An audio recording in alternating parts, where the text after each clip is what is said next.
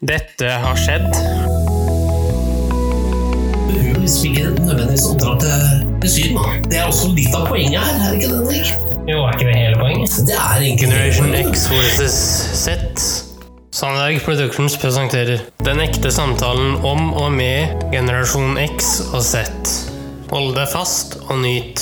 Hei, hei, kjære lytter, og hjertelig velkommen til dagens episode av Generation X versus Z. Og i dag, kjære lytter, så skal min kjære far og jeg feire en spesiell begivenhet sammen med deg. Og den begivenheten er, kjære far Det er vel ikke papirbryllup, men vi har ettårsjubileum. Riktig. Og kjære lytter, du kommer til å få høre de ti mest avspilte episodene vi har hatt det siste året. Så kos deg med det. Det vi burde egentlig hatt, Henrik, vi burde hatt en sånn champagnekork som bare spretta den opp. Eller plopp! Men eh, vi lar lytterne nyte scenen, vi.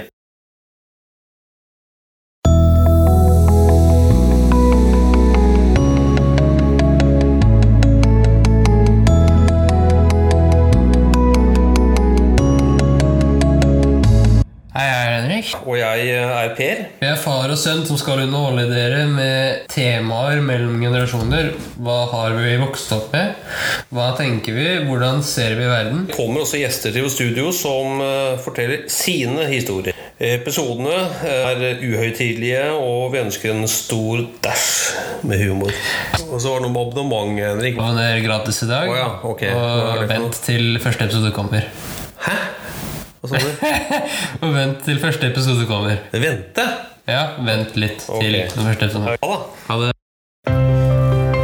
Tusen takk for at du fulgte oss. Gi gjerne tilbakemelding, likes eller kommentar på Facebook-siden vår Generation X versus Z. Velkommen igjen til neste podkastepisode. Hei då!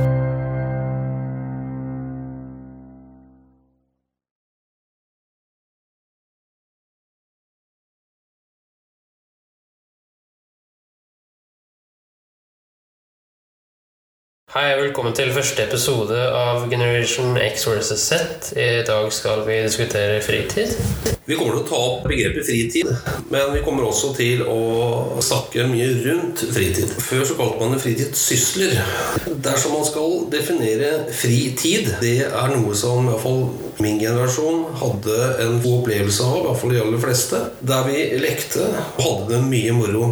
Spesielt mye stress eller press. Og så tenker jeg, Henrik, i din generasjon, bruker dere begrepet sysler? Vi bruker syssel, men vi bruker det ikke så mye. Man bruker gjerne hobby for liksom å si at ja, det er noe jeg gjør som jeg liker å gjøre. Ok, Kan vi da si at det, det vi kalte fritid tidligere, så kaller man det hobby i dag? Nei, fritid er et begrep, men som hobby er noe man da gjør. Noe man da liker å gjøre. Ok. Så da kan man ikke si det. Men fortell meg da, hva slags hobby er det man da gjør på fritiden i din generasjon? Nei, også De begrepene går jo gjerne hånd i hånd. da. Men Det vanligste i dag er fotballtrening. Og så har man det å være ute med venner, som også er veldig vanlig. Ute med venner, kan du definere det for meg? Det er det at man enten drar på en fest, eller at man drar på et utested i form av en pub eller bar, eller noe sånt. Pub eller bar? Har ikke hørt om søndagsskole? Jo, du har fortalt meg noe om det tidligere. Ja. Vi gikk på diskotek. Så var det på onsdager og Nå må dere arrestere dere som lytter. Var det onsdag og lørdag? Eller søndag? Men før det gikk mange av min generasjon gikk søndagsskole.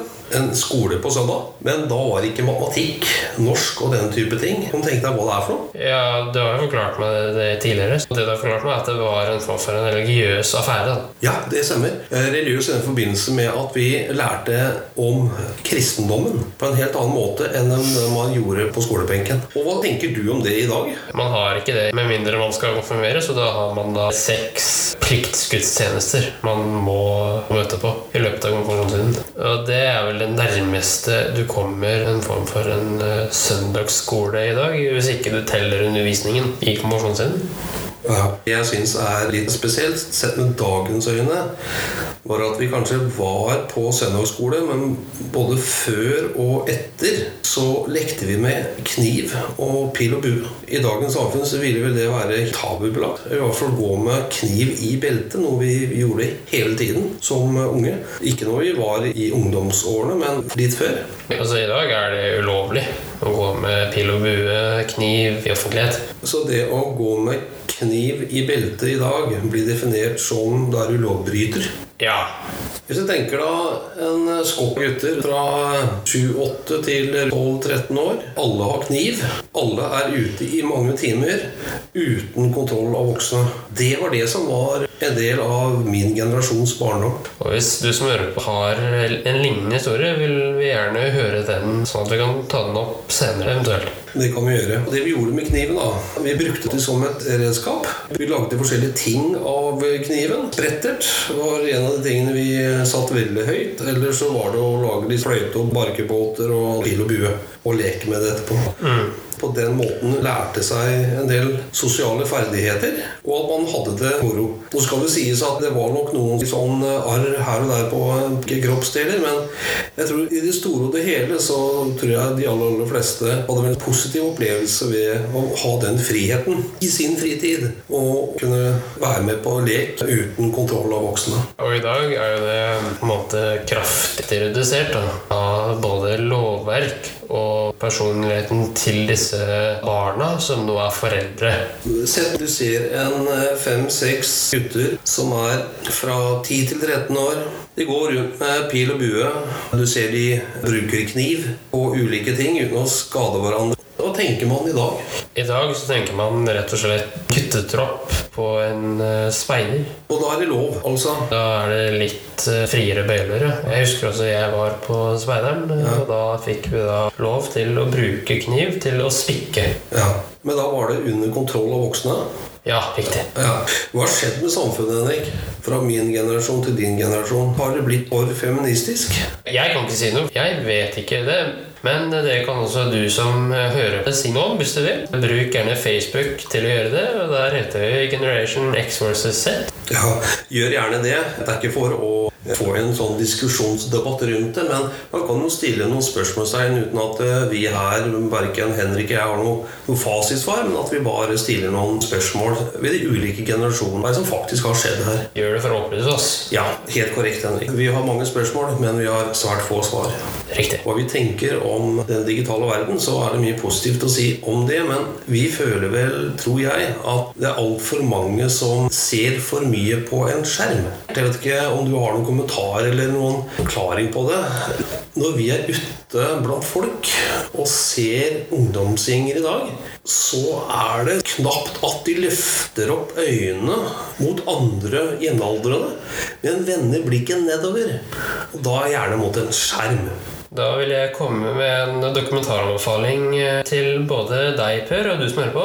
Det er Det digitale dopet på NRK. Den eh, gjør et lite dypdykk inn i det du sier, Per, med at både min generasjon og generasjonen etter min bruker veldig mye skjermer.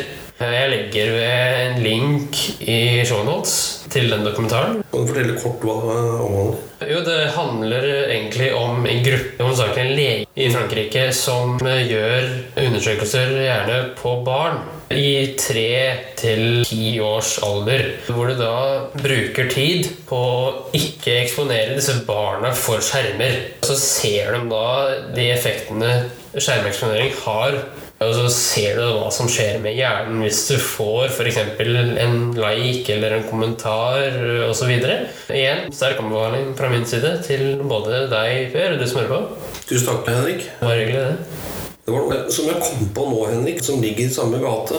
I dag med alle de skjermene så er det veldig enkelt å trykke på ting. Smileys, likes Jeg er liksom grønn på det området, og det vet jo du. Jeg er ikke noen sånn teknisk eh, vidunder. Nei. Det har vel kanskje du opplevd en del ganger? Ja. Kanskje litt frustrasjon? Ja. Ikke. Men det kan vi ta en annen gang. Da vi var unger, så var vi mer fysisk face to face overfor hverandre, ikke minst i fritiden. Og det skjedde nok en del erting. Vi kalte det erting før. Mobbebegrepet var veldig ungt. Vi visste knapt hva mobbing var. Trakassering var vel kanskje noe vi hadde bare hørt om. Det var nok mye som ikke burde ha skjedd. Det må sies.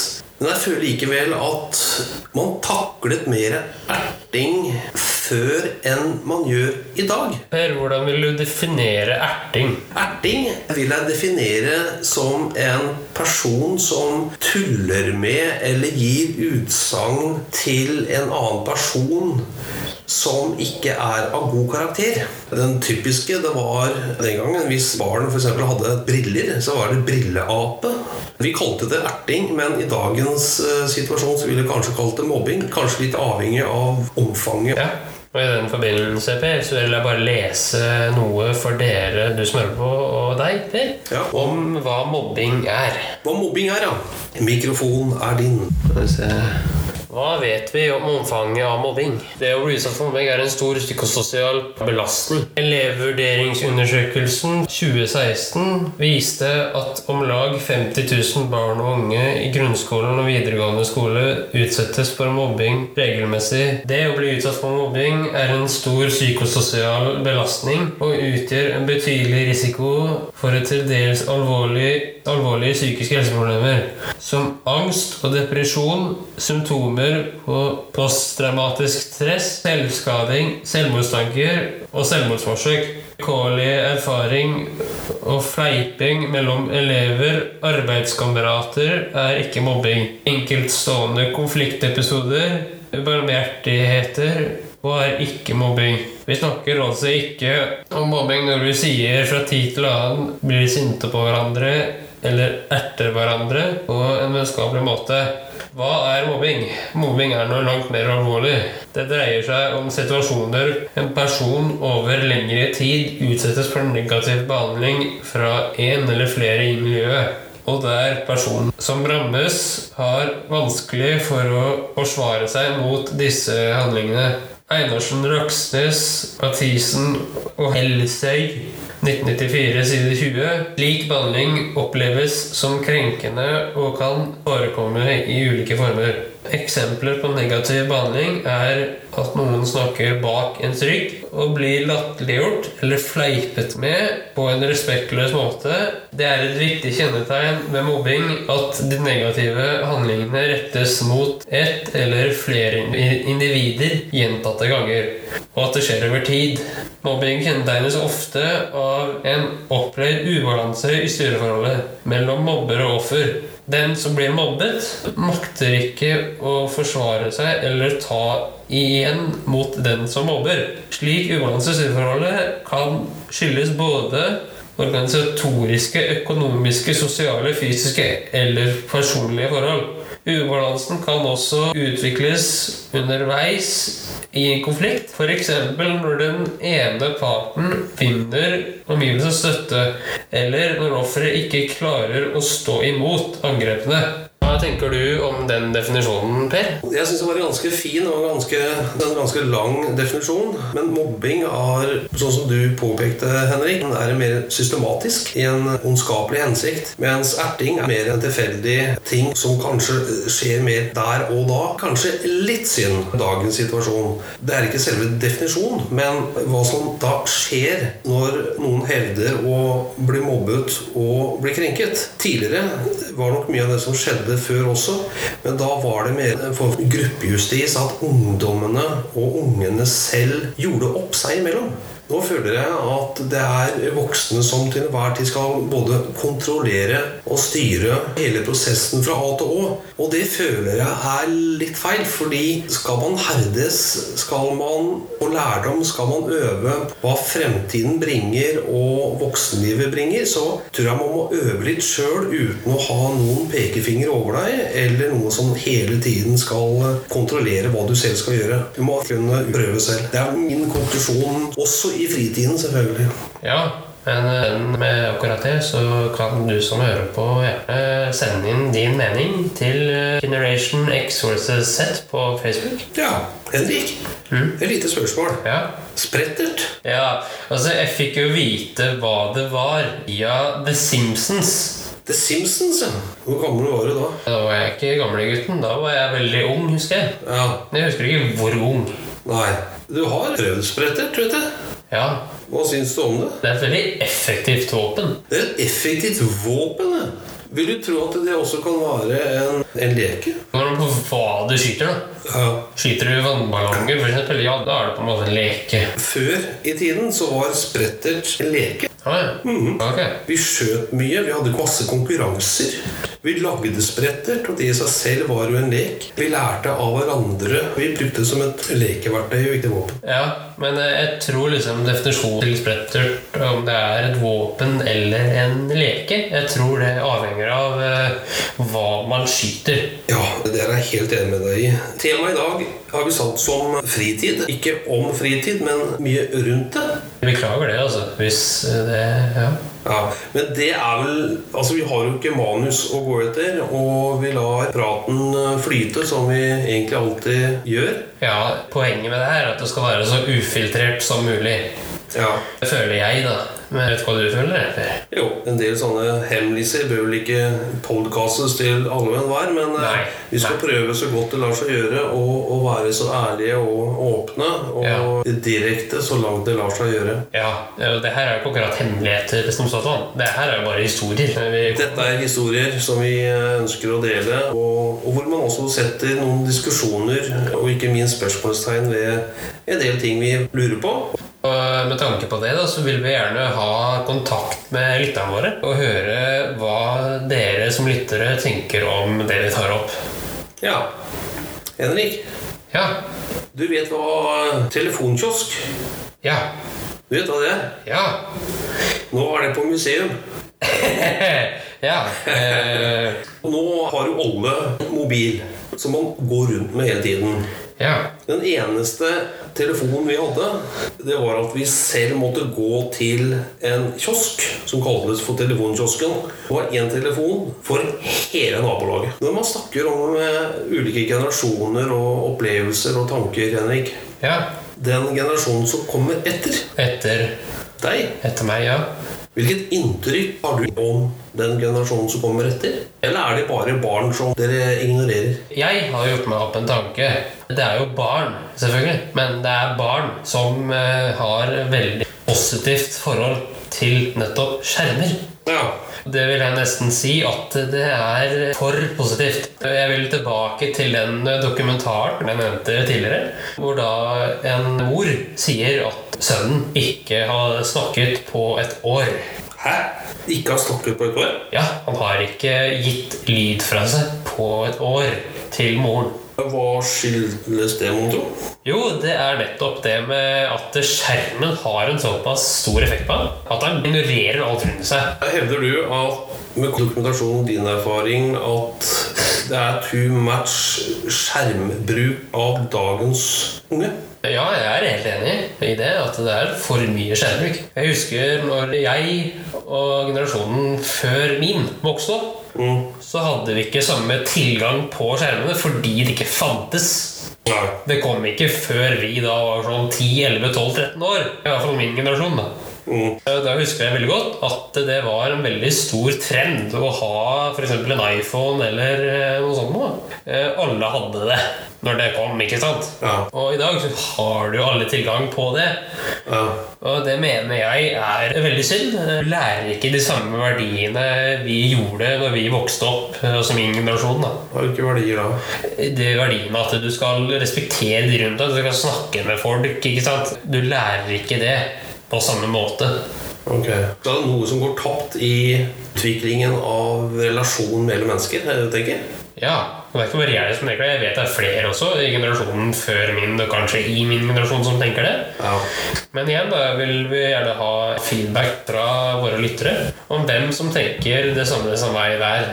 Det, det du forteller der, Henrik, er at too much skjermbruk i dag. Og det kan jo være at i min generasjon så var det kanskje too much kniv, sprettert og den type ting, selv om vi hadde det kjempeålreit med det. Kanskje en sånn balansegang der kunne vært en fin ting, uten at man da snakker noe så veldig negativt om verken den ene eller den andre delen. Jeg tenker at eh, de to generasjonene som kom etter din, Ja. kom veldig godt ut av det. Med ikke for mye skjermbruk, ikke for mye kniver og den type ting. Okay. For jeg er jo fra da to generasjoner etterpå. Ja. Og jeg kjenner også flere fra generasjonen før min, altså én generasjon bak din, Ja. som sier det samme Ja. på litt andre måter. Okay. Så jeg tenker at generasjonene Y og Z har funnet en form for gullkorn i denne balansegangen. Okay. Din mors generasjon Ja. har jo et negativt forhold til enkle aspekter ved min generasjon. Som for eksempel. Som for eksempel det at vi bruker mye tid på teknologi. Ja.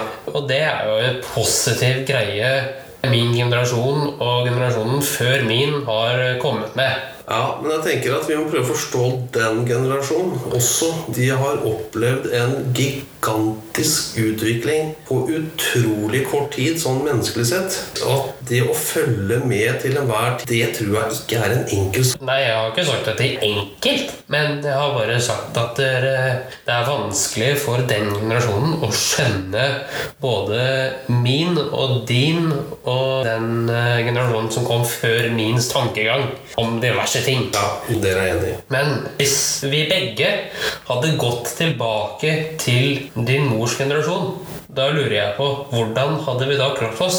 Det er et veldig, veldig godt spørsmål, Henrik. Hvis det tilfeldigvis er noen i den generasjonen som hører på, så er jeg interessert i å vite hvordan klarte dere dere? Godt spørsmål. Så kan man stille et annet spørsmål. Hvordan kan den generasjonen leve i dagens samfunn alene? Sånn som den er i dag? Ja, det jeg tenker er Er det mulig å balansere de ulike generasjonene og trekke ut det beste av det beste i enhver generasjon? Hva tror du? Altså, det kan være det. Og Derfor så vil jeg gjennomføre et lite eksperiment med disse generasjonene. At én eller flere fra hver generasjon sender inn et lydklipp til eh, Generation X versus på Facebook. Og så bruker vi da litt av en annen episode til å spille av disse lydklippene. Glimrende, Henrik. Kjempeforslag. Har du troa på fremtiden, Henrik? Ja, det kommer an på, egentlig. Altså, Jeg har ikke noe tro på at den oppvoksende generasjonen vil ha noe særlig respekt for mennesker.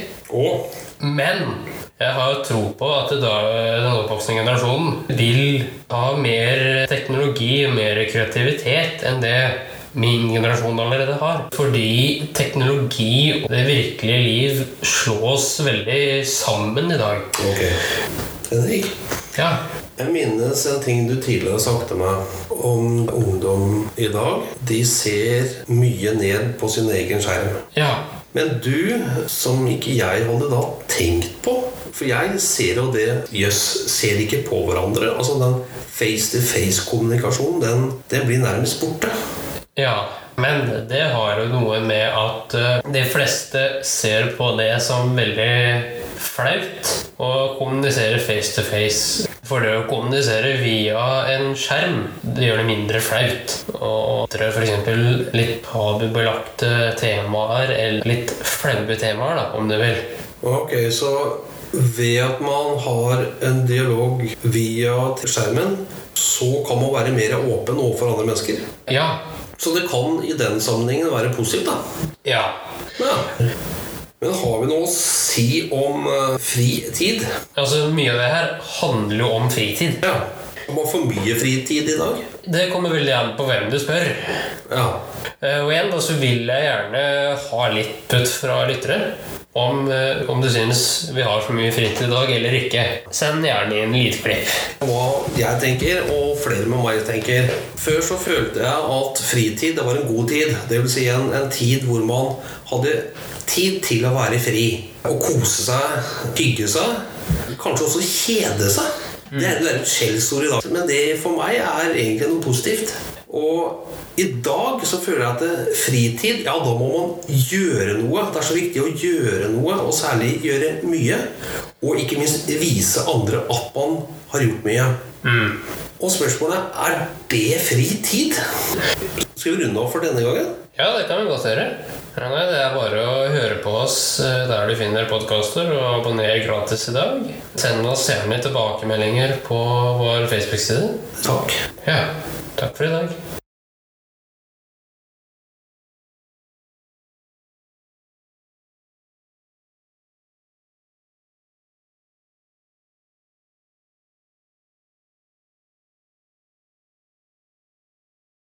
Kjære venner. Velkommen til dagens episode av Generation X vs. Z. Eh, Dagens tema er også Ukraina. Per, har du noe umiddelbare tanke om Ukraina? Vel, Henrik. I min oppvekst så visste vi vel egentlig ingenting om Ukraina. Det var en lukket kommunistisk del av Sovjetunionen. Og eh, det var svært lite som man fikk rede på, verken i mediebildet eller andre steder. Så Ukraina var vel et, knapt et begrep vi visste nesten hva var for noe. Hva kjenner din generasjon om Ukraina, Henrik? Jeg kan ikke snakke for alle, men jeg kan snakke for meg selv. Og jeg vet at Ukraina var en del av eh, Sovjetunionen veldig mange år. Men jeg vet også det at Ukraina og Russland er veldig sammenslått med tanke på kultur og språk. Da. Men i den forbindelse, Per, så Ja. har jeg hatt et intervju med en ukrainer som gjør et lite dypdykk inn i dette her med Ukraina og hvordan det Og sammenligner veldig hvordan det er nå, kontra hvordan det var under sovjettiden, da du vokste opp. Kjempespennende. Eh, La oss høre på det intervjuet.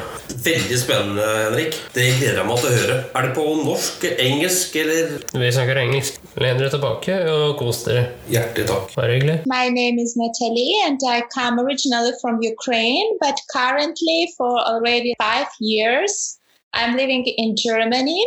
And yes, what I'm enjoying right now to do is just teaching as a professional and as a hobby. So yes, maybe something more you would like to ask about me. Uh, in general, what would you like to tell us about the generations X and Z?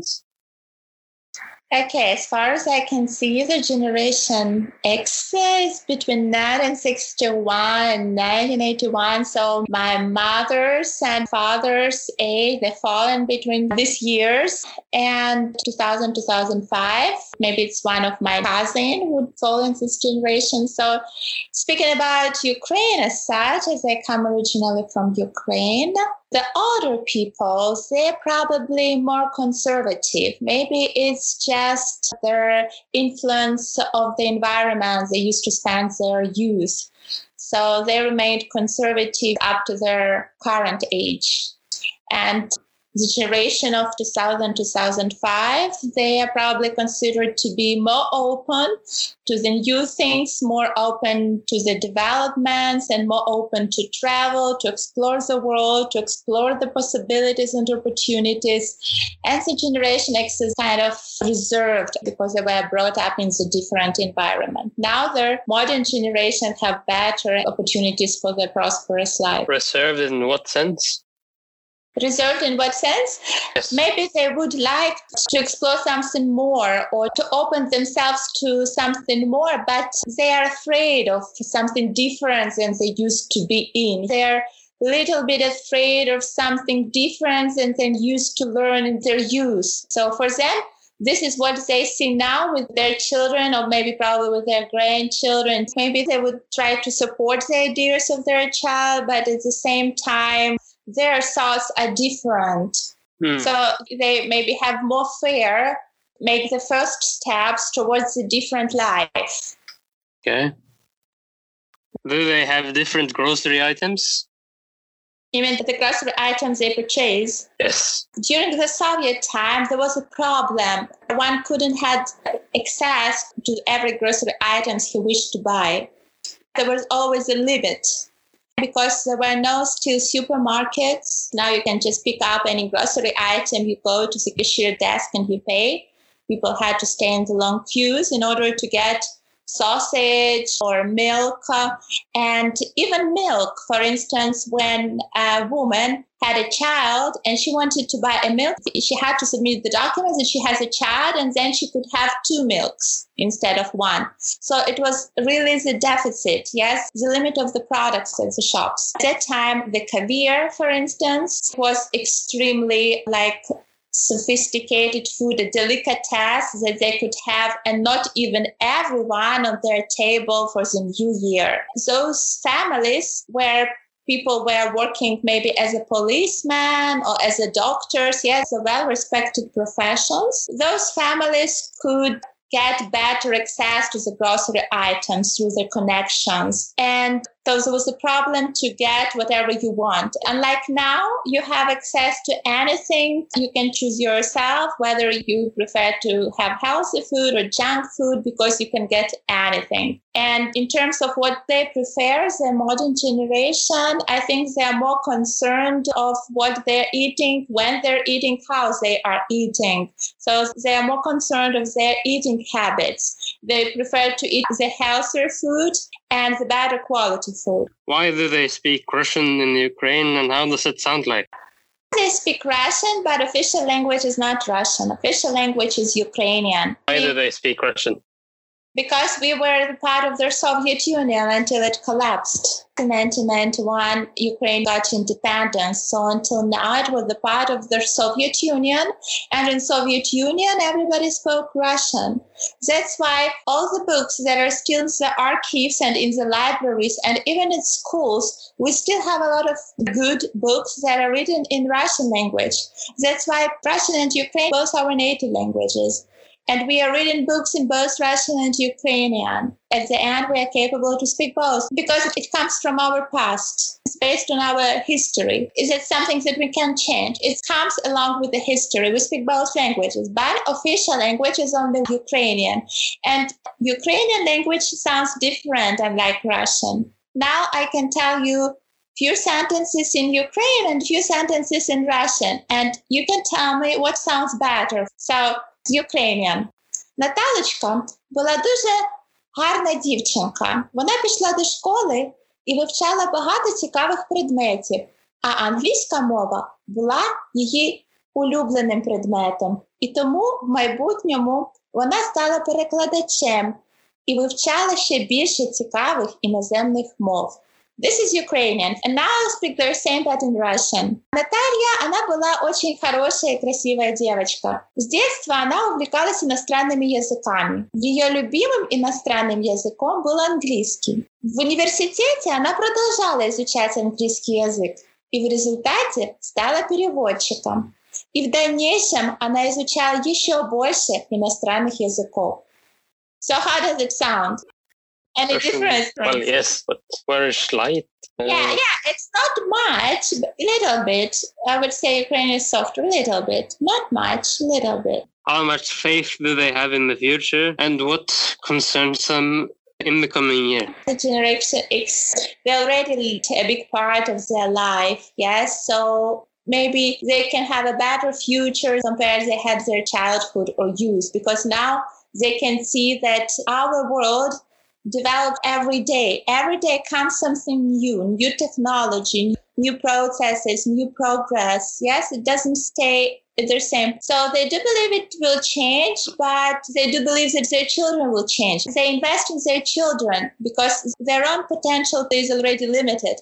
So rather, they would invest in their children's future because they rely on their children to change their future for themselves and for their children. So they prefer to invest in the education for their children, to devote more time to their children. They can change and who can direct their resources for the future for the country. Who is more concerned about interaction with other people? Of course, it depends not on generation as such, it depends on the personal characteristics because there are more open people by their natures, there are more reserved. Maybe they don't feel like talking about themselves or talking really a lot, so they're more closed.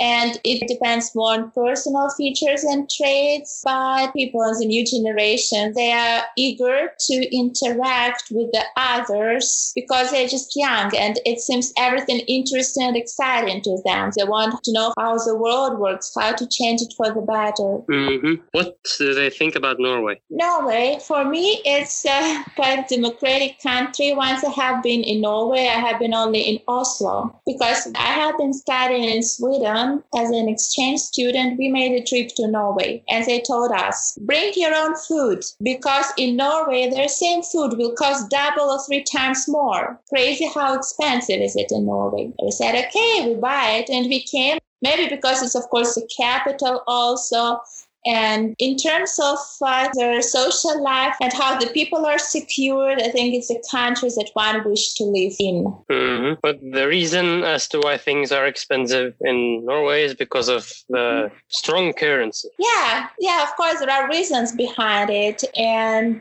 I also read their statistics and Norway, and also especially in the rank of the, the most expensive cities. And of course, it's due to the fact that it's just very developed country, developed city, and probably the quality, everything meets the requirements. Hmm. This is kind of a joke question, but Mhm. who eats the most pastries? In the Soviet time, there were many bakeries also in Ukraine. That's why to have a bread on the table, it was like number one. Every day there should be table because people consumed their meals, yes, a breakfast, dinner, and lunch and dinner with the pieces of bread, even not with one piece of bread. And bread was really tasty.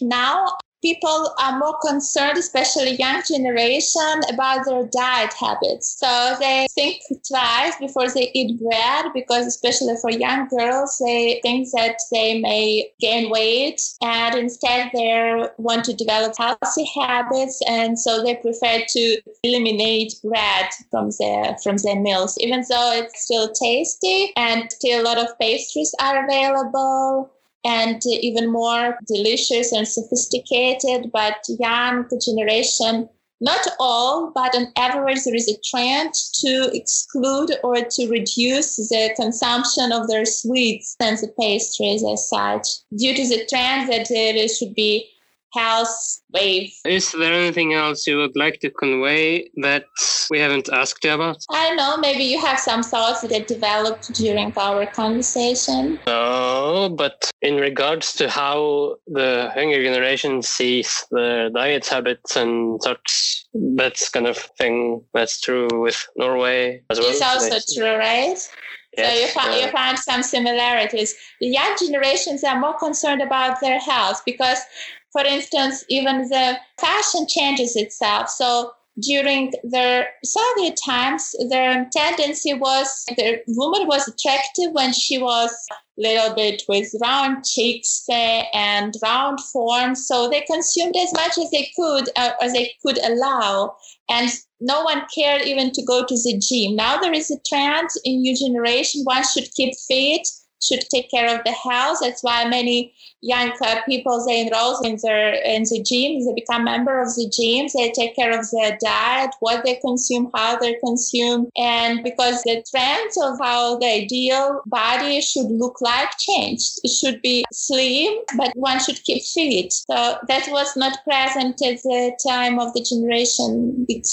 Well, is there anything else you would like to, as I said before, convey? The main idea I conveyed that the new generation tries probably to follow the patterns of the Western world. So there, there are always patterns of the behavior of other countries, the developed countries. They serve as an example of us to follow. In the Soviet time, people were a little bit restricted to have access what is happening abroad. They were not allowed to, uh, not that they were not allowed, but not everyone could so freely go abroad and see what's happening there. And it was a really difficult process. Now we are more open to the world. We are we are also absorbing the patterns of the Western world. Also, bad habits as well. It's not about the good habits. So, unfortunately, it has its positive effect, but negative side as well. Like, for instance, drugs or all this negative wave throughout the world it through the media or through the, some of these tendencies also observed in, I think, in every country. Oh, yes, the same goes for Norway. Yeah, exactly. So, maybe anything else you would like to ask me? No. Okay. So it was my pleasure to answer your questions.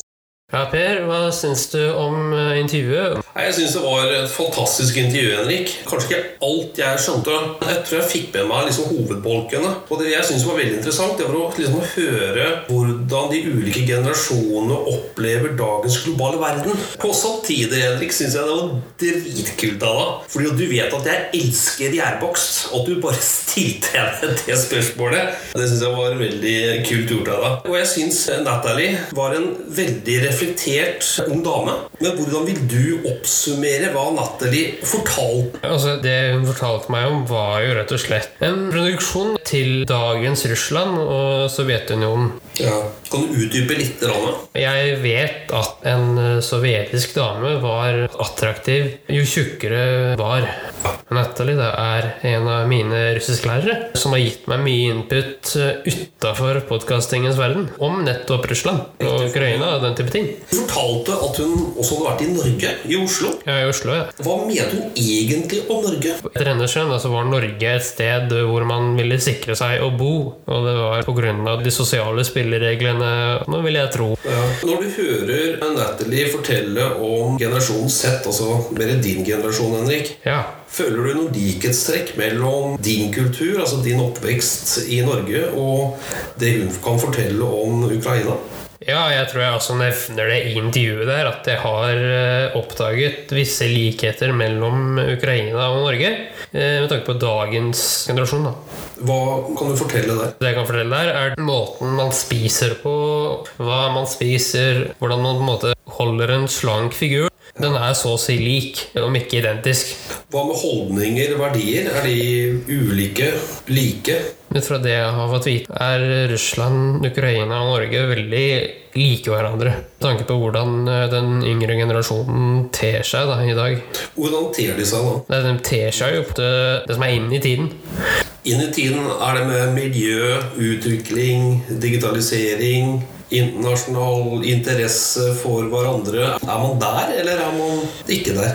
Ja, man er der på et korn. Også. Henrik, Da jeg vokste opp, som jeg nevnte i stad, så hadde vi ikke peiling på Ukraina i det hele tatt. Nei. Nå snakker du med mennesker rundt omkring i verden, bl.a. mennesker fra Ukraina, som vi har hørt nå. Er det noe som vi kan lære? Ja, det er det. Kan f.eks. ha mer tradisjoner knyttet opp mot høytider. Ja. Jeg vet at ukrainerne har noe de kaller for spøkelsestallerken, uten at jeg vet hva det går ut på. Så hvis du er en lytter som har vært i Ukraina og opplevd dette, så vil jeg gjerne vite hva det er. Send gjerne melding eller lydklipp til oss på Facebook. Det som fascinerer meg, Henrik, er et land som Ukraina, som en gang var ekstremt lukket, som nå begynner å åpne seg for, for verden. Og vi blir egentlig fascinert av at de åpner seg, slik at vi er litt nysgjerrige på dem, og dem er kanskje nysgjerrige på oss, med håp på en positiv måte. Det er den samhandlingen som er, håper jeg, i den globale verdens fremtid. Ja, det kan godt være at du har rett, men det kan hende at du tar feil. Ja. Én ting er hva som skjer, en annen ting er at man kan håpe. Ja. Hva tenker våre lyttere, Henrik, om det de nå har hørt? Hvis du som lytter har noen tilbakemeldinger om det du har hørt nå, så send det gjerne inn til Generation X vs. Z på Facebook. Og ikke nøl med å si hva du mener. Skal vi si at vi eh, i denne omgang avslutter eh, Ukraina-delen? Ja, det kan vi gjøre. Vi takker og bukker for følget. Ha det bra. Hei, hei!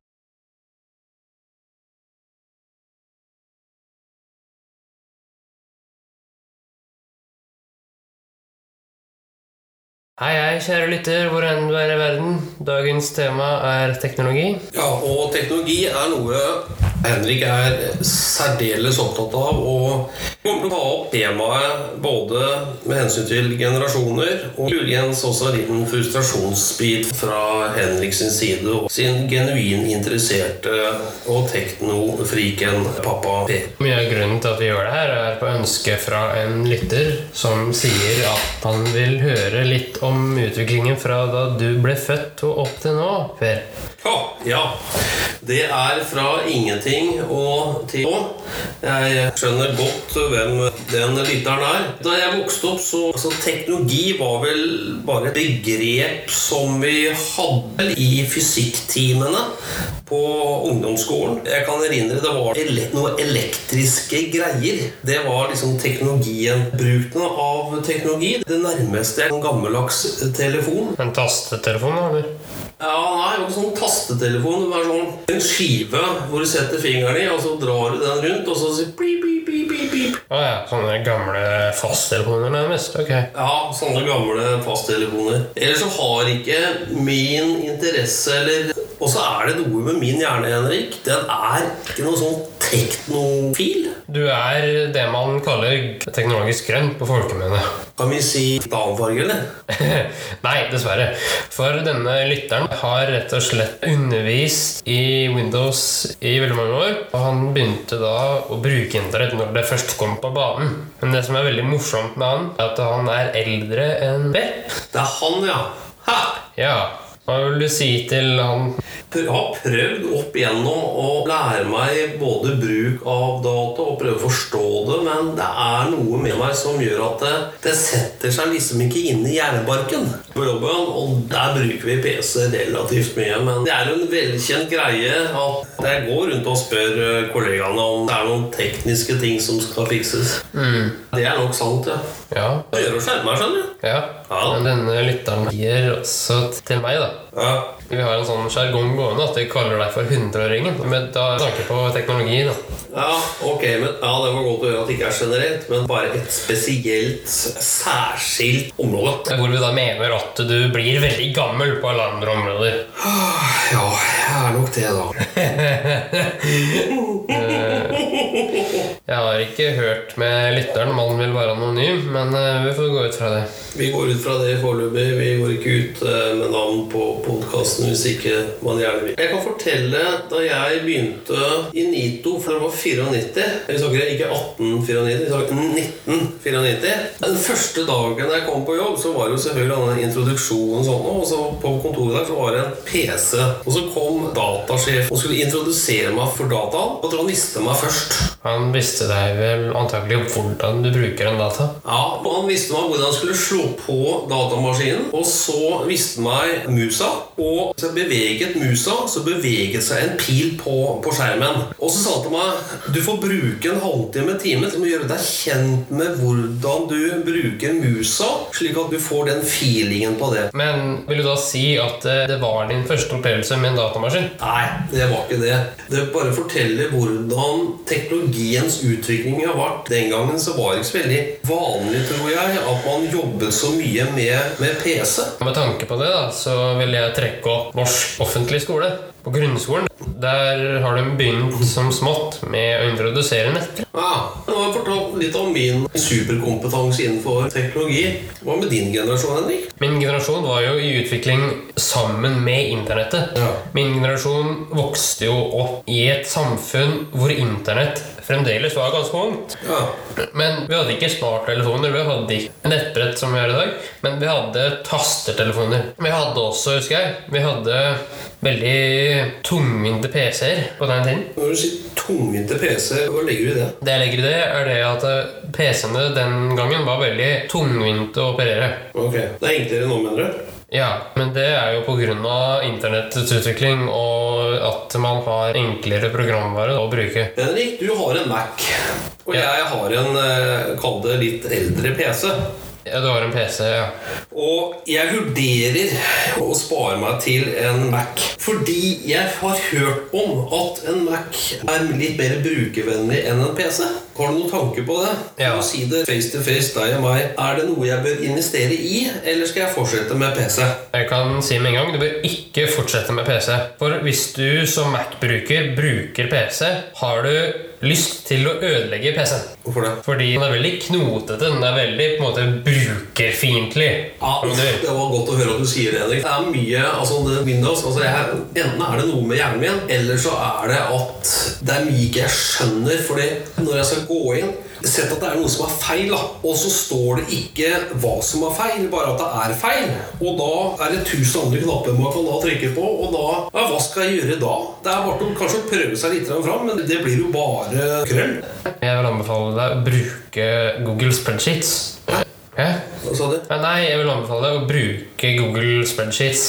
Hva er det for noe? Det ligner Excel, men det er på en måte Google sitt svar på Excel. da. Ja, Er det bedre, eller er det Det er bedre fordi det på en måte lagrer seg selv. Og det lagrer seg da i en såkalt nettsky. Ja, riktig. Og det å lagre seg selv, ja, det, det høres slåkende ut. Det er det også. Jeg bruker eh, to ekosystemer i det daglige. Det ene er Google, og det andre er Apple. Google og Apple går veldig fint sammen. Ja. Rett og slett fordi Google har en veldig fin løsning når det kommer til Apple, som heter Backup and Sync, som funker veldig fint. For hvis jeg lagrer noe på Mac-en min, eller hvis jeg gjør noe på Mac-en, så kan jeg velge da å lagre det i Google Drive uten å gå masse omveier. Uten å gå masse omveier. det likte jeg. Enkelt. Altså trykke på en knapp, så er jeg ferdig med det. Ja, altså Du får en dialogboks foran deg med masse ting og tang. Og så Hvis du bare trykker på for Google Drive, og så er du inni der, og så trykker du på mappe, og så lagrer du det du vil i den mappen. Er det logisk oppbygning, slik at du liksom skjønner hva du skal gjøre? Ja. Og Hvis du skal gå inn og ut av mapper, så funker det veldig lett. Men jeg ser, Henrik, selv om jeg ikke er et teknisk geni, så så skjønner jeg veldig godt at bruken av teknologien kan gjøre masse fremskritt og kan være til veldig nytte. Og jeg kan også være kreativ i den grad at ja, men kan man ikke gjøre det? Altså å bruke teknologien til nyvinninger og finne kreative løsninger. Men spørsmålet er hvordan? Og der kommer jeg til veldig kort, altså. Har du noen tips til meg? Sånn jeg ser det, da, så må du bruke de midlene du får tildelt på alle arenaer, til å gjøre disse tingene. Jeg kjenner også til flere da, som har brukt nettopp sosiale medier til å samle folk i forskjellige grupper. Det du sier der, det er jo en idé da, om å bruke noe til noe. Du, jeg kom på noe, Henrik. En gang det var høyst moderne, det var helt nytt på markedet, så var det en Jeg husker ikke om det var en bursdag eller en jul, hvor jeg fikk en presang, og den presangen inneholdt noe man kunne koble på TV-en. En form for et spill. Og det var et sånn, kall det sånn tennisspill, en sånn pong. Det het rett og slett bare Pong, husker jeg du har fortalt meg tidligere. Ok, var det det var? Pong, ja. Og det eh, var superpopulær blant nabogutta. Det skal jeg love deg. Og de nærmeste, eh, kanskje det var den første oppdagelsen av teknologisk bruk enn bare å se på TV-en. Teknologien ble da kanskje brukt som, som underholdning istedenfor uh, noe man konsumerer. Riktig. Hva tenker du om teknologien? Jeg syns teknologi er veldig fint, men samtidig så er det veldig hindrende. Hindrende?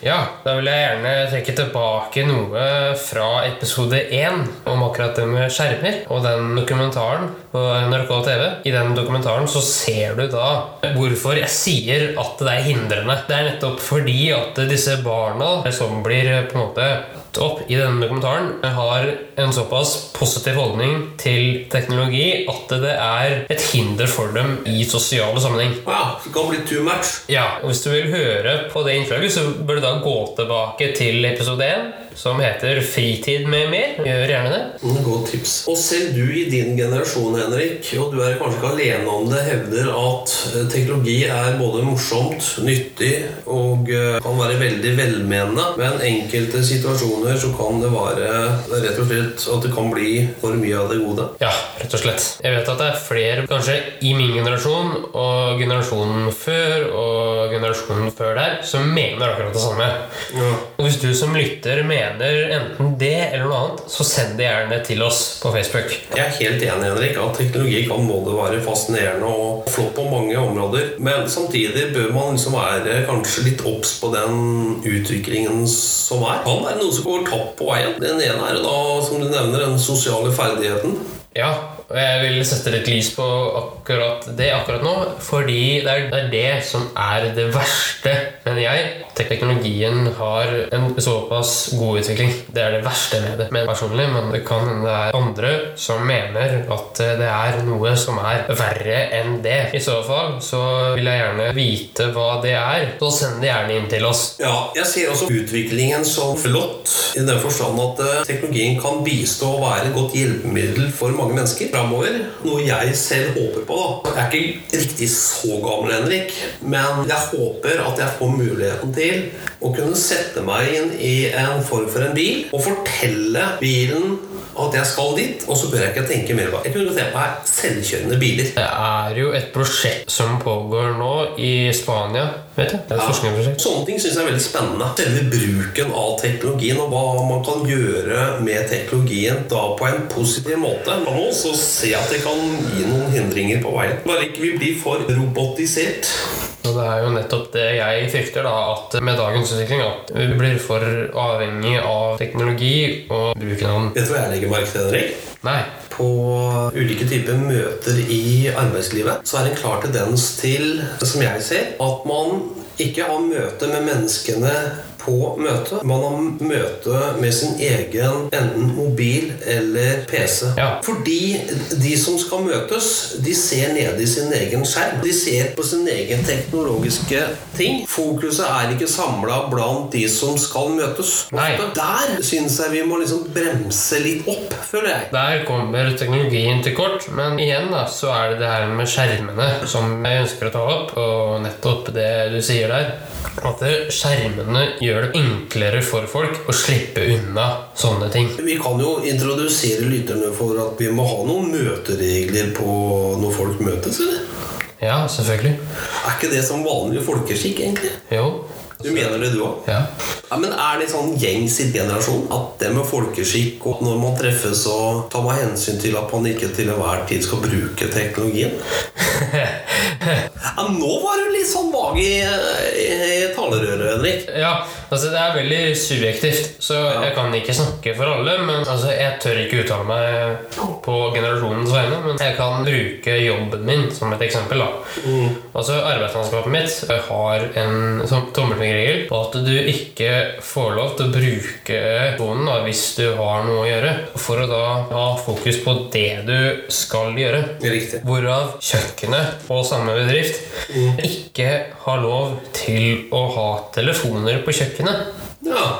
Men det er jo av hygieniske hensyn. ja, det er bra. Jeg vet ikke hvordan det er med f.eks. din baby. Hva da? Nei, det her med telefonbruk og sånn. Jeg vet ikke hvordan På møter, eller? Nei, også generelt på arbeidsplassen din. Jeg vet ikke. Mobil et arbeidsverktøy vi bruker ganske mye. Både med vanlig telefon og er også mail. da. Ja, også mail. Min jobb er jo da mer eh, praktisk anlagt.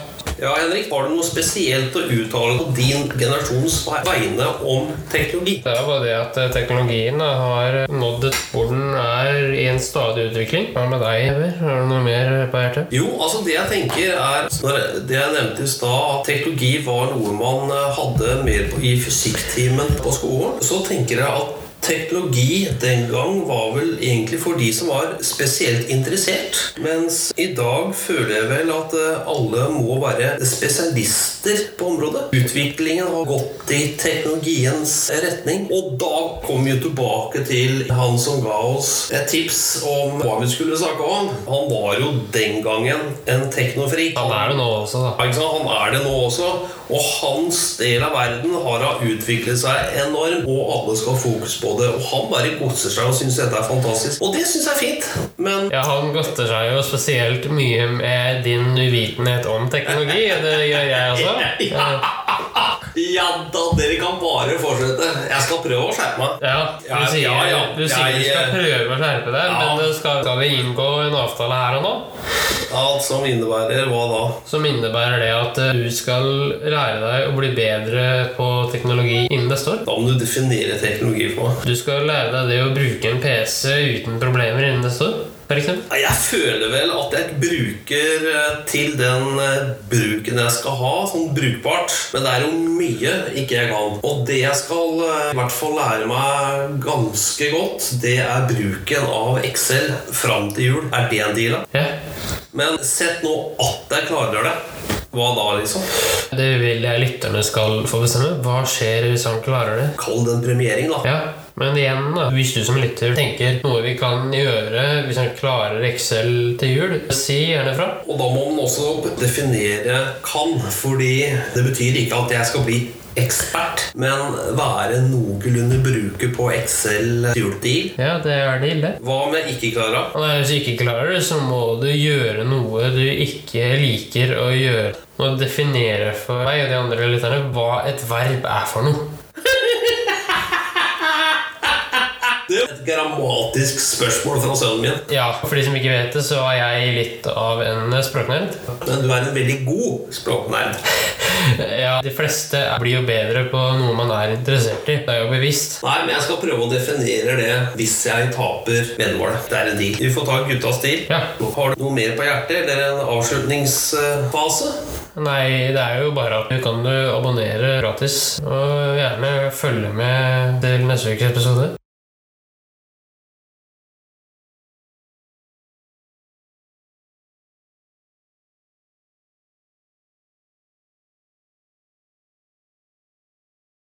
I hei, kjære lytter, og velkommen til en ny episode av Generation X vs. Z. Din formidler av generasjonskløften mellom generasjon X og Z. I dag er temaet språk, som du hørte i introen. Hva har du å si der? Monsieur? Monsieur, det var fransk, eller? Ja. Jo, språk, det er en av din eh, pappas sterkeste sider. Jeg er ikke helt enig, men Nei, men jeg snakker jo mange forskjellige språk. Du kan bare norsk og litt sånn haltete engelsk. Hæ? Haltete engelsk? Ja, haltete engelsk, det er det at du gjør veldig mye feil, da. Det er sånne småtterier som ingen legger merke til, det. Bortsett fra den som er veldig sånn språknerdig. Ja, det er mange. Ja. Jo, jo. Jeg snakker litt engelsk. La meg si det sånn. Ja. Praktiserer svært lite. Bortsett fra at jeg har noen timer på Skype. Ja. Det jeg tenker, er at den testen som jeg tok, kan vi si bortimot B2. Eh, Nei, jeg har også hatt konversasjon med en av dine lærere som sier at du er B1, og jeg er for så vidt helt enig. Men jeg er close to B2. Nei. Jo da. For de som ikke vet hva det er, så kan du ta den skalaen, Henrik. Jo, det er en skala som heter Common European Framework of Languages, som er brukt rundt, som bedømmer noe ens nivå da, i et, i et språk. Både på lytteforståelse, lesing, skriving og muntlig. Hva tenker du om de forskjellige gradene? Er du f.eks. A1, da, så kan du veldig grunnleggende Det er den laveste. Ja, da kan du gjøre en veldig grunnleggende samtale. Du kan grunnleggende ord, du kan grunnleggende grammatikk osv. Mm. Og så er det A2. A2, ja, det er, da kan du litt, men du har mye igjen. B1, da kan du litt, men du har en del igjen. Og B2, da kan du en del og har en del igjen. Og C1, da kan du ganske mye og har litt igjen. Og C2, da er du da på en måte ferdig utlært til en viss grad. Da er du på en måte kloss inntil den som har det som morsmål. Ja. Der er du engelsk, vet jeg. En liten fun fact til potensielle nye lyttere er det at jeg er en nerd når det kommer til det her med språk. Derfor så vet jeg ganske mye om det her fra før. Ja. Du kan jo nesten si at du har studert språk. Jeg kan jo ikke si det. Jeg har jo ikke sittet foran en skolebenk og gjort det. Nei, men du har jo brukt atskillige timer i flere år på språkundervisning. Ja, Kinesisk, koreansk, russisk, serbisk, spansk, ja, portugisisk ja. Hva har jeg glemt, Henrik? ja nei, det er ganske mye, egentlig. Ja. Du snuste litt på arabisk, men den hoppa du litt glatt over. Ja, I første rekke. ja, men det er jo fordi at det er et veldig vanskelig språk å tilnærme seg, og derfor så Det er jo greit. Henrik, Ja. har du hørt om persk? ja, for den som ikke vet det, så er det hans variant av norsk. Altså, det er min variant av norsk. Ja, det er din variant av norsk. ja. Hva er for liksom forskjellen på norsk og persk? Persk er en litt uferdig og uriktig variant av norsk. Riktig. Ja, uriktig. Altså, du gjør veldig mye grammatiske feil. Ja. Jo, men på den annen side så har jeg vel en oppfattelse at folk forstår likevel hva jeg uttrykker. Ja, men jeg spesielt legger merke til det, at du gjør veldig mye feil. Ja, du, du, er ganske, du er veldig streng lærer der, Henrik. Eh, altså, Jeg jeg, petimeter, da. jeg jeg er ikke læreren din, men til Nei. de eh, elevene mine som hører på nå, eh, så kan jeg bare si det med en gang at jeg prøver å være så hyggelig som mulig i timene våre. Og jeg prøver å skreddersy timene til hver enkelt elev.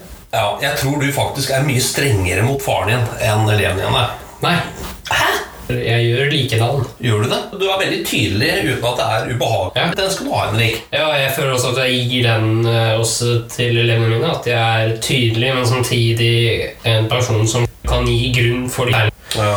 Er det noe med hjernen faren din som har noe med språk å gjøre? Den, altså, det er noe som forsvinner en stor sil. Ja, altså Du blir som ja, en trakt i revers, på en måte. Ja, det kan man trygt si.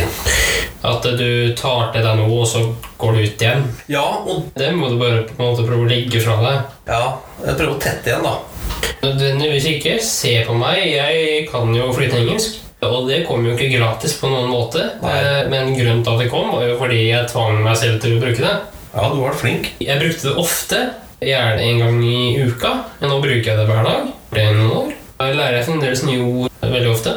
Henrik, det at din generasjon er mye flinkere i språk, kanskje spesielt engelsk, enn min generasjon, det føler jeg er litt naturlig, samtidig som at vi i min generasjon kanskje bør skjerpe oss, selv om det er ganske mange der ute etter det som er relativt dyktige i engelsk. Vi lærte engelsk på skolen. Når begynte vi med det? Var vi i fjerde klasse, tror jeg. Og så kunne vi faktisk velge på ungdomsskolen fransk eller tysk. Hadde dere ikke spansk også? Nei, det hadde vi ikke. Men det er fullt mulig det er mer vanlig i dag. Ja, for du har jo liksom de samme språkfagene som går igjen på alle videregående skoler. Det er fransk, tysk og spansk. Ja. På ungdomsskolen, for så vidt. Og så hadde vi engelsk fordypning, da, som eh, du Ja. kunne ta. Å ja, det også, ja. Ja. Skal jeg fortelle en liten story? ja. Jeg tror det er ganske gjengs, fordi da vi lærte si engelsk på skolen, så var det mer frykt for å gjøre feil enn å lære selve språket.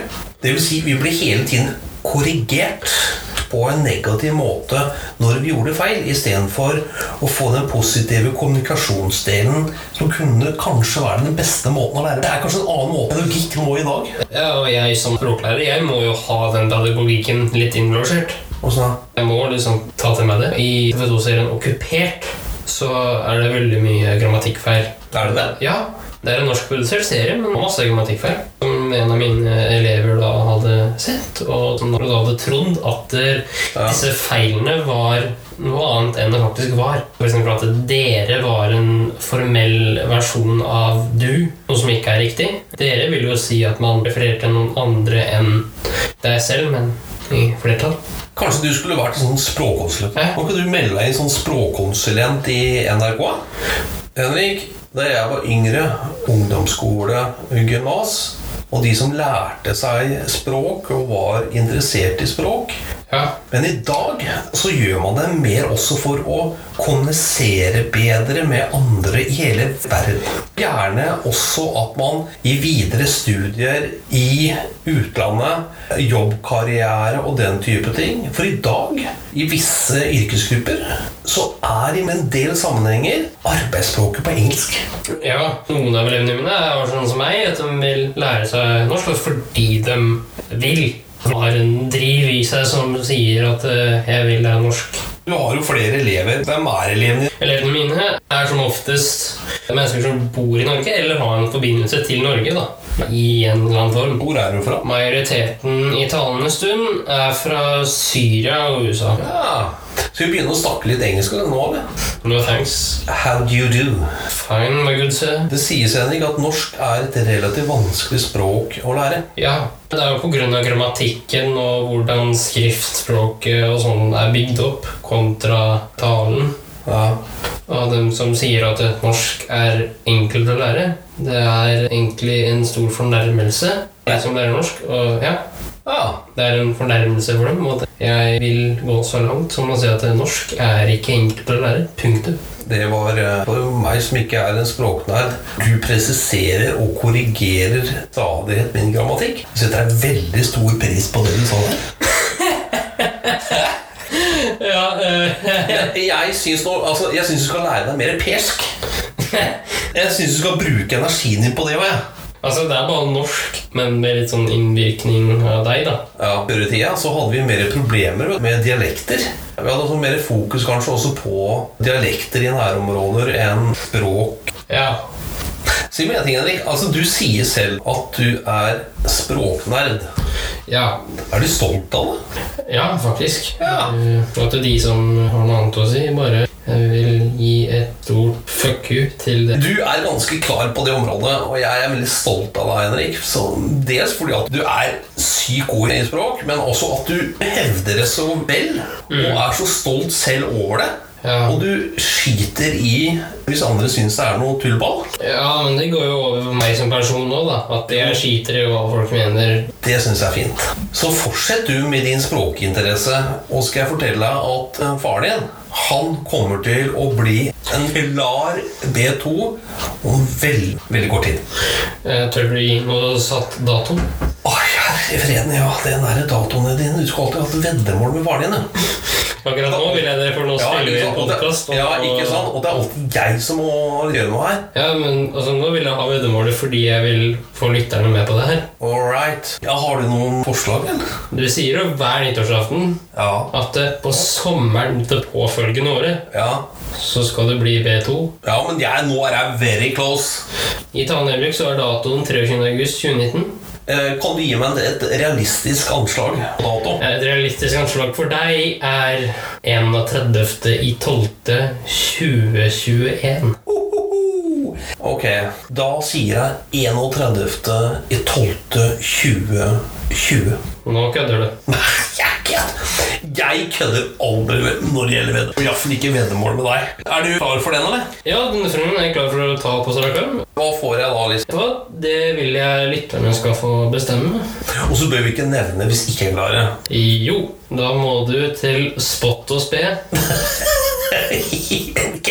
gjøre en Introdusert av deg, tenker jeg. Hæ? Introdusert av deg. Ja, da må du til spott og spe gjøre en engelskoppgave på direkten Ja. med meg som fasit. ja, ok. Greit. Deal. Mhm. En liten disclaimer er det at det er faktisk vanskeligere å lære et språk som er i slekt med ens eget morsmål. Kan du definere mer? Altså I alle språk altså, så har du på en måte en form for en familie. Ja.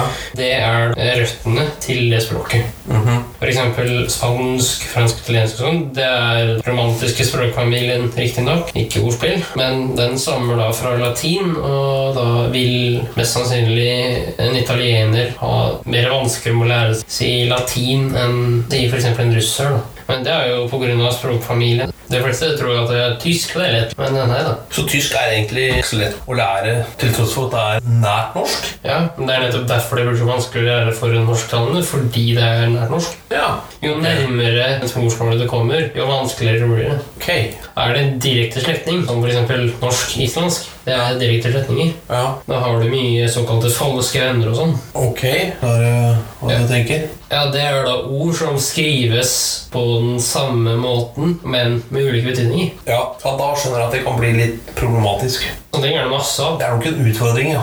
Jeg har en tendens til å blande serbisk og russisk fordi det er i samme språkfamilie, om ikke direkte slektninger. Men Henrik, la meg stille deg et spørsmål. Ja, Hva er din forklaring på hvorfor, sånn generelt sett, vi antyder i hvert fall at din generasjon er flinkere språkmessig, altså og er mer språkmektige, enn min generasjon? Hva er din forklaring? Min forklaring er veldig enkel, det er at vi har bedre tilgang på med medier som ikke er oversatt, og det er det vi konsumerer til daglig. Vi blir jo bombardert med engelsk hver dag. Jeg kan ikke gi noe bedre svar enn det. Nei, men Jeg tror det er en god forklaring. Kanskje også at verden i seg selv har blitt mindre.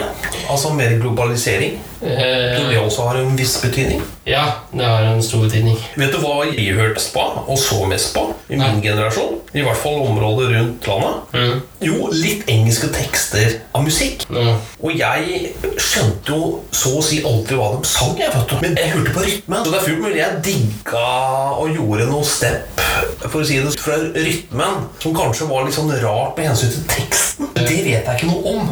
Når du hører på en sang, så bør du liksom høre på teksten. Jo, men det, der har jeg faktisk litt problemer i, dag òg. Når det er en tekst som, som synges, så er fokuset mitt retta mer mot rytmen og det musikalske enn en teksten. Det som vi hørte mye på, det var faktisk svensk. Ja! Ja, Altså, jeg har jo en naturlig forklaring. Ja.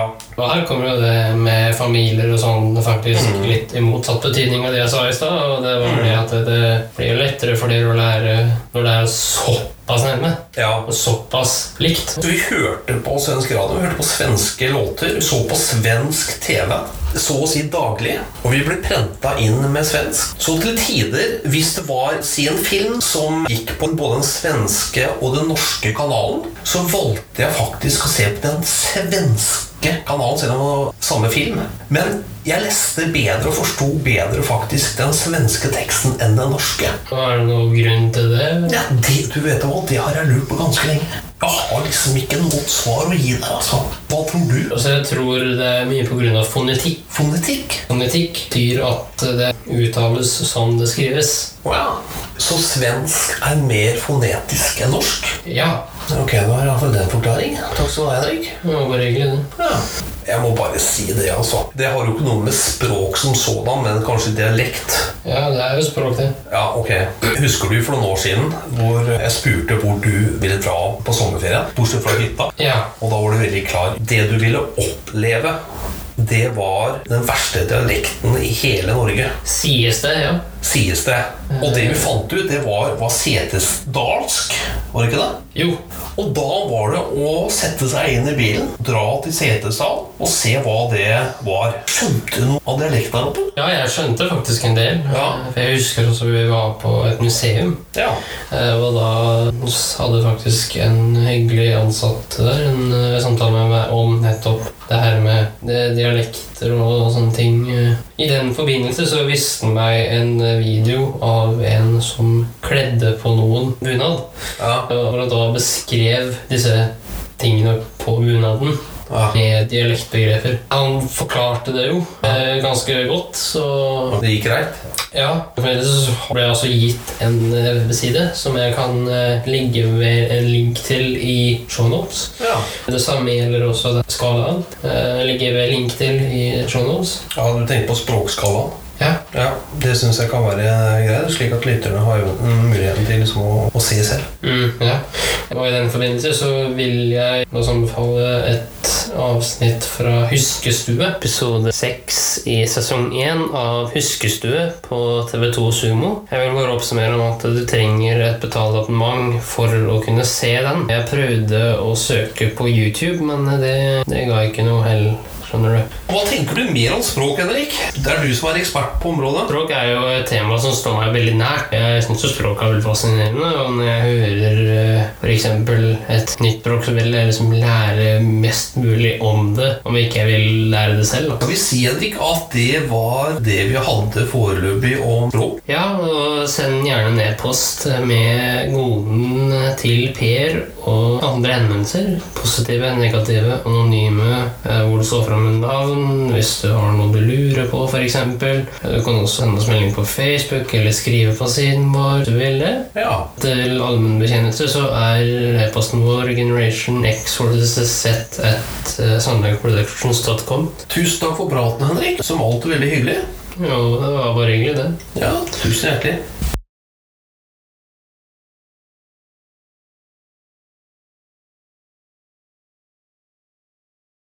Og hjertelig velkommen til en ny episode av Generation X Forces Z. Din formidler av generasjonskløften mellom generasjonene X og Z. I dag er temaet USA. USA er på mange måter den som har forma kanskje oss de siste årene, både med musikk, kultur og diverse andre ting. Det som er spennende, Henrik, er at du og undertegnede kommer til å intervjue en amerikaner. Ja, det gjør vi. Så vi kaller han en ekte amerikaner. Ja, han er jo en amerikaner i den forstand at han er en liberal amerikaner. Jeg opplever han som veldig ærlig og åpen. Sånn generelt sett så får vi høre hva han har å si. Ja, Skal vi bare kjøre i gang, Henrik? ja eh, la oss bare høre på det intervjuet, da. Ja, vær så god. My name is Andrew. I'm an American. I live here in the great state of Mississippi. In general, what would you like to tell us about the generations X and Z? X and Z. Well, I am Generation X. I can't remember the years that Generation X covers, but I was born in 1974, which makes Yeah, me makes. Generation X. I'm 45 years old. Well, one of the main differences I see is the exposure to technology, right? So when I was young, there was no such thing as the internet. I think the military had it, but it wasn't being consumed by the general public. You know, there were no cell phones. There weren't even cordless phones when I was born. The phone was still on the wall, and I'm sure that uh, Per can attest to this and agree with me on these points because he too is Generation X, as he's what nine years older than me, nine or ten. So we are in the same generation. So he remembers the day too when make a phone call. You went into the specific room where the phone was, and it was a corded phone. It was attached to the receiver, and there's of course just the speed with which people exchange information these days. And well, we live in the information age, and Generation Z, their brains work differently. I process information more quickly because of the exposure to all the technology. Cell phones was just an example, but you've got computers and all of the things that we can do, like this conference that we're having right now, having a conference long distance over an entire ocean. So that's changed. Generation Z is a little bit less critical in other ways, though, because the ability to not the ability to, but the interest in reading, for instance. It's more of a visual generation than it is a linguistic one, just because of the plethora of visual images that bombard us every day. It's not the same. When I was younger, we had those things, but I remember spending a lot of time reading, probably where I got my love of language. Well, you have told me that you love the written word. Does that have anything to do with it? Does reading have anything to do with it? Yeah. Yeah, I think absolutely. I think it has to. You know, I read from a very early age, and I still read quite a bit now. In fact, I probably read now more than I used to. But yeah, it was just inspired. I've always loved stories. I've always loved reading stories. I think it's important to understand what it means to be human, to understand the stories that we've created over the uh, millennia. So yeah, absolutely, the reading was a huge, and I think that's again kind of to redirect or to revisit my previous answer. That's one of the main differences. Generation Z certainly reads less, and when they do read, they read in different ways. They probably read well maybe on a tablet or a phone. It would be interesting. An interesting statistic would be the percentage of Generation Z who have library cards versus Generation X who have library cards. I bet that a lot less Generation Z people actually go to the library, like I did, and like I'm sure Per did when he was younger. I mean, if you wanted to find out information, that's where you had to go. But now you can just access it from wherever. Can I ask you a question, Andrew? Certainly. Do you read paper books or from your iPad or your computer? That's a great question. No, I'm a bit of a purist. I like to feel the book Yeah. in my hand, smell the pages. There's something a bit more tactile about Yeah. actually holding it. It feels like it has weight. For me, it feels like it has more worth if I can hold it in my hand. I took a class with a professor at the local university recently. It was an African American studies course. She was young. She is young. She's younger than me. And she was telling us one day how she was looking around her office and she realized that it didn't look very professorial because she didn't have any books because all of her books were on her devices. She has hundreds and hundreds and hundreds of books electronically, but hardly any books in her office. So I prefer to hold the books. And I like to go into used bookstores and see all the different book covers and smell the way it smells. And yeah, it's like a whole sensory experience for me in that way. Why do they speak English in the United States?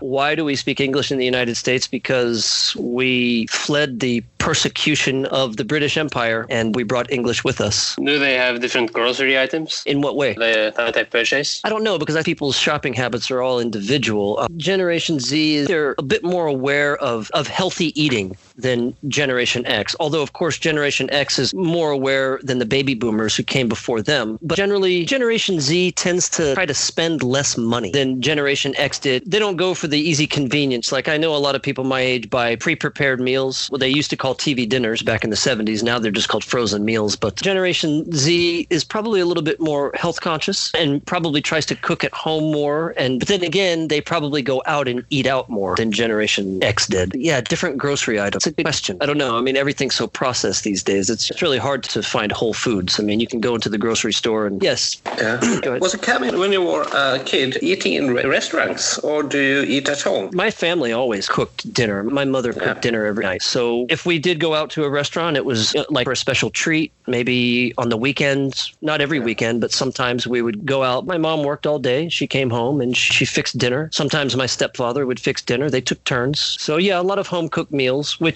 maybe influenced the way that I shop because I buy food to cook at home. I don't eat out. Although last night I got drunk and ate an entire pizza. So, you know, Jeez. I know. I, I have the worst heartburn today you could possibly imagine.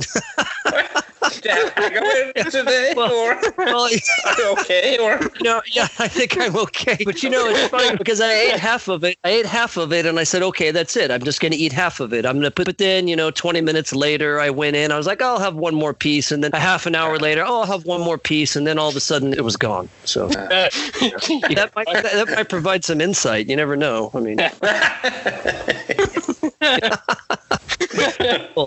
Oh, yeah. So I'm trying to think of some other differences between the generations. To be honest, I don't know too many people from Generation Z. Most of the people I know are either millennials, Generation X, or baby boomers. Okay, so first of all, tell me what years covered Generation Z? 2000 to 2005. Wait, 2000 to 2005? Only five years? No.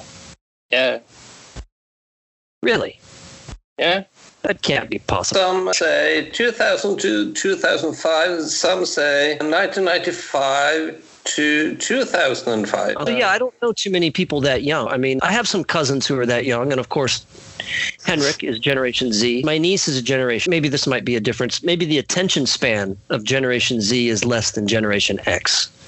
Because of all the stimuli, all the different things that are drawing their attention away, maybe they don't focus as well, or at least not for as long.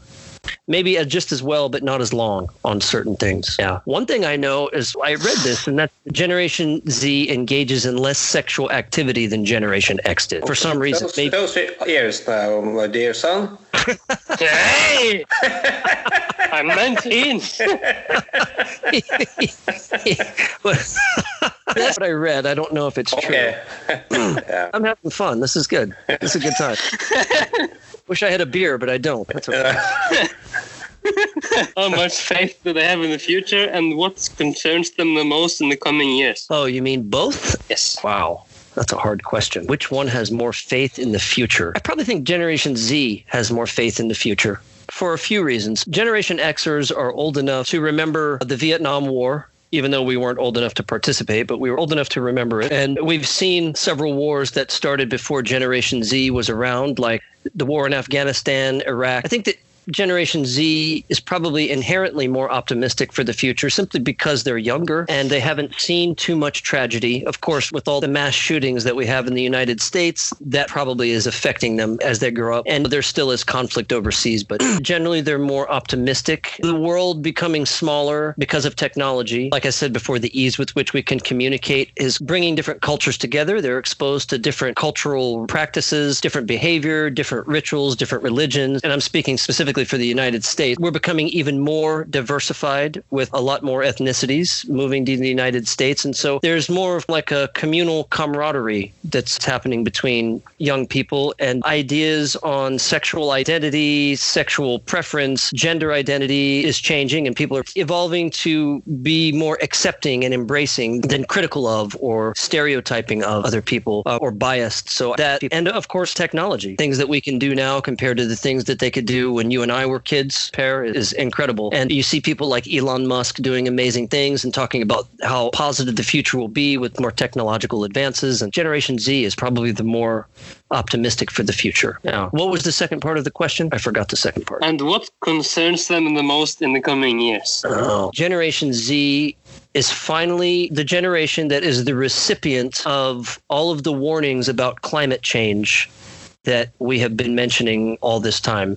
And they're very concerned about that because they realize it's getting to a critical level. So that's a main concern. And just, and I think they have the normal concerns that all young people have. They want to be successful in the future, they want to be happy, but to be concerned for the future, what worries them the most? Yeah, I, I think political unrest too, because there's a lot of infighting, and I'm talking about American politics. It's the most divisive time in political history in our country, or at least one of them. This idiot that we have as president is driving a wedge between people and playing on people's fears. There's a lot of political uncertainty, political uncertainty, economic uncertainty, and climate concerns. I think would be some things that they're really worried about, and that I am worried about too. But they're very young people, so they're having to deal with all of this at a very young age. So Yeah, and you can always take a beer.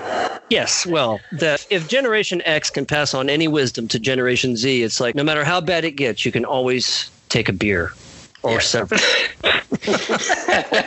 Good message. Good message. This is excellent advice. We Generation Xers, we're pretty wise. We know what we're talking about. Yeah, thank you very much. Yeah, yeah, yeah.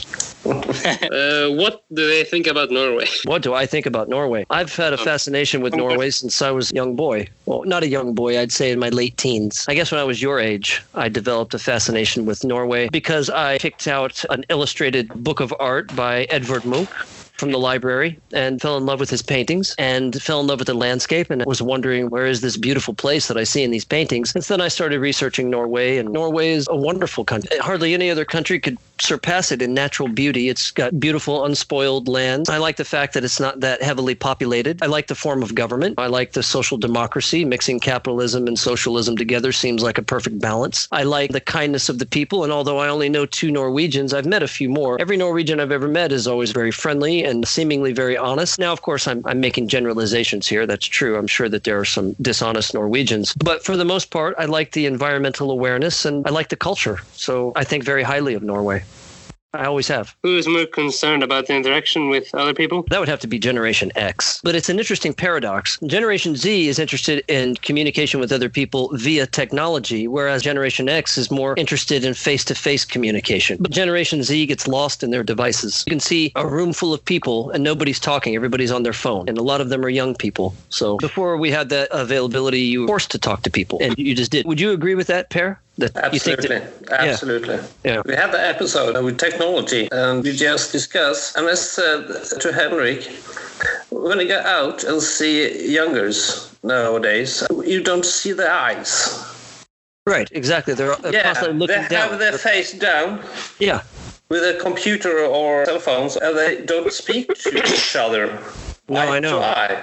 Yeah, I know. It's having a detrimental effect on society. I feel Yeah, that it's so. yeah because you know human beings we're social creatures. We're, we're some people interact more than others. Some people are extroverts and that's all they do is they go out and meet people. But even just a casual interaction like walking down the street and you make eye contact with somebody, he or she makes eye contact with you, you say hello, you nod hello, right? We're losing that in a lot of ways because their heads are buried in their phone. Who eats the most pastries? Yeah. No, we are talking. Who eats the most pastries? that would have to be Generation X, man. Of course. Generation X. A lot of Generation Z, like I said, tend to be a little bit more health conscious. I don't mean everybody, but a lot of people tend to be a little bit more health conscious. But uh, your father and I grew up with donuts and danishes and croissants and all of these things, all of these delicious pastries. So, yeah. The reason why Generation Zers are more health conscious is to keep a perfect body. Huh. Do you think they're more image conscious? Yes, they are. I've seen a few cases of this high school in which people in the same grade as mine have committed suicide for that very reason. Is that right? Because they were ashamed of their body and of what people thought of them? Yes, they couldn't handle life anymore, so they decided to take these way out and commit suicide. Wow. That's very sad. They call that body shaming. That you would shame somebody to the point where he or she would feel that sad. That's terrible. Especially in Japan, you have a very high suicide rate. Yeah, that's true. But I thought that was mostly, you mean among Generation Z? Yes, Generation. actually, Zers and Xers, most commonly uh. Xers because of work and whatnot. Yes, that's true. They literally work themselves to death there. A lot of people drop dead at work because they work so hard. I had no idea how fun this would be. Is there anything else you would like to convey that we haven't asked you about? I think that Generation Z, they're more global. They're more connected to the big picture, I would think, simply just because of the progress, not only in technology, but also in psychology and people's attitudes. They're more willing to understand or accept than Generation Z. Although Generation Z is pretty progressive, they broke away. But, you know, it's interesting when you meet a young person who seems wise beyond his or her years. They seem like, and they're totally open to the idea of people living their lives the way they want to as long as they don't interfere with other people. And, and of course, in ways, they're still judgmental. Like you mentioned, they're judging people for their bodies and causing people to become very depressed. And But for the most part, I don't know. Are they smarter? Probably not. no, I don't know. No, no, I don't Actually, think so. saw don't documentary think on so. that. No, no, no, no, no. Yeah, definitely. No, no, no. no, no, no. They're very smart in a different way because they've had to evolve and adapt to changing times. So, Yeah, I actually watched the documentary on that with the influence of screens. oh, really? The influence of screens on intelligence? No, not on intelligence in particular, but how the screen can form one's life. Ah, that's interesting. Yeah, huh. I'd be interested in what is that on YouTube? Yeah, it might be. Try searching for screen addicts, and yeah, Yeah, no, I can't think of anything else. Like I said, I don't come into contact with too many people from Generation Z. What about you, mm. Per? Do you meet many people from Generation Z? Depends on Henrik's, of course, but I think they are the same kind of thinking. They, they think not different. They think like youth. Yeah, and, right. uh, so no, but I don't think they are smarter. Uh, They're just smarter in different ways, right? Yeah. Oh yes, I can agree. Yeah, I can agree. Yes. Yeah. Why? What do you mean? Why do Uh, you? well, agree? I'm going to ask you. well, Some, we- well, with the influence of technology and whatnot, they well, they are uh, smart, but not in those ways that you guys are, with papers and taking manual notes. yes, manual notes. I still take manual notes, but You too, you know, do okay, good, good. But you know, I'm adapting. When I sit through one of my courses, I, I record I record the lesson on my phone, and then I come home and I listen to it again, and I transcribe it by hand on paper. So, but I'm still taking notes. I'm still taking notes on paper. But I'm also using technology. So that's also another difference. The Generation Xers, although we are learning this technology and uh, we weren't really old when it came out. I think I was in my 20s when the internet first became really popular. Pear was in his 30s, right? So we weren't old. We're still not old.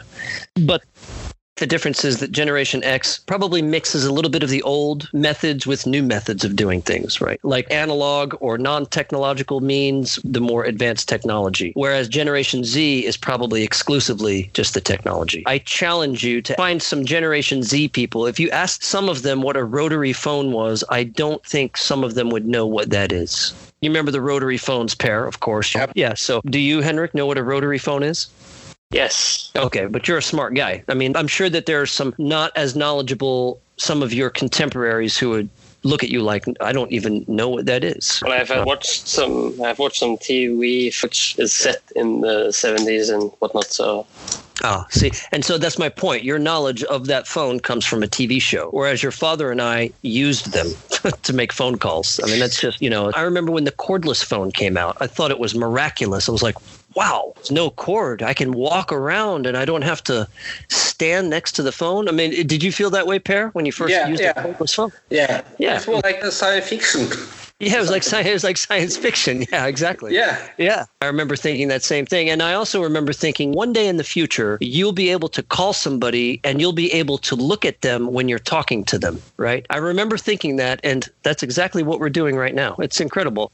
And, and to go back to what I said earlier, I didn't mean to suggest that all Generation Xers are pessimistic about the future, but I just think a, a larger percentage of Generation Z is probably a little bit more optimistic. I myself am optimistic about the future. So, I mean, I, I didn't mean to say that it's like that for Generation X across the board. I just meant in general, Z is probably a little bit more optimistic. Well, I have a dream, Andrew. That is a car that is outside my door. And when I get out and into the car, I just said, drive me to XXX. Oh, And I don't have to do anything. you don't have to do anything.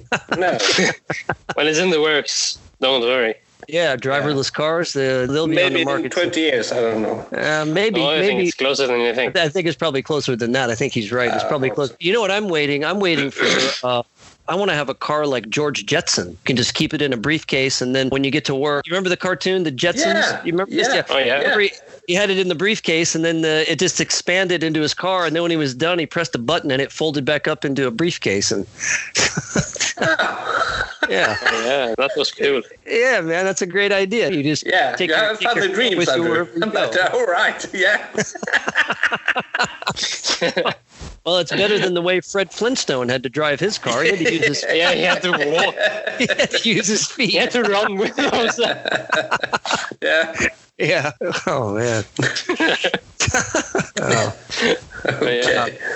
so Thank you very much, Andrew. you're very welcome. This was very fun. I really enjoyed it. I liked getting to talk to both of you guys at the same time. It, it's kind of like what it's going to be like when I finally make my trip to Norway. We'll all be able to have a conversation Yeah. together. So, uh, Yeah, and now in the I know. bar. In the bar. Well, yes, but you know, look, Per, I know you don't drink in front of Henrik, but and that's your decision. But when I come to Norway, I cannot be held to those same standards. Okay, I probably drink a beer in front of Henrik. Uh, he'll probably be twenty or Well, twenty-one by the time I I- come to Norway. Well, I've done it. Oh, you have? Uh, several times. Yeah, yeah. Yeah, once or twice maybe. twice. Th- yeah. Ja, hva skal vi si om Andrew, Henrik? Han er en liten friskus. ja, eh, han er det. Han er jo egentlig en veldig hyggelig fyr. Eh, han nevnte noe som eh, fikk meg til å dra litt på smilebåndet. Det var at han ville ha samme bil som George Jetson. Det er jo en veldig morsom bil, egentlig. Det er en eh, bil med en koffertfunksjon, hvor bilen da er kofferten. Tenk deg situasjonen, Henrik. Dersom han Andrew kommer til eh, Norge og til Fredrikstad, så må vi ta med rundt.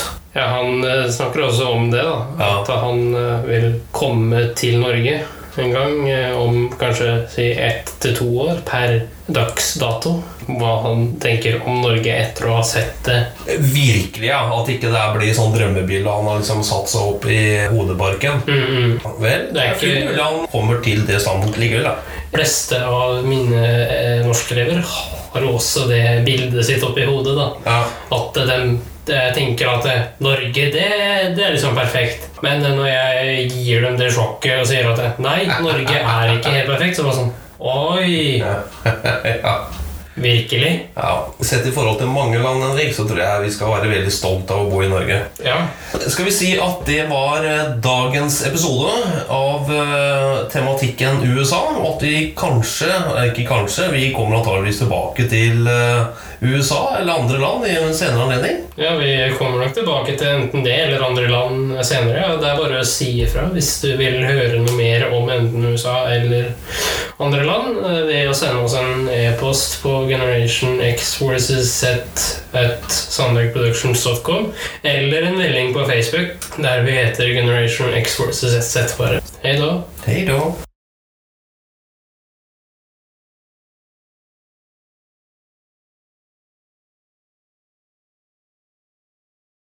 Hei, kjære lytter, og velkommen til en ny episode av Generation X versus Z, din formidler av generasjonsskapet mellom generasjonene X og Z. Dagens tema er reise. Jeg vet ikke om Ja, reise, Henrik. Husker du første gang du reiste? Ja, da var det på Kypros med deg og mamma. Ja, det er fascinerende hvis du husker det, Henrik, fordi da var du knapt ett år gammel. Men du har fått sett mange bilder av den turen. Jeg hadde vel rukket å blitt åra, det er ikke det? Jo. Sånn i ettertid så bare lurer jeg på hvor lurt det var egentlig å ta med en uh... Ettåring på ferie til Kypros. Ja, det, det får du egentlig lytterne vurdere sjøl. Jeg den gangen liksom Ja, vi tar en tur, men, men sånn i ettertid så lurer jeg på om, om det er lurt å ta med en lite guttetelp til varmere Syden. Men eh, nok om det. Hva tenker du om reise, Henrik? Når du hører begrepet reise? Når jeg hører begrepet reise, så tenker jeg jo med en gang på noe som du forbinder med å dra vekk fra hjemmet ditt og hjembyen din og hjemstedet ditt, eller hvor enn du kommer fra. da. For meg så er jo det på en måte reise, da, i stor grad. Ja.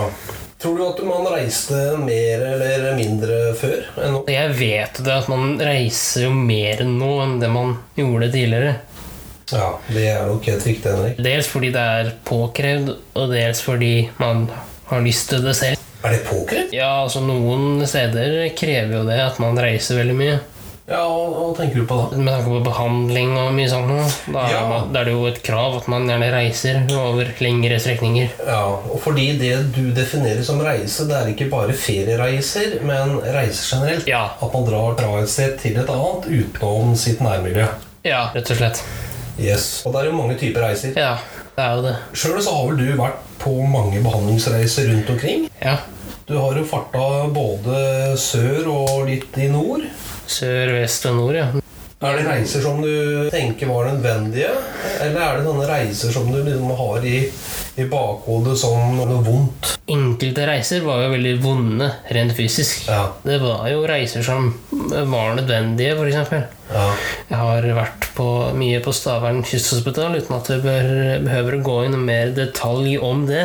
Annet enn at det er et hospital på Stavern eh, som har hatt operasjoner, og som skal komme seg etter de operasjonene. ja. Og så har du også vært på Beitostølen sportssenter. Helsesøstersenteret. Mm. Og så har du også vært på PTØ Hamar. Ja. Og PTØ Hamar, som du sier, er jo da et sted for opptrening. Ja.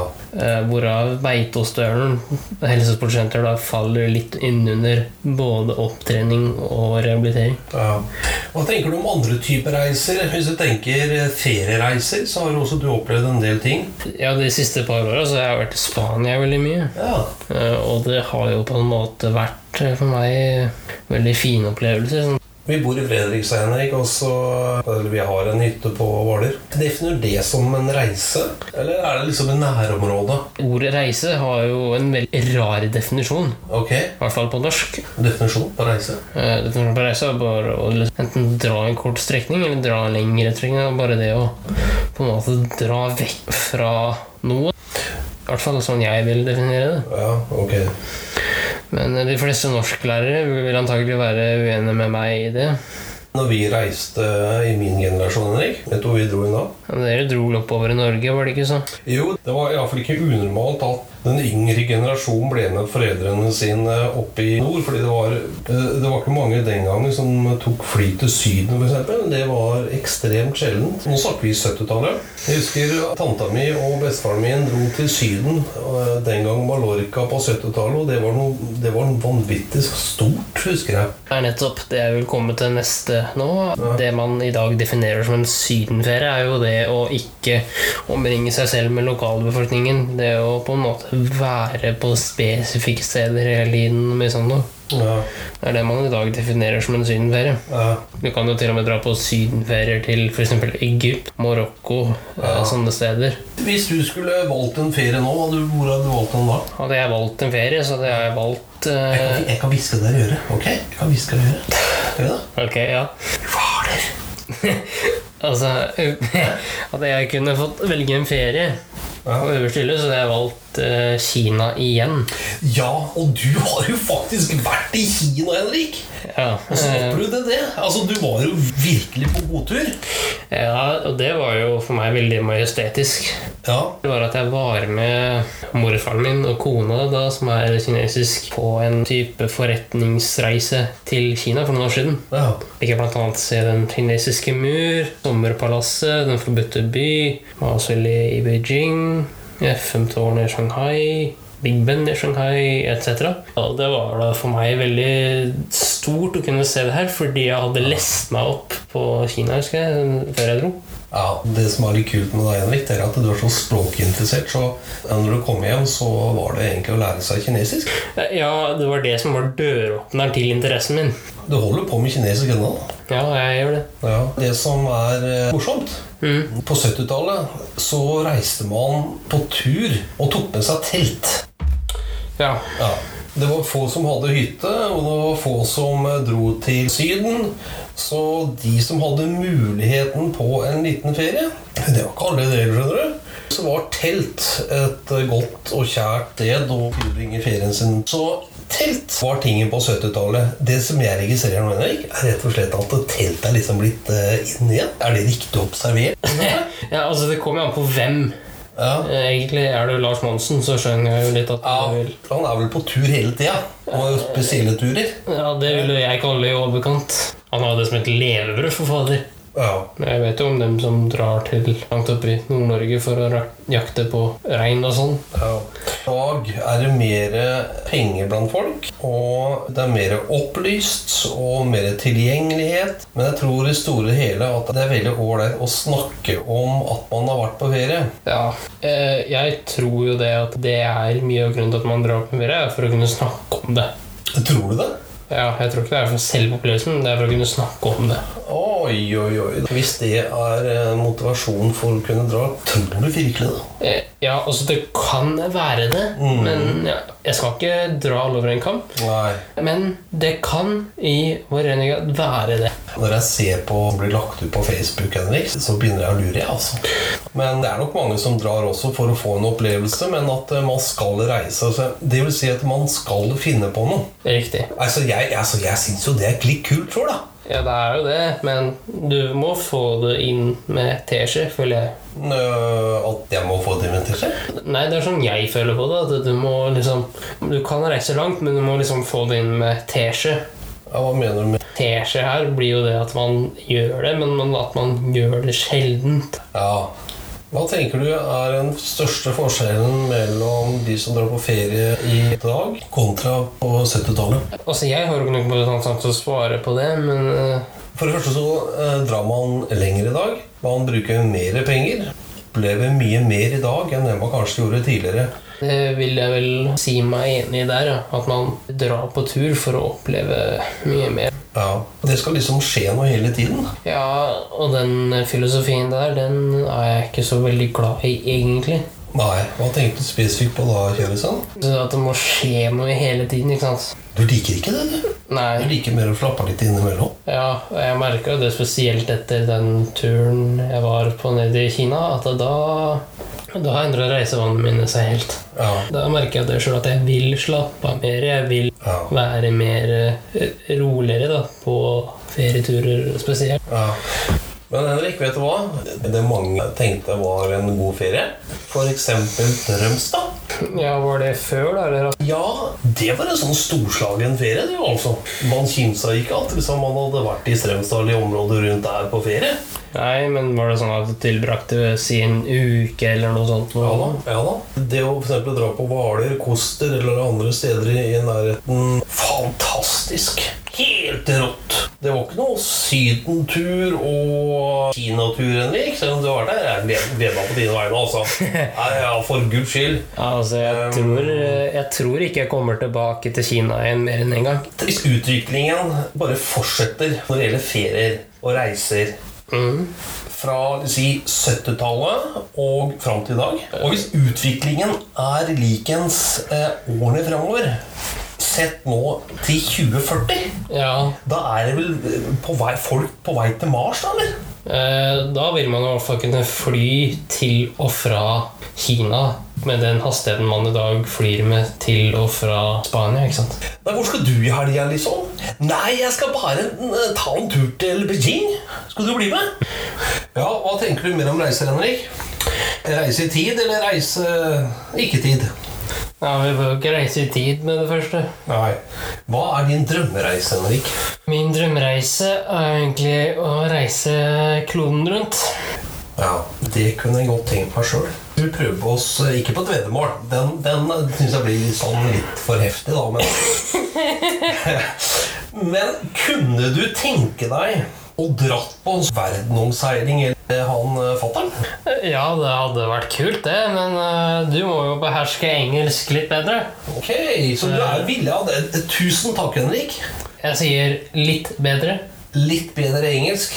Ja. Den jobber jo jeg med, da. Så den kommer etter hvert, den, Henrik. Ja, ja. ja, ja. Jeg hørte den der låta der, ja. ja. Hvis du vil høre mer om akkurat det, så kan du gå tilbake til episode fem. Ja, ok. For da tar vi opp det med språk. Nei, men Jeg setter veldig stor pris på at du har lyst til å dra med fatter'n rundt omkring. Det er jo fint, det, da, at du setter pris på det. liksom. Ja, ja. Men det hadde vært en, eh, en ære, det, Henrik. Dra med sønnen sin rundt omkring. Mm. Ja. Hva tenker du ellers, da? Jordomseiling er én ting. Hva du ikke kunne tenke deg? Det jeg ikke kunne tenke meg, hadde vært en sydenferie i den arabiske verden. Nei, en sydenferie i den arabiske verden. Det må du forklare meg litt mer. Det er en reise hvor jeg drar til den arabiske verden og ikke omringer meg med lokalbefolkningen. Ikke reiser utenom disse turistattraksjonene. Hva mener du? At Nei, det er jo en ferie da, hvor jeg eller en gruppe jeg reiser med, da isolerer oss frivillig fra lokalbefolkningen, f.eks. Ok, det er ikke tema for deg. Ikke lukka inne på den måten. Utelukker all mulig kontakt med de lokale. Ja, Det er viktig for deg når du er på tur, da, altså. Ja, Å få mest mulig kontakt med lokalbefolkningen. Vet du hva jeg setter pris på når jeg er på tur? Ja, Eh, Mat. Hæ? selvfølgelig. Jeg liker å prøve noe nytt, Henrik. Hver gang jeg er på tur, uansett hvor jeg drar. Ja, Du spiste vel noe fiskegreier i Litauen, gjorde du ikke det? Jo, jeg har spist mye rart i Litauen. Jeg har vært der en del ganger. Ikke rareste opplevelse, men det var en, en av de første gangene så sto det på menyen grisører. Bestilte jeg det, for det hadde jeg ikke spist før. Og den kelneren lurte fælt, da. Altså, Jeg fikk et sånn rart blikk, men jeg fikk jo de der grisørene. Og det var ikke så himla gærent, altså. Hvis du har litt ost til, så er faktisk det ganske godt, det. griseører og ost. Ja, Men jeg tror, Henrik, sånn mellom deg og meg, at de griseørene ikke var egentlig til eh, til menneskene. Fordi det var så mange bikkjer rundt der, så jeg tror faktisk at det var egentlig mat til bikkjene. Eh, der er jeg litt sånn usikker ennå, men jeg kan liksom erindre at det var noen bikkjer som spiste noen sånne ører da jeg dro. Så det kunne kanskje være at det var rett og slett eh, hundefôr som jeg spiste også. Det var ikke så himla gærent, altså. Oi. Ja. Jo da, det, det er mange sånne historier. Ja, og ingen kan klandre deg for det. Nei. Du Må prøve noe nytt når det gjelder matveien, Henrik. Man kan liksom oppleve noe flott på veien. Ja, jeg spiste altså dumplings i Kina, noe jeg synes var eh, veldig godt. Dumplings og pastalignende ting, eller? Eh, Ja, mesteparten av eh, dumplingen består av pasta, egentlig. Ok. Synes det var godt? Ja, det var veldig godt. Eh, altså- Har, har du smakt på det i Norge nå? Nei, jeg har aldri spist dumplings i Norge. Ah. Har du spist rå blekksprut i et spesielt sånn saltlake? Nei, det nærmeste jeg kommer blekksprut, er jo noen sånne kalamari-ringer. Ja, ok. Du får den eh, rå i en spesiell lake. Da har du liksom hele akaren. Og så skal du tygge på det. Det, det er ikke favoritten. Jo, apropos mat, så kan du gå tilbake til episode 4. Da snakker vi litt mer om det her med mat på generell basis. Ja. Er det andre ting når det gjelder reiser vi ønsker å frembringe? Nei, Skal vi prøve å avrunde, Henrik? Jeg regner med at uh, reisen er ikke over uh, ennå. Men nei. kommer til å ha opp det som en tematikk spesifikt ved en annen anledning. ja, vi kommer nok til å ha det som en undertematikk. Det gjør vi nok. Ja. Dette var altså innledningen, skal vi kalle det. Ja, det her var på en måte en slags innledning i reise, og reise generelt sett. Ja.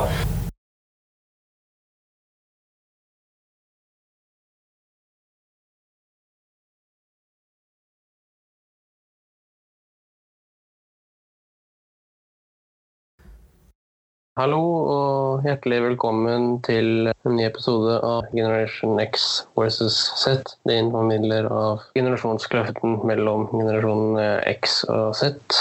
Algerie, Fatter'n. Hva tenker du da? Det eneste jeg vet om Algerie, egentlig, det er at det er et land, det er et land i Nord-Afrika.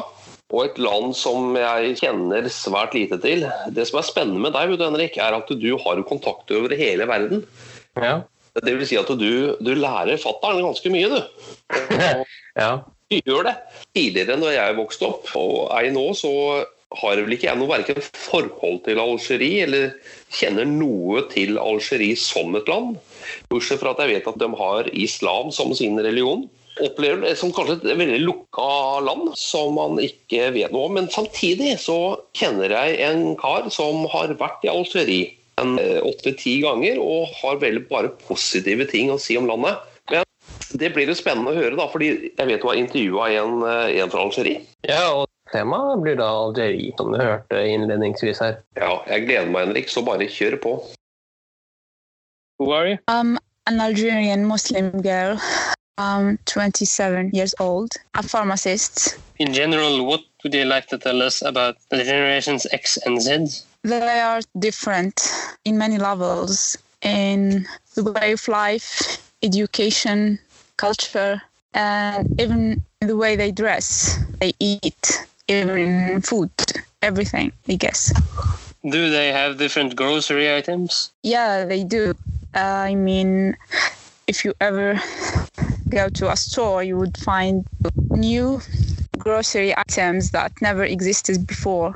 And also, we have new food companies like uh, McDonald's and Kentucky Fried Chicken, Starbucks, Pizza Hut, many stuff. Why do they speak Arabic in Algeria? most of North African countries speak Arabic because of Islam. Islam is the only reason we speak Arabic. It's when Islam came, we had to speak Arabic. The Quran is in Arabic. Does the Spanish influence play a big role in Arabic today and the Arab world? Yeah, The reason why I'm asking is because Spain was Islamic in what 1500s, I believe. yeah, but that's where Islam nations start to take steps back. That's why the Islamic Empire destroyed. Spain wasn't 100% a Muslim country. How much faith do they have in the future, and what concerns them in the coming years?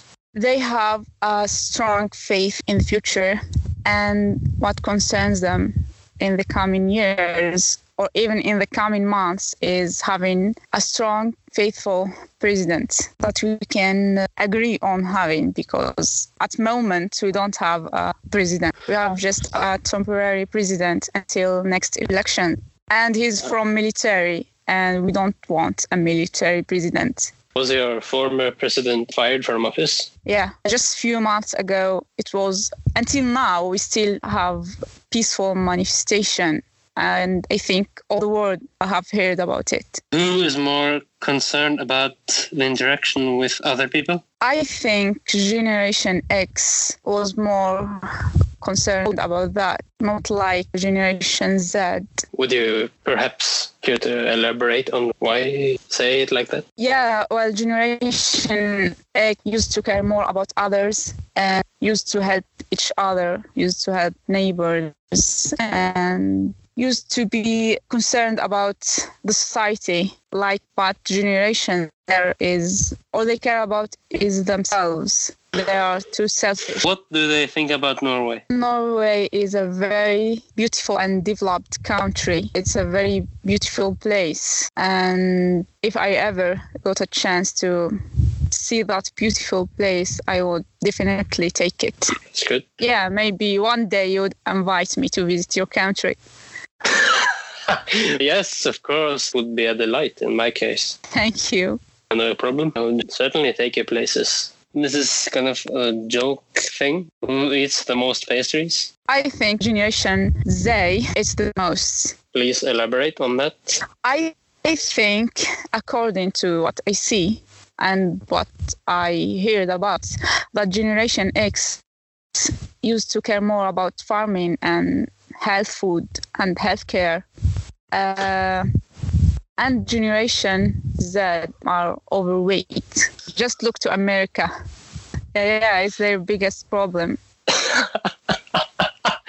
From what I see, I see the opposite.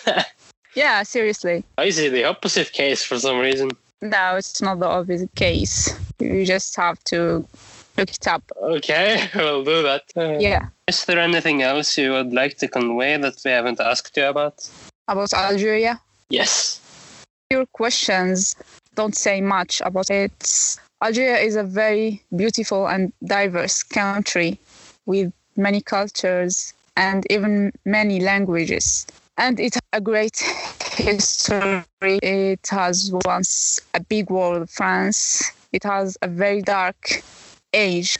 It's called the Dark Decade. After that, Algeria really had very difficult times, but we still have our great history and we are still hoping for a better future. We just rised up. When you say you had a dark age, is this from the colonial times with France? Of course, France has a hand in that. And it happened after independence that we don't have it until today. Algeria is still a French colony till this moment. And I'm not going to say more details, but that dark decade, it was about elections. Someone won elections and they they didn't want him to be the president. That's how it started. And it took 10 years to come. I see a trait in which certain African republics have been French colonies, and uh, Algeria is one of them, correct? Yes, for 130 years. The early 1900s up till now. Okay. 18th, from 1832 to 1962. Oh, yeah, that would be exactly 130 years. Yeah, Thank you for taking the time to have this interview. you're welcome. Thanks for asking me. Thanks for giving me a chance to say just small words about my country. No problem. Thank you. Welcome.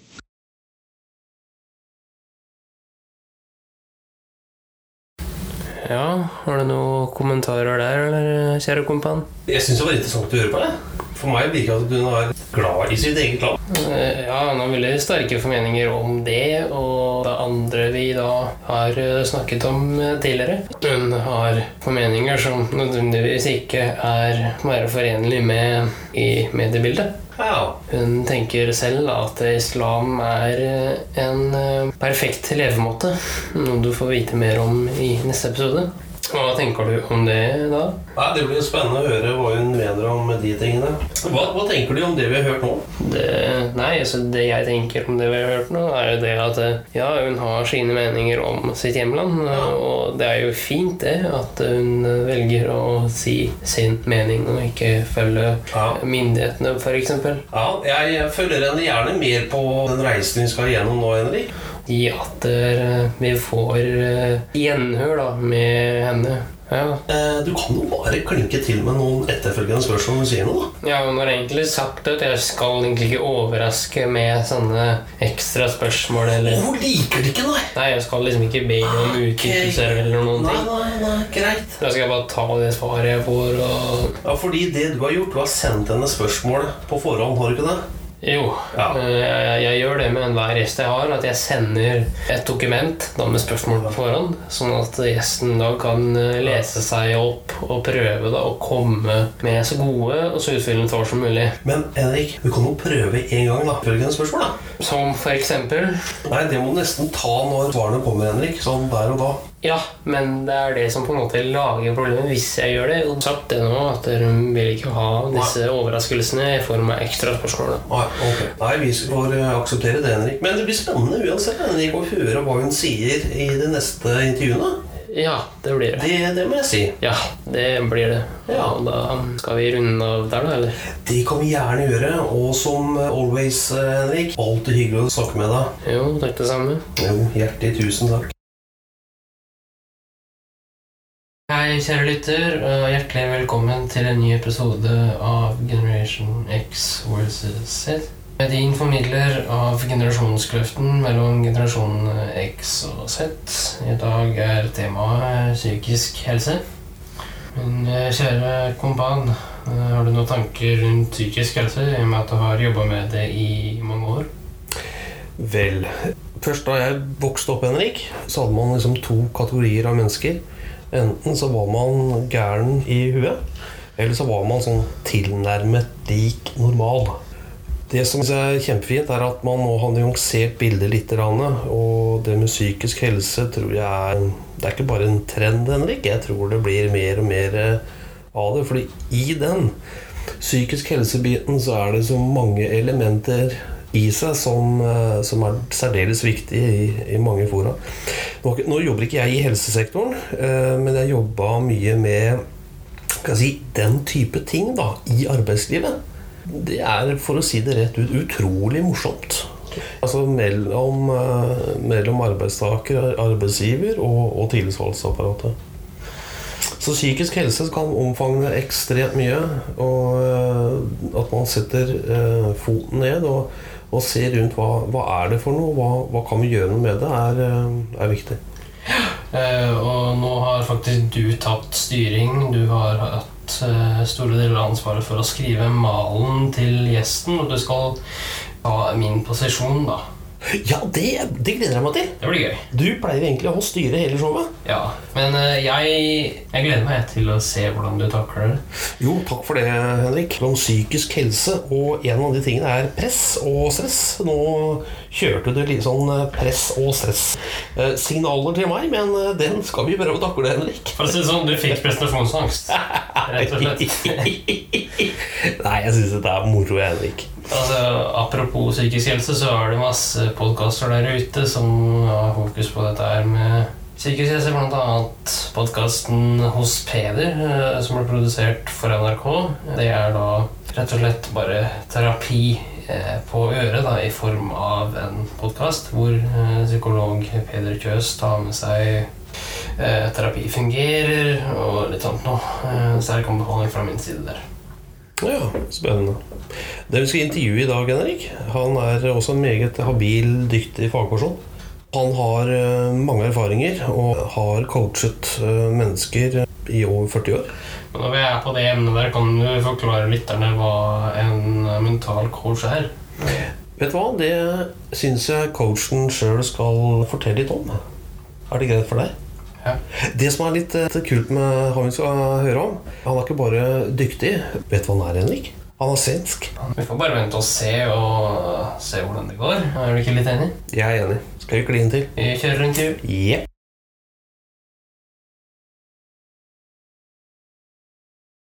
Kort fortalt, hvem er du? Ja, jeg heter Ole Olle Hallgren. Jeg er innvandrer til Norge. Og eh, för att jag gifte mig med en norska för sju, åtta år sedan.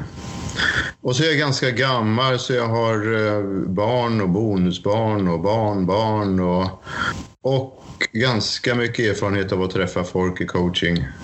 Så var det det med coaching, Ole. Kan du forklare lytterne litt hva det er for noe? Sånn, I korte trekk?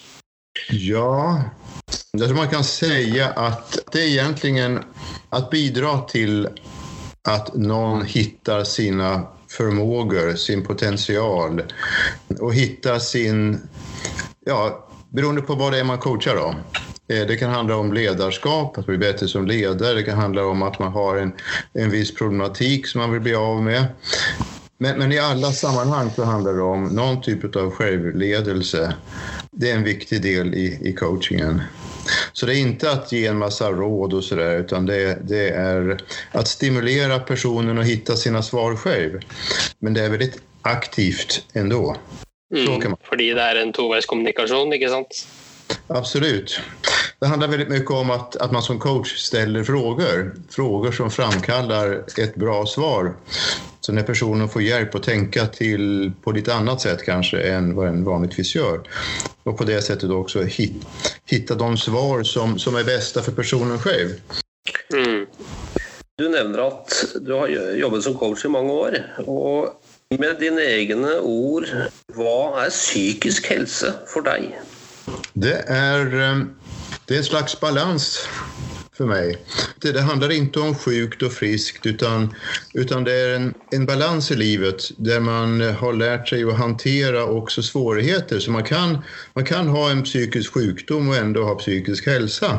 For det beror veldig mye på hvordan man håndterer sin problematik. Så jeg tror det er viktig å komme bort fra det der med sjukt og friskt. Og eh, när man hittar sin balans då mår man bra. Da kan man si at man har psykisk helse oavsett om man har en problematik eller ikke. Så der handler det veldig mye om i hvilken mån man sig att hantera det. Men er det bare for deg, eller er det generelt også? Ja, jeg skulle vilja si at det er, det, det, det er hva jeg har sett och upptäckt också hos andra personer.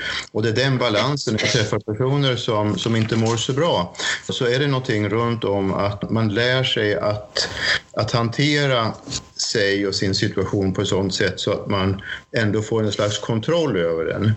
Och även personer med, ibland med, med olika typer av traumer, när man har hittat sitt sätt att hantera det så, så kan man ha en väldigt god hälsa. Och det finns det väldigt mycket studier på eh, också. Då. Balanse, Olle, Ole, hva, hva legger du i det? Altså Balanse i forhold til hva, og eventuelt i forhold til hvem? Det kan vara balans av allt möjligt egentligen. För det finns ju situationer som man, som man behöver och åtgärda, som man behöver förändra och så vidare. När, när den här eller svårigheten finns så blir det obalanserat. När man hanterar situationen på ett bra sätt kan man återfå en balans. Men, men det är ju inte alla gånger som man kan få bort det som, som, är, som är ett problem. Till exempel om man har en sjukdom eh, så kanske man inte får bort den, men man kan förhålla sig till den på något sätt. Då ligger det där som, det ligger som en störning men den påverkar inte ens liv fullständigt. Det gör inte att man inte fungerar som individ. Så det handlar väldigt mycket om vilka redskap som man, man hittar. Det är så här det ser ut, eh, det här kan jag inte förändra.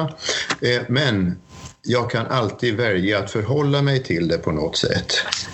Så man lär sig med tiden. Och alla människor har, har olika typer av svårigheter. Och olika personer har olika lust eller förmåga att hantera. Men det är möjligt, vill jag nog säga, för alla att hantera sig och sin situation och sitt liv på ett ännu bättre sätt än vad man gör. Mm. Så det du sier, er at balanse er et vesentlig begrep? Ja, og jeg tykker om det begreppet. Det er en, eh, en veldig god bekant til meg som er akupunktör. Og han tenker ikke heller i termer utav sjukt, friskt, bra, dåligt, eh, starkt, svagt, utan han menar liksom någonstans på den där linjen befinner man sig. Och det är själva balansen som är det intressanta. Hur man återfår balansen. Annars kan man ju säga då, om man har en sjukdom, ja men då kan man aldrig vara helt frisk. Ja, men vad är helt frisk? Det är en väldigt intressant fråga. Ja, hva er helt frisk, hva er helt normal, hva er gal? Ja. Så det er jo spørsmål som man ofte stiller seg sjøl. Ja. Ja. hva mener du om det? Altså, hva mener du om disse som sier at f.eks. folk er spikspenna gærne og normal? Hva mener du om det? Ja, jeg jag kan undra liksom, eh, vad ska man utgå ifrån när man definerer normalt og onormalt? Um, Da kan jeg kanskje skyte inn en liten sånn en bisetning, fordi du spør, Henrik, og det som man kan si er det normale, det er eh, den som har ordet nå. Mens eh, den som er spin hoppende gæren, det er den som kommer til å snakke etter meg. Altså, det er jo en teori, men det er ikke noe ja, det var et sett å se det på. Ja, ja. ja. Ja, men jag tror man skal være veldig forsiktig. Og det, og det er klart det finnes ulike typer av sykdommer. Jeg jag har jobbat innen psykiatrien i min ungdom osv. så og, og, och, och, eh, och det finnes psykoser og det finnes mye annet där där man, der man ikke fungerer på et bra sett. Men derifra til å prate veldig mye om hva som er sjukt og hva som er friskt, det tror man skal være eh, veldig forsiktig med. Jag tror att vi står inför att faktiskt se också att det som tidigare man har sett som olika typer av handikapp också kan vara olika typer av, av förmåner eh, och fordeler. At det kan vara Når du sier handikap, mener du da fysisk handikap, psykisk handikap? Hva mener du med handikap her? Jeg tenker det som, men nu är det ju väldigt populärt med olika typer av diagnoser. Asperger, autism, eh, och ADHD och, ja, och så vidare. Man är väldigt snabb att sätta en diagnos. Och jag skulle vilja att, eh, okej, man, man kan ju sätta någon typ av diagnos, men samtidigt om man börjar fundera på, okej, vad finns det för bra i den här diagnosen? Vad finns det för bra med den här egenskapen? Går den att använda på ett konstruktivt sätt? Mm. Och det tror jag att det, det börjar finnas ett, ett annat intresse för det. Och jag tror man kan säga att Greta Thunberg är ett ganska bra exempel av det. Så du tenker som du gjør, da, at du snur ting på hodet, eh, ja. som er negative, at du får et positivt syn på det. Ja, jo, Eh, jag tror att vi står ännu mer inför en framtid där man behöver tänka lite annorlunda än, än det som vi anser vara normalt. ja, ja, selvfølgelig. Det, det er jo Ja. naturlig. Och normalt blir väl egentligen bara för att, man, för att människor vanligtvis tänker på det här sättet. Men det betyder ju varken att det är sunt eller bra eller önskvärt. Men, men det är normalt ikke. förekommande. Så, Det må, jo, ja, det må jo være en forekomst eller resultat ut av det her, men uh, hva det er, det er det hver enkelt. visst. Ole, vi mennesker er ganske påvirkelige. Men ser du en trend blant unge i dag hvor de er mer tilbøyelige for påvirkning enn tidligere generasjoner? Eller har det vært sånn i all evighet og kommer til å være det også i fremtiden? Ja, jeg tror att eh, vi er jo stendig utsatte og har alltid vært stendig utsatte for olika typer av påverkan. Men det er så mye mer sofistikert i dag, og det blir så mye mer påverkan. Jag tänker på min tid, jag är ju född på 50-talet. Någonstans på 60-talet så började det komma musik på butiker. Och skälet till det var ju för att vi skulle handla mer. ja, man kan säga en klar mening i det. Och idag så kan man väl säga att eh, via de medier vi har eh, och de kanaler vi har så går man rakt in i hjärnan på oss och eh, stimulerar vårt belöningssystem som gör att vi blir beroende väldigt snabbt. Hjärnan vill liksom ha snabba belöningar. Den trivs gott med det. Då blir det ju en slags drog och vi behöver tänka efter. Vem tänker tjäna pengar på mig nu? Vem håller på att lura mig nu?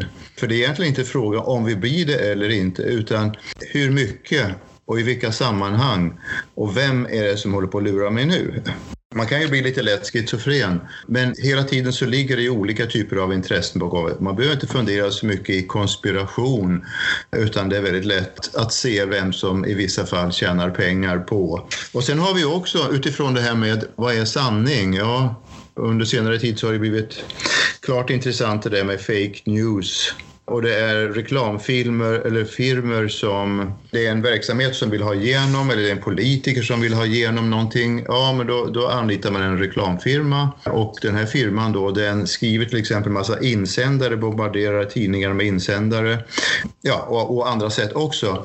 Och så småningom så börjar vi då som ser det så börjar vi tro på det här. Det är ju så många som tycker så här alltså och så vidare. Va? Eh, och genom våra sociala medier så blir vi ju så oerhört påverkade hela tiden och, och så var naturligtvis inte förr. Så det är en oerhörd skillnad. Men vill gå så långt som att kalla det placebo, eh, det med fake news? Ja, just det. Jag kanske inte har hört det i det sammanhanget, men det är väl kanske en liknande effekt der også.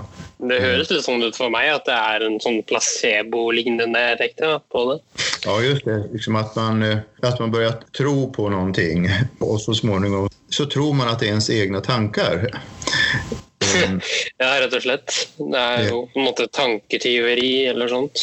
Ja, och jag tror att det är, det är väldigt hög tid för en sån som Sokrates som hela tiden ställde massa frågor och en av hans viktigaste frågor var har jag uppfattat riktigt, är det här sanningen?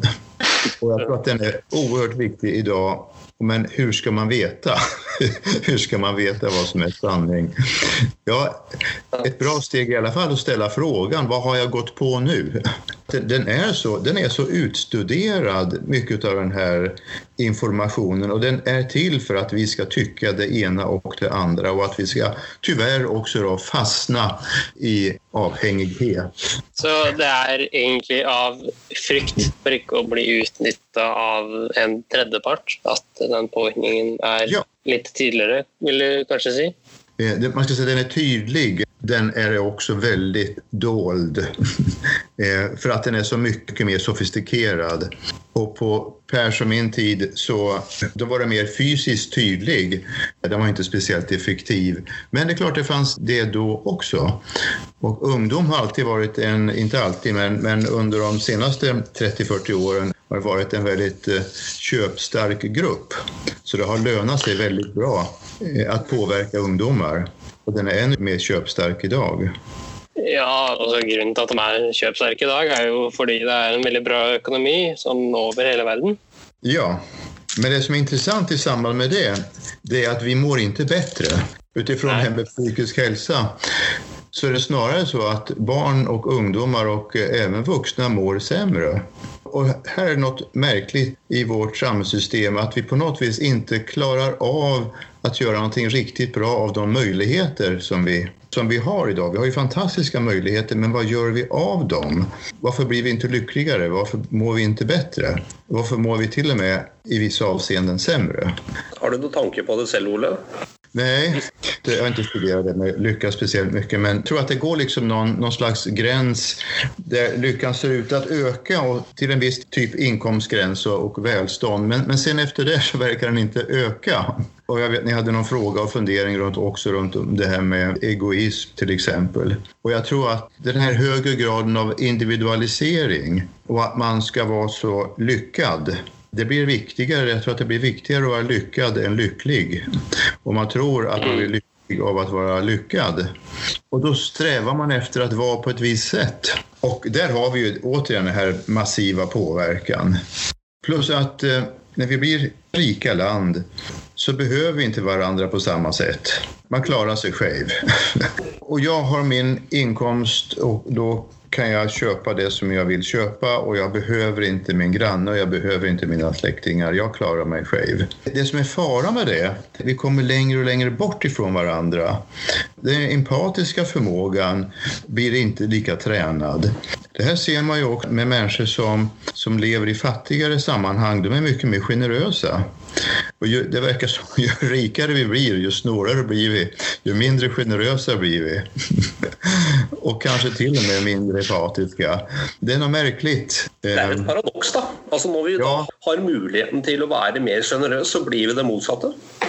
Ja, ja, det, det verkar vara så, när man kommer över en viss gräns, att vi är så pass rika och förmögna, eh, eller har det så pass bra kan man säga, att vi inte behöver varann. Det tror jag är allvarligt för ett samhälle. Och när det då händer någonting så är man inte van att ha vänner att prata med. Man, man, har, man har tappat bort en del av det stödet. Och därför så ligger självmordsstatistiken kvar på samma nivå både bland unga och ungdomar och vuxna. Så någonting är det som vi inte har lärt oss.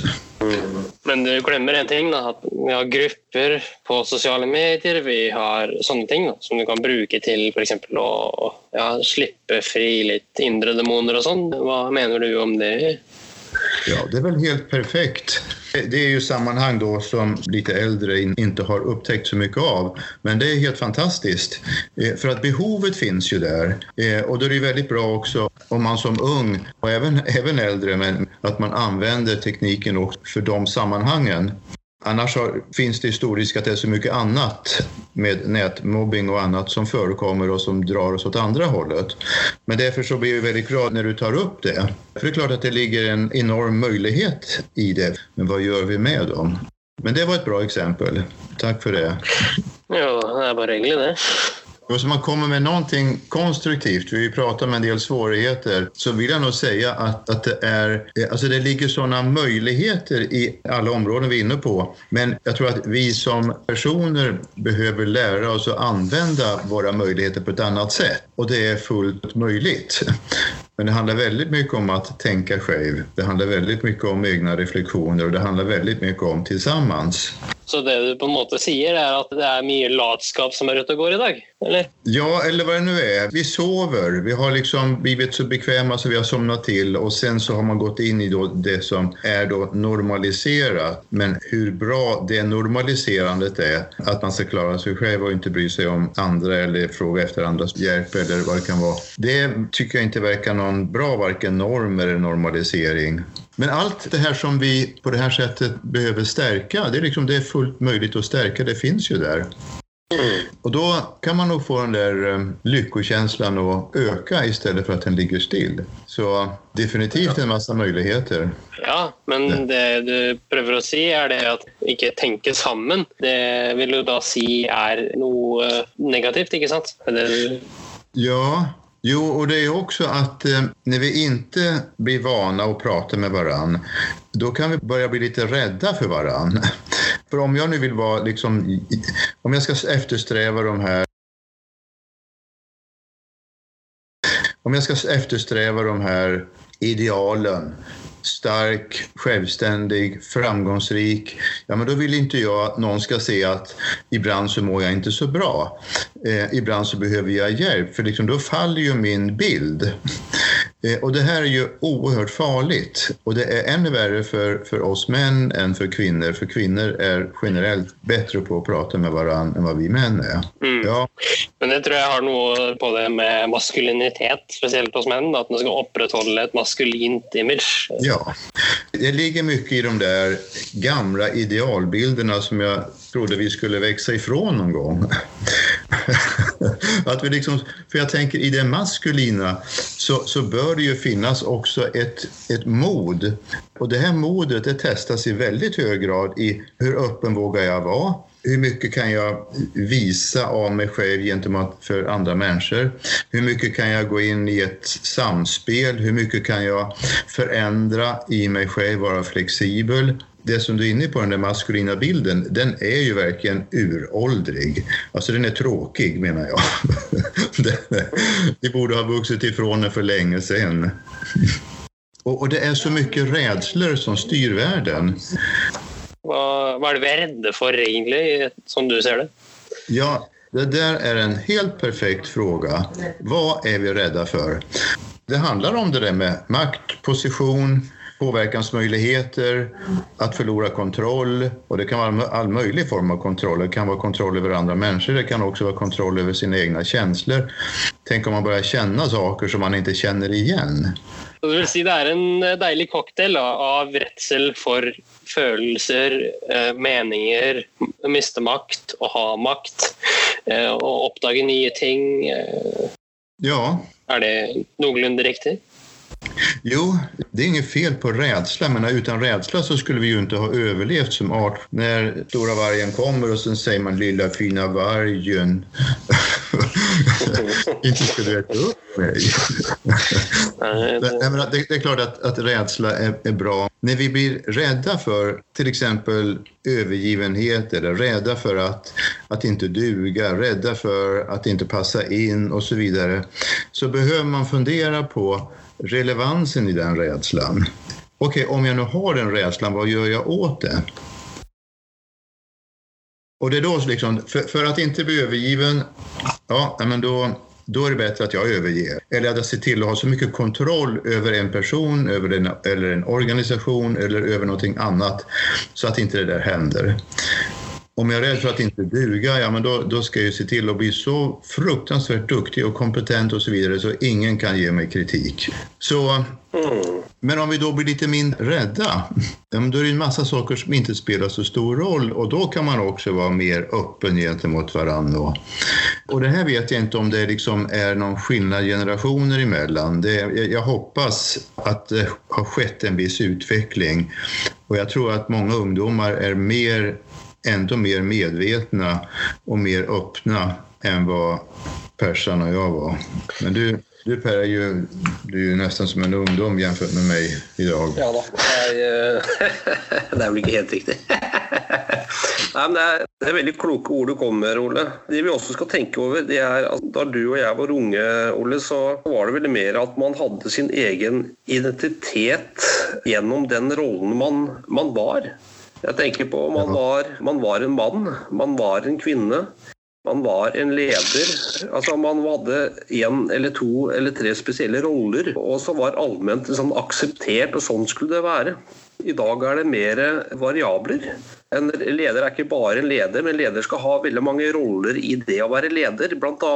etc. etc. Så jeg tror bildet i dag er mye mer komplekst enn eh, det det var tidligere. Ja, det, det tror jeg också. Och när du tar upp det med identitet så är ju det en väldigt viktig faktor. Vilken identitet jag har, vad jag kan identifiera mig med och vem jag kan identifiera mig med. Men er det med tanke på kjønnsidentitet? Er det på personens identitet? Er det på omgivelsesidentitet? Er det, hva er den identiteten? Ja, en del, eller en del av ett svar på det er vel at eh, vi har et veldig stort behov av å være i noen type av sammanhang. Og når vi ikke er i noe sammanhang så kjenner man seg veldig ensam. Men, så man behøver jo også andre å att seg med. Inte hittar något sammanhang så är man väldigt sårbar. Det var det ju naturligtvis också när jag växte upp så, så fanns det ju sådana man ville identifiera sig med. Men alltså det, det, det fanns ju, tvn började komma. Det fanns ju böcker att läsa, det fanns tidskrifter. Så det fanns ju sådana här figurer som man ville identifiera sig med. Eh, Men, det var liksom oskyldigt på ett annat sätt. Vem vill jag vara och vad, vad är det jag identifierar mig med och vilken är min identitet? Det är ju, menar, det är ju verkligen existentiella frågeställningar. Eh, Och där kan vi gå väldigt vilse. Det finns så många olika möjligheter idag. Man kan också, för att se ut som en viss person så börjar man operera sig. Sen kan man fråga sig hur önskvärt, hur bra är det? Våra möjligheter kan ibland vara våra hinder. Du och jag, vi fick ju liksom acceptera att vi såg ut som vi gjorde. Men hvis vi snur på det, Ole, hva er, hva er det kvinner er mest redd for? Sånn, uh... Jeg tror at eh, det der med overgivenhet, det er noe både menn og kvinnor väldigt rädda för. Möjligtvis att män är lite mer rädda för övergivenhet än, hva vad kvinnor är. Jag har ju mött många kvinnor också i, i mitt jobb och, och kvinnor i karriären och deras strävan efter att bli godkända och inte minst godkända i en manlig hierarki. Så de måste vara minst lika bra som männen och ibland lite bättre.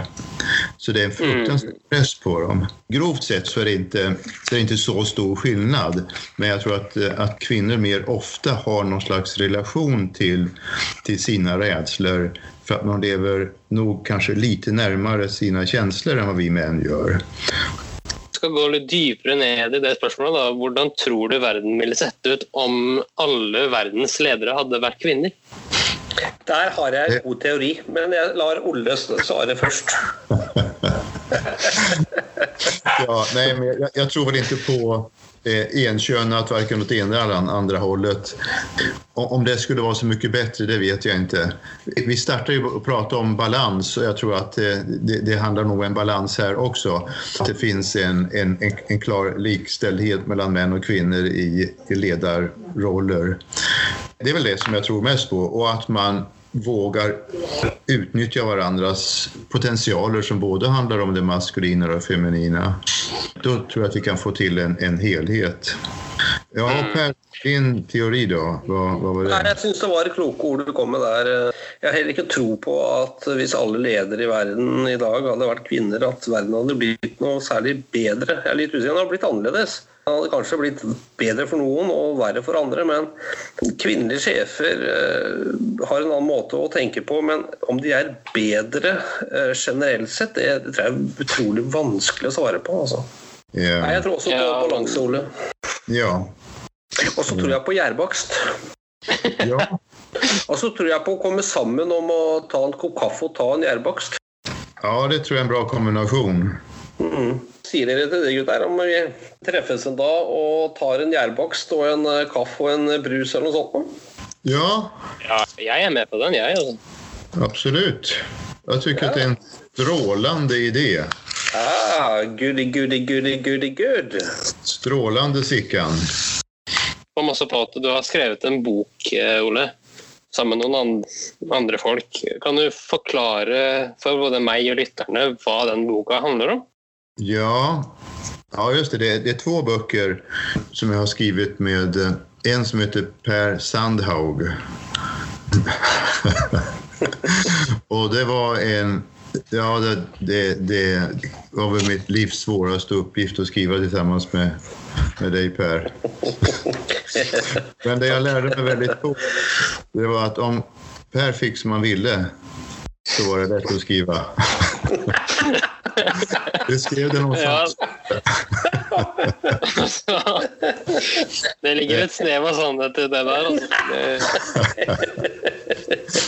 Nei Nej, då, nej men det var, det var en veldig bra øvning. Det handler om samspel i arbeidslivet. Og, og, den andre boken den, den heter 'Optimert ledarskap og, og, som handler veldig mye om hur man, hur man leder seg selv. Yes. Tusen takk skal du ha, Ole. Ja, takk själva. Takk jeg har fått lov å tenke. Eh, Hyggelig, det her. Det er jobbigt. Ja. Ja, ha det godt. Ha det godt. Ja, hei Ja, hej. Ja, eh, hva skal vi si om Ole, eh, mister Sandhaug? Yes, Inor Sandhaug. Det er ingen tvil om, etter min smak i hvert fall, at Ole er en meget klok herremann. Ja, jeg er vel for så vidt enig i det. Det jeg kunne tenke meg, er rett og slett at vi prøver oss å få et intervju til med han litt senere. Hva tenker du? Ja, det hadde vært eh, veldig interessant å høre litt mer fra han. Og til de som er trofastlyttere, bare tune inn eh, da neste uke. For da har vi det intervjuet med han. Ok, vi prøver. Tror du lytterne hadde glede av Oles ord? Det kan godt hende, og det vil jeg gjerne få tilbakemelding på på f.eks. Facebook eller e-post. Har du noen kommentarer, Henrik? Nei, altså Den ene kommentaren jeg har, er jo det der med kjønnsidentitet og sånn. Og man har jo et poeng i at menn er redde for ikke å være overlegne, mens kvinner har eh, en frykt for ikke å ha kontroll. Og det har jeg sett tilfeller av opptil flere ganger med flere mennesker, som eh, både kvinner og menn, som viser den frykten. Ja, jeg tror du har et meget godt poeng der, Henrik. Jeg støtter eh, tanken din der.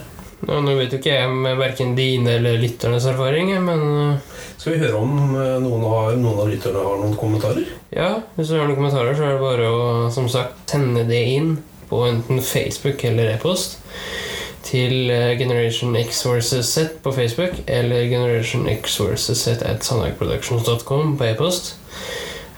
Så så setter vi pris på å få høre dine kommentarer og tilbakemeldinger på episoden. Henrik, tusen takk skal du ha. Ja, takk det samme. Hjertelig. Skal vi si adios? Vi sier adios, vet du.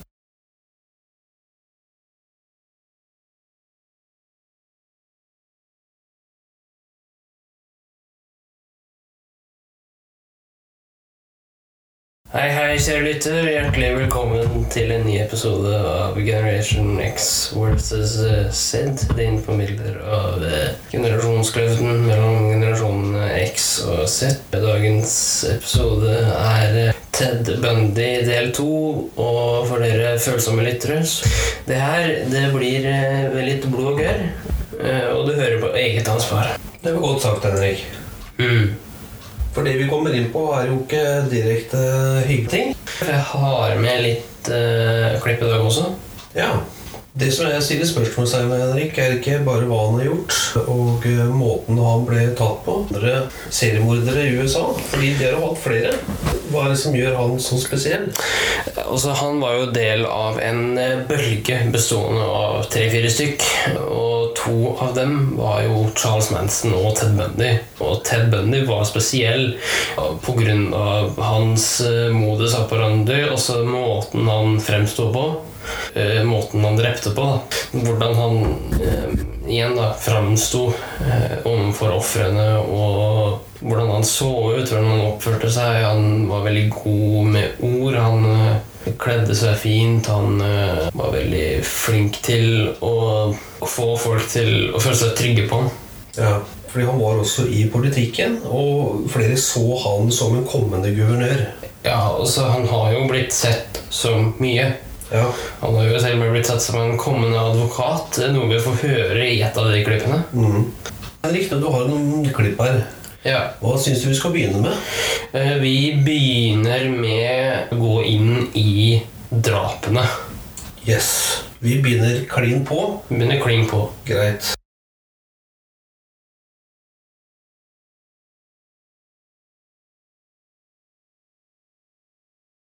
His life ended in Florida's electric chair on January 24, 1989. His last words were Jim and Fred, I'd like you to give my love to my family and friends. He didn't ask for any kind of special final meal, so he was given the standard meal for Florida's death row, which was steak, eggs, hash browns, toast with butter, jelly, milk, coffee, and juice. According to reports, he didn't touch any of it. Bundy denied killing women at first and fought the charges for around a decade. He worked on the phones at a suicide prevention hotline center, and again, he seemed to his colleagues like a normal sort of guy. Soon after this, he enrolled in law school and became the assistant director on the Seattle Crime Prevention Advisory Commission. One of the most unsettling things he did while working in this position was write a pamphlet offering women advice on how to prevent being raped. Bundy, of course, would become a serial rapist. In fact, he probably already had raped by then. So, why do people use the superlative most evil?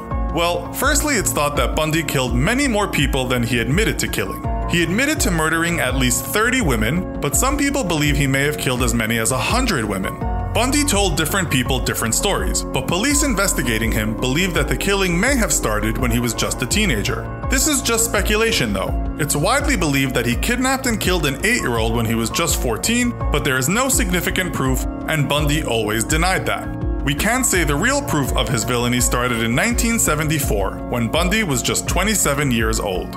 We We can't go into details about every murder because there are too many and we feel that some of the crimes are just too gruesome to describe to you.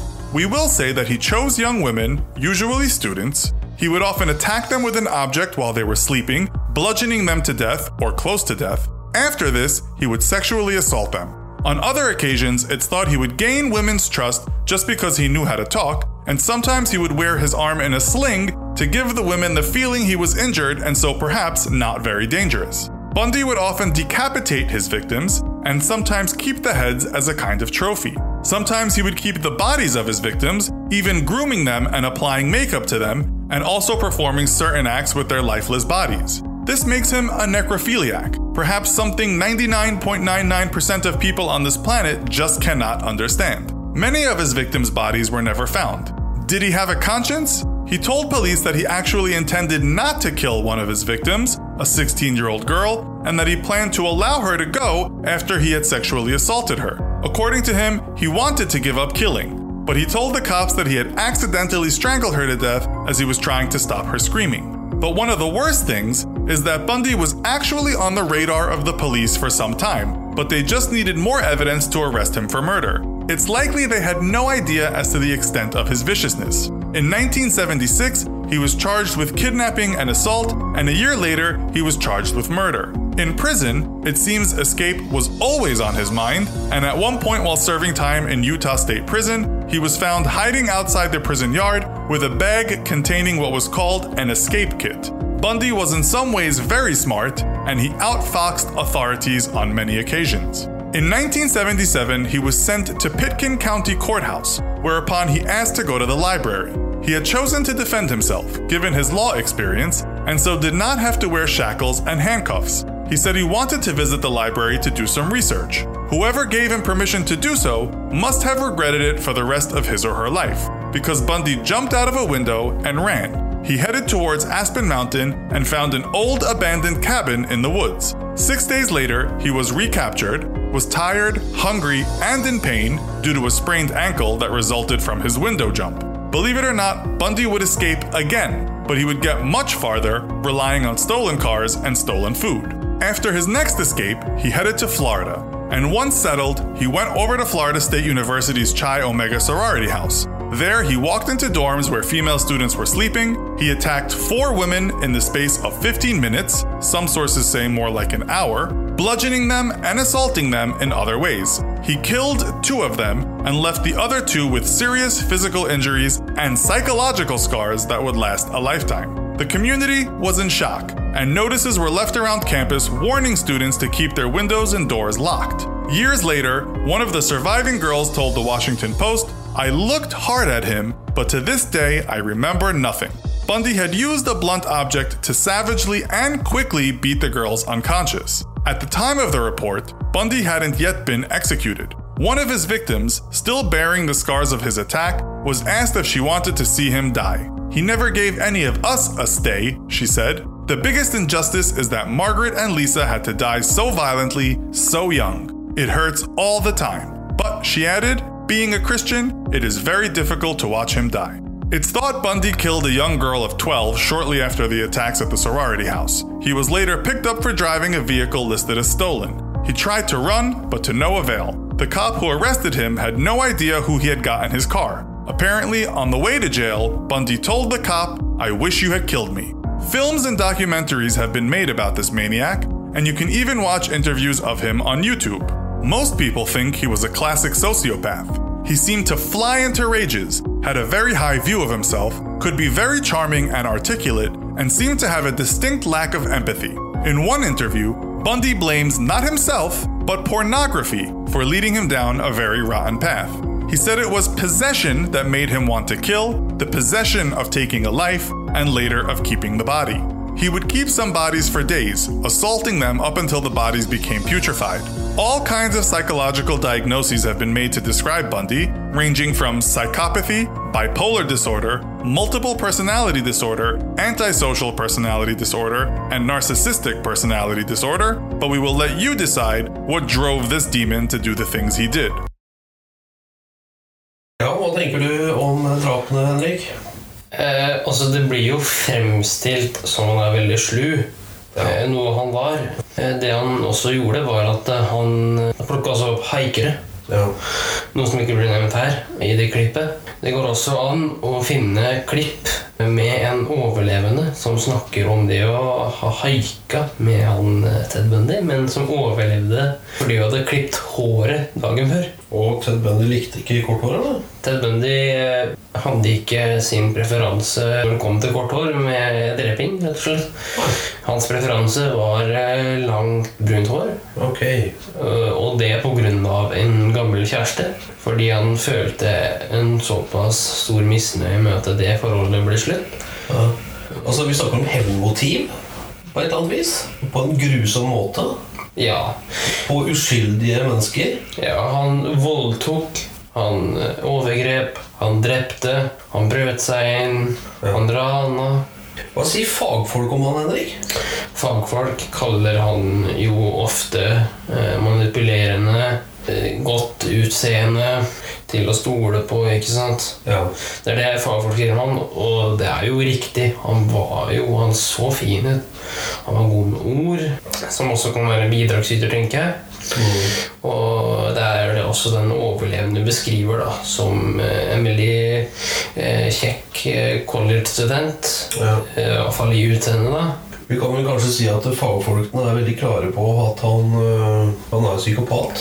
Ja, de fjerna til og med hjernen hans etter han ble henretta for, at, eh, for å forske på den. Men jeg har jo med litt andre klipp også, da. Hva da? Eh, Nei, som blant annet der han får dødsdommen, og der han sier en frase som skal endre livet hans for alltid.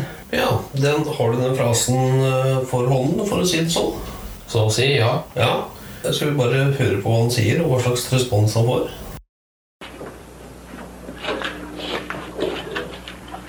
What do we have here, Ken? Let's see. Oh, it's a, an indictment, all right. Why don't you read it to me? You're, you're up for election, aren't you? Mr. Bundy You got it, didn't you? Mr. Bundy, you told me that you told him that you were going to get me. You said he was going to get me. Okay, you've got the indictment. It's all you're going to get. Let's read it. Let's go. Theodore Robert Bundy, you are charged, indictment, two counts burglary, two counts murder in the first degree, three counts attempted murder in the first degree. Design or intent to effect the death of said Lisa Levy. My chance to talk to the press. Contrary to section 78204 Florida statute. I'll plead not guilty right now. And your grand jury is being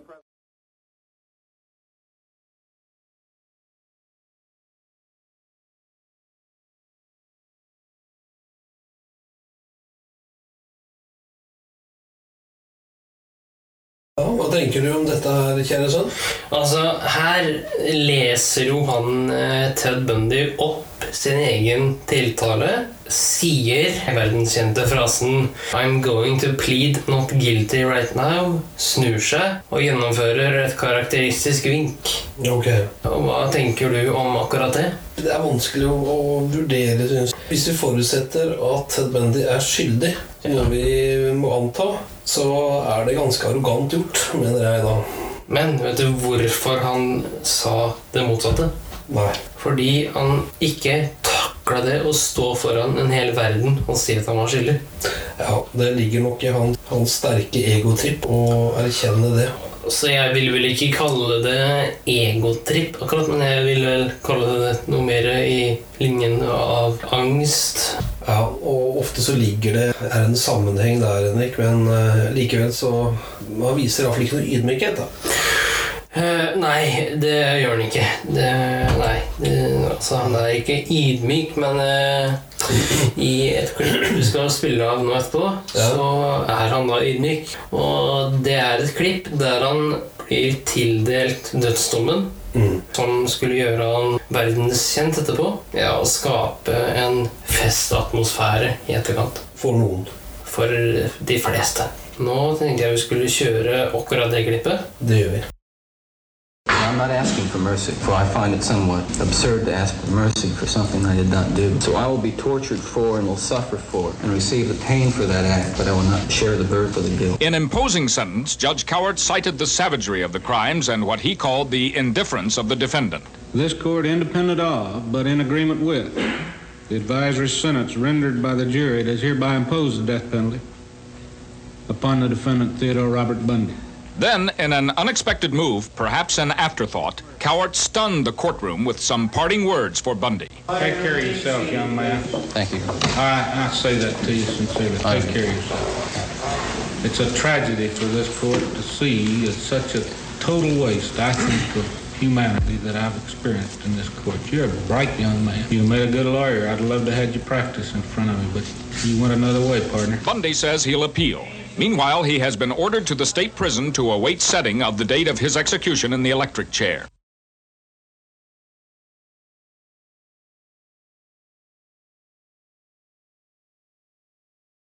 Nå fikk vi høre eh, det klippet hvor han får dommen, og reaksjonene fra Ted Bundy.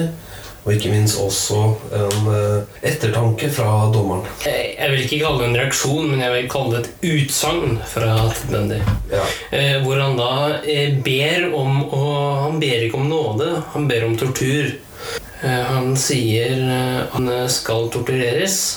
Han eh, legger opp til å få lovens strengeste straff. Som igjen da fører til en reaksjon fra dommerens side som satte et lite støkk i meg, i hvert fall. Ja, kanskje litt en uvanlig uttalelse, kanskje, fra en, fra en dommer. Ja, men jeg tror grunnen til det er fordi det er ikke vanlig for dømte å stille til eget forsvar. Han så kanskje potensialet i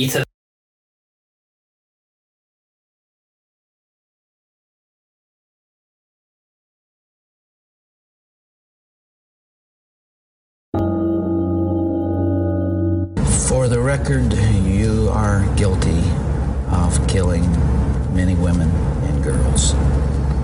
Is Yes. correct? Yes, that's true. Ted, how did it happen? Take me back. What are the antecedents of the behavior that we've seen? So much grief, so much sorrow, so much pain for so many people. Where did it start? How did this moment come about? That's the question of the hour, and, and, one that not only people much more intelligent than I have been working on for uh, for years, but one that I've been working on for years and trying to understand. It is there enough time to explain it all? Uh, I don't know. I think I understand it though. Understand what happened to me. Um, to the extent that I, I, I can see how certain feelings and ideas uh, developed in me to the point where I began to act out on them. Certain very violent and very destructive feelings. Right, let, us go back then to those roots. First of all, you, as I understand it, were raised in what you consider to have been a healthy home. Absolutely. You were not physically abused. You were not sexually abused. You were not emotionally abused. No, no way. I, and that's part of the tragedy of this whole situation is because uh, I grew up in a wonderful home with two dedicated and loving parents, uh, one of uh, five brothers and sisters. A home where we as, our, as children were the focus of, of, my parents' lives, where we regularly attended church, uh, two Christian parents who did not drink, they did not smoke, there was no gambling, there was no physical abuse or fighting in the home. I'm not saying this was leave it to beaver. It wasn't a perfect home. No, no, I don't know that such a home exists, but it was a fine, solid Christian home, and nobody, uh, uh, I hope no one will try to take the easy way out and to try to blame or otherwise accuse my uh, my family of contributing to this because uh, I know, and I'm trying to tell you as honestly as I know how what happened, and I think this is a message I want to get across. But as a young a young boy, and I mean a boy of uh, 12 or 13, certainly, um, that I encountered outside the home again uh, in uh, the local grocery store or the local uh, uh, drugstore, the softcore pornography, what people call softcore. Um, but as I think I, I explained to you last night, Dr. Dobson, in an anecdote, that as young boys do, we explored the the back roads and sideways and byways of our neighborhood, and oftentimes people would dump the garbage and whatever they were cleaning out of their house. And from time to time, we'd come across uh, pornographic books of a harder nature than uh, more uh, graphic, you might say, more explicit nature than we would encounter, let's say, in your local grocery store.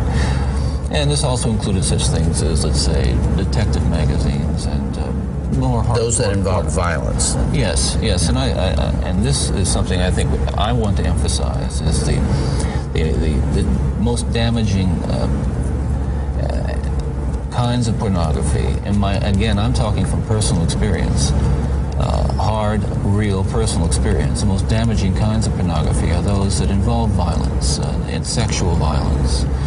Because the wedding of those two forces, as, as I know only too well, brings about behavior that is just uh, is just uh, too terrible to describe. Now, walk me through that. What was going on in your mind at that time? Okay, before we go any further, I think I mean, it's important to me and, uh, that people that people believe what I'm saying to tell you that that I'm not blaming pornography and not saying that it caused me uh, to go out and do certain things. And I take full responsibility for whatever I've done and all the things that I've done. That's not the question here.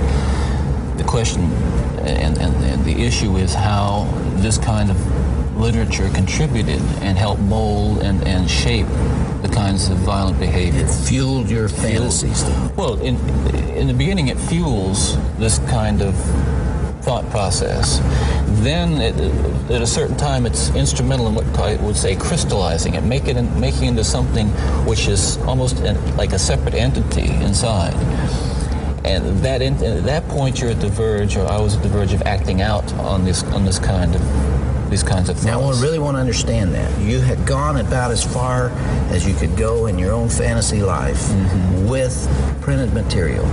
And you made, or printed and video or film Photo- or film, photos, magazines, what have you. And and then there was the urge to take that little step or big step over to a physical uh, event. and it happens it, it happened in stages gradually it doesn't necessarily not to me at least happen overnight my experience with i'd say pornography generally but with pornography that deals on a violent level with sexuality um, is that once you become addicted to it and i look at this as a kind of addiction uh, like other kinds of addiction of addiction you keep i would keep looking for more potent, more explicit, more graphic kinds of material. Like an addiction, you keep craving something which is harder, harder, something which which gives you a greater uh, sense of, of, of uh, excitement. Until you reach the point where the pornography only goes so far. You reach that jumping off point where you begin to wonder if, if maybe actually doing it will give you that which is beyond just reading about it or looking at it. How long did you stay at that point before you actually assaulted someone? Well, yeah, you see,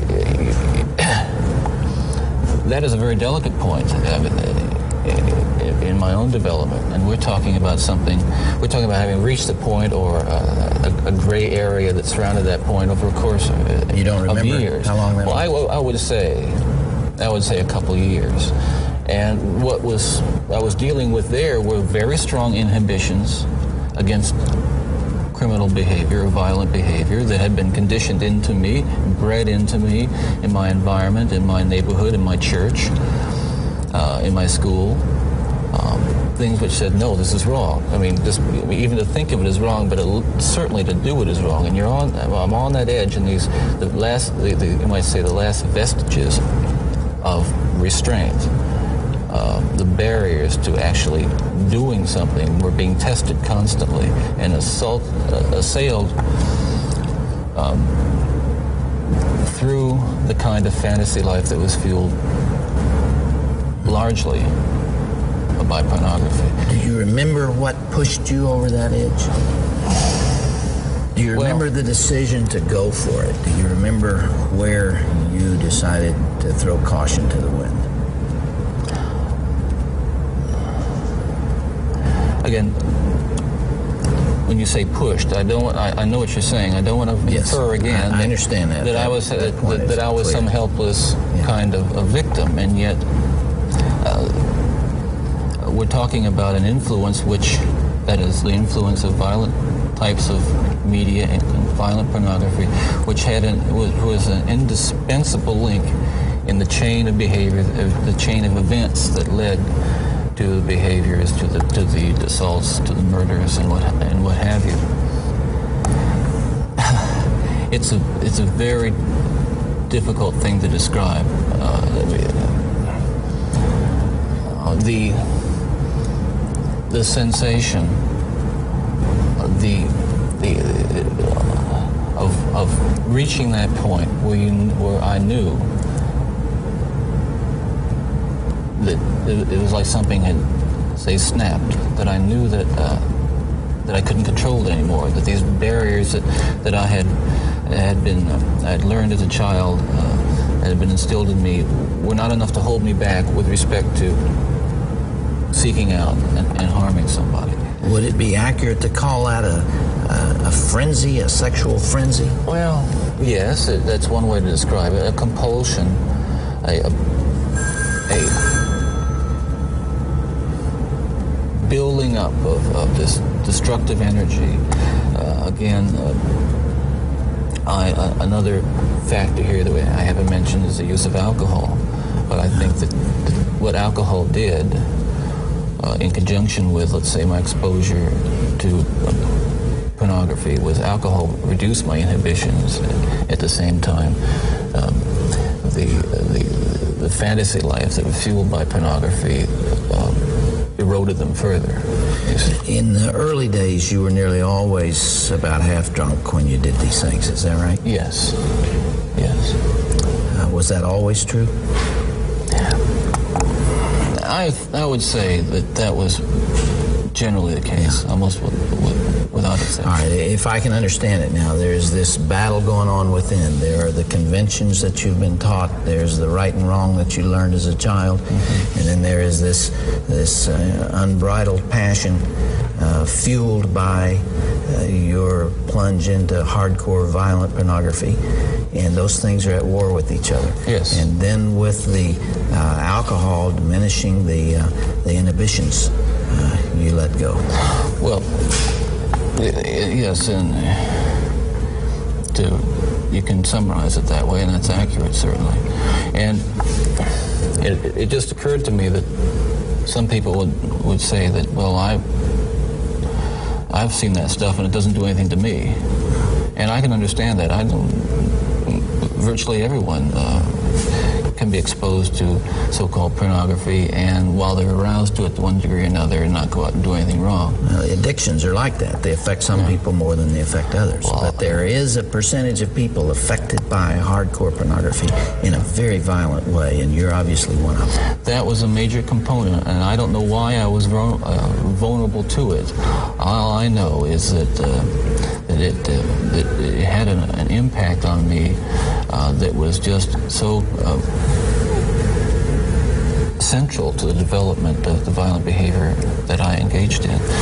Ted, after you committed your first murder, what was the emotional effect on you? What happened in the days after that?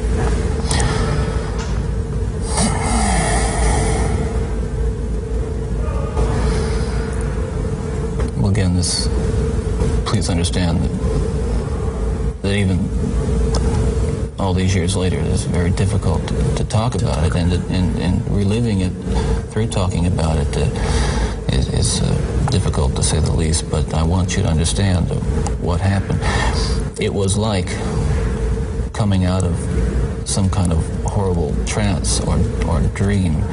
Um, I can only liken it to after, you know, I, I don't want to over dramatize it, but to have been possessed by something so awful and so alien, and then the next morning wake up from it, remember what happened, and realize that basically, I mean, in, in the eyes of the law, certainly in the eyes of God, you're responsible.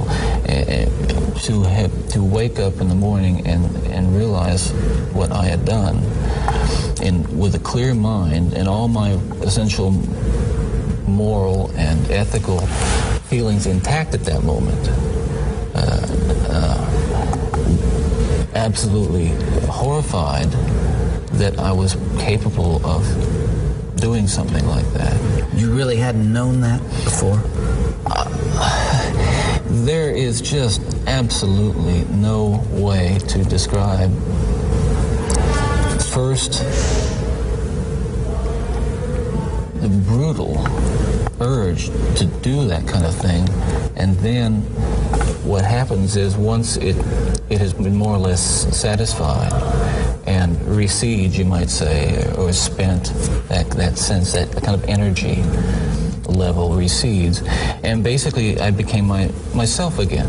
I, I want people to understand this too and I'm not saying this gratuitously because it's important that people understand this that basically I was a normal person I, wasn't uh, some guy hanging out uh, at bars or a bum, or um, I wasn't a pervert in the sense that you know people look at somebody and say, "I know there's something wrong with him," and just tell. I mean, I, I, I was essentially a normal person. I had good friends. I, I, uh, I led a normal life, except for this one small but very potent and very destructive segment of it that I kept very secret and very close to myself and didn't let, let anybody know about it. And part of the shock and horror for my dear friends and family when, years ago when I was first arrested was that they just, there was no clue. They looked at me and they looked at the, you know, the, um, the all-American boy, and I'm, uh, I mean, I wasn't perfect, but it was, it, I want to be quite candid with you. I was, I was okay, okay, uh, I was. Uh, the basic humanity and, and basic spirit that God gave me was intact, but it, unfortunately it became overwhelmed at times. I think people need to recognize that it's not some kind of the, the, the, those of us who are who have been so much influenced by violence in the media, in particular pornographic violence, are not some kinds of inherent monsters. We are your sons and we are your husbands. And we grew up in regular families, and pornography can reach out and snatch a kid out of any house today. He, he snatched me out of my home. It snatched me out of my home 20, 30 years ago. And as diligent as my parents were, uh, and they were diligent in protecting their children, and as good a Christian home as we had, and we had a wonderful Christian home, uh, there is no protection against the kinds that the kinds of influences that are loose in the society that, that, that tolerates. You, you feel this really deeply, don't you?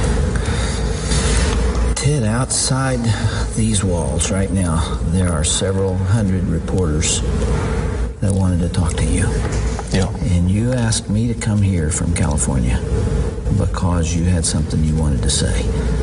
This hour that we have together uh, is not just an interview with a man who's scheduled to die tomorrow morning. I'm here and you're here because of this message that you're talking about right here.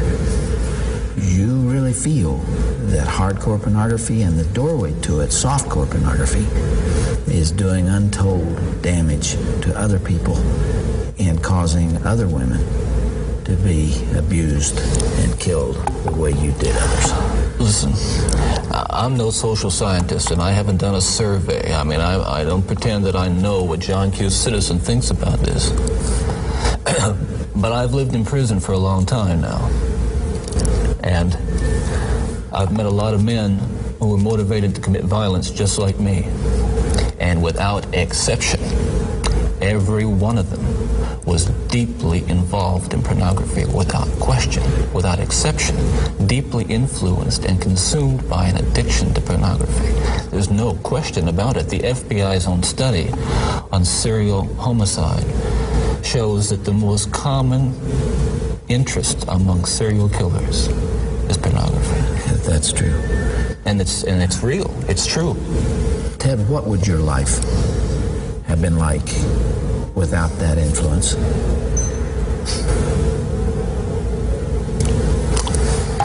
You can only speculate. Yeah. Well, I, I know it would have been far better, not just for me, and and it's, uh, excuse me for being so self-centered here. It would have been a lot better for me and lots of other people. I know that lots of other innocent people victims and families, it would have been a lot better. There's no question, but that it would have been a, a, a fuller life. Uh, certainly uh, a life that would not have involved, I'm absolutely certain, would not have invol- involved this kind of violence that I have been, that I have committed. I'm sure, Ted, if uh, you know, if I were able to ask you the questions that are being asked out there, uh, one of the most important as you come down to perhaps your final hours, are you thinking about all those victims out there and their families who are so wounded? You know, years later, their lives have not returned to normal. They will never return to normal. Absolutely. Are, are you carrying that load, that weight? Is the remorse there? Again, I, I know that people will accuse me of being self-serving, but we're beyond that now. I mean, I'm just telling you how I feel. But through God's help, I have been able to come to the point where I've much too late, but better late than never, feel the hurt and the pain that I am responsible for. Yes, absolutely. In the past few days, myself and a number of investigators have been talking about unsolved cases, murders that I was involved in. And it's hard to it's hard to talk about all these years later because it revives in me all those terrible feelings and those thoughts that I have steadfastly and and, and, and diligently dealt with, and I think successfully, with the love of God. And yet it's reopened that, and I felt the pain, and I felt the horror again of all that. And I can only hope that those who I've harmed, those who I've caused so much grief, even if they don't believe my expression of sorrow and remorse, will believe what I'm saying now that there is loose in their towns and their communities people like me today whose dangerous impulses are being fueled day in and day out by violence in the media in its various forms, particularly sexualized violence. And what scares me, and let's come into the present now, because what I'm talking about happened 30, 20, 30 years ago, that is, in my formative stages. And what scares and appalls me, Dr. Dobson, is when I see what's on cable TV. some of the movies, I mean, some of the violence in the movies uh, that come into homes today with stuff that they that they wouldn't show in X-rated adult theaters 30 years ago. This stuff the slasher movies that you're talking about. That stuff is, I'm telling you, from personal experience, the most, that is graphic violence on screen, particularly as it gets into the home to children who may be unattended or, or unaware that they may be a Ted Bundy who has that, that vulnerability to that, that predisposition to be influenced by that kind of behavior, by that kind of, of, of uh, movie, that kind of violence.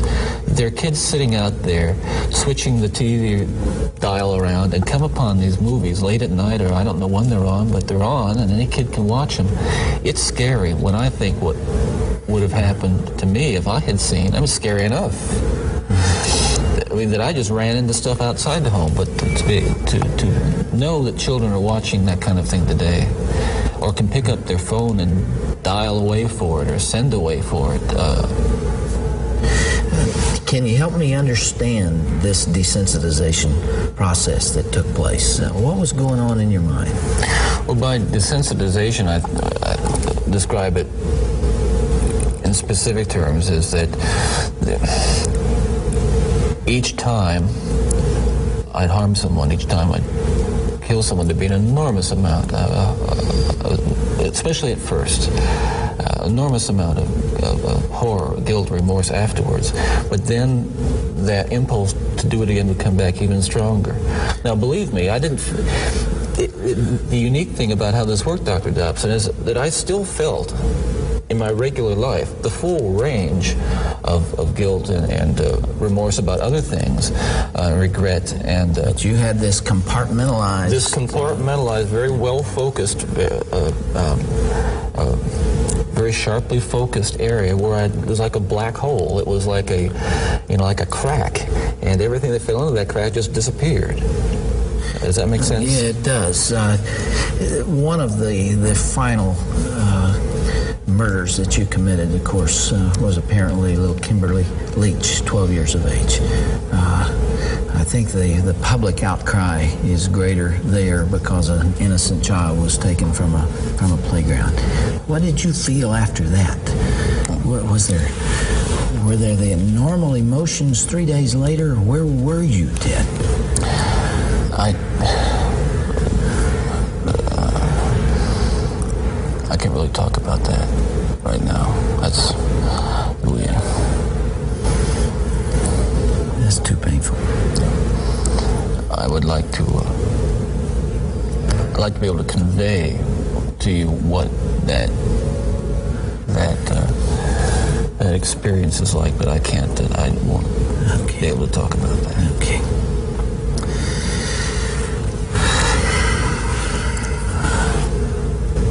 I can't begin to understand. Well, I can try, but I'm I'm aware that I can't begin to understand the pain that the parents of these of these children that I have and these young women that I have harmed feel. And I can't restore really much to them, if anything. And I won't pretend to, and I don't even expect them to forgive me, and I'm not asking for it. That, that kind of forgiveness is of God, and if they have it, they have it. If they don't, well, maybe they'll find it someday. Do you deserve the punishment the state has inflicted upon you? That's a very good question, and I'll answer very, very honestly. I, I don't want to die. I'm not going to kid you. I'll kid, kid you not. Um,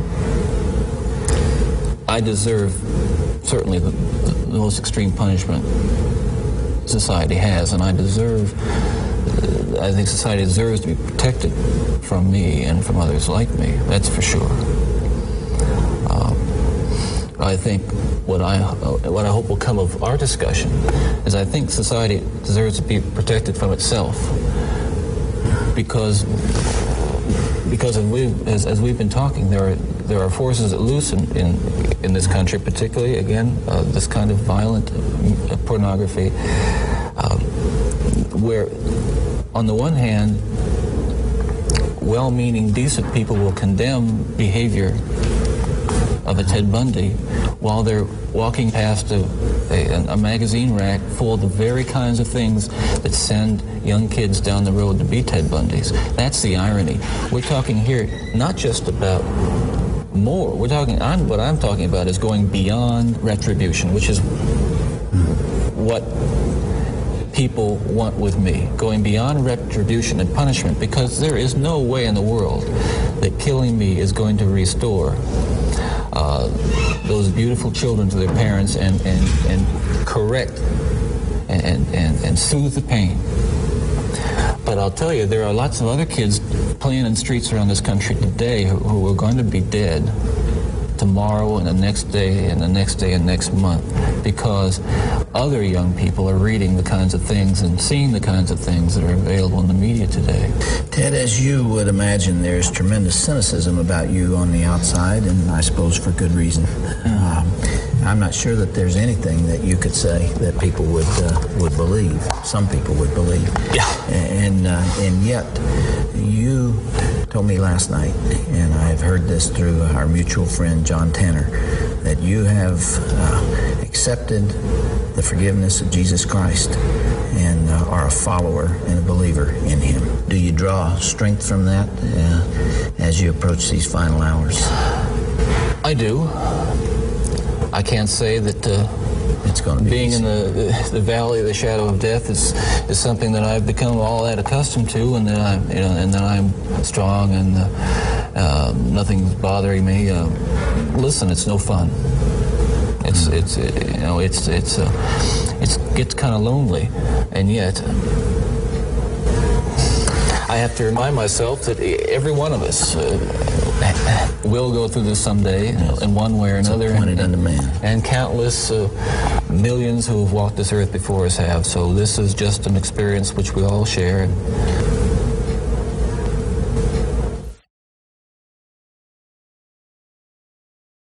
Egentlig gjør, er han manipulerer også sine tårer. Han har ikke tårer for annet enn seg selv, og ikke de ofrene eller familiene han har eh, støtt og gjort noen grusomheter mot. Men eh, altså, du hører jo det veldig godt, at eh, han føler virkelig på det. Det kan låte sånn, eh, og det kan være helt riktig, som du påpeker, men det kan også være, i den grad vedkommende er psykopat og god manipulator, at han har en viss empati, men spørsmålet er har han det? Jeg stiller ikke spørsmålet om han har det, for det er jo sånn, det er jo sånn at han har det, men eh, i hvilken grad heller. Ja, det er sant, Henrik. Men det er ting vi egentlig ikke får svar på. Men vet du hva vi skal utfordre lytterne på nå, Henrik?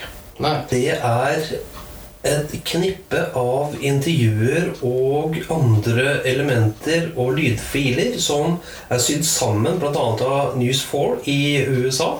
Noen faktiske forhold i saken som kommer fram. Og så tenker jeg at la lytterne få ta del i historien som vi har lagd den til nå. Skal vi la lytterne få, få noen minutter? Ja, jeg tenker at vi bare spiller de klippene, jeg, og så Ja, jeg syns det, altså. Da gjør vi det.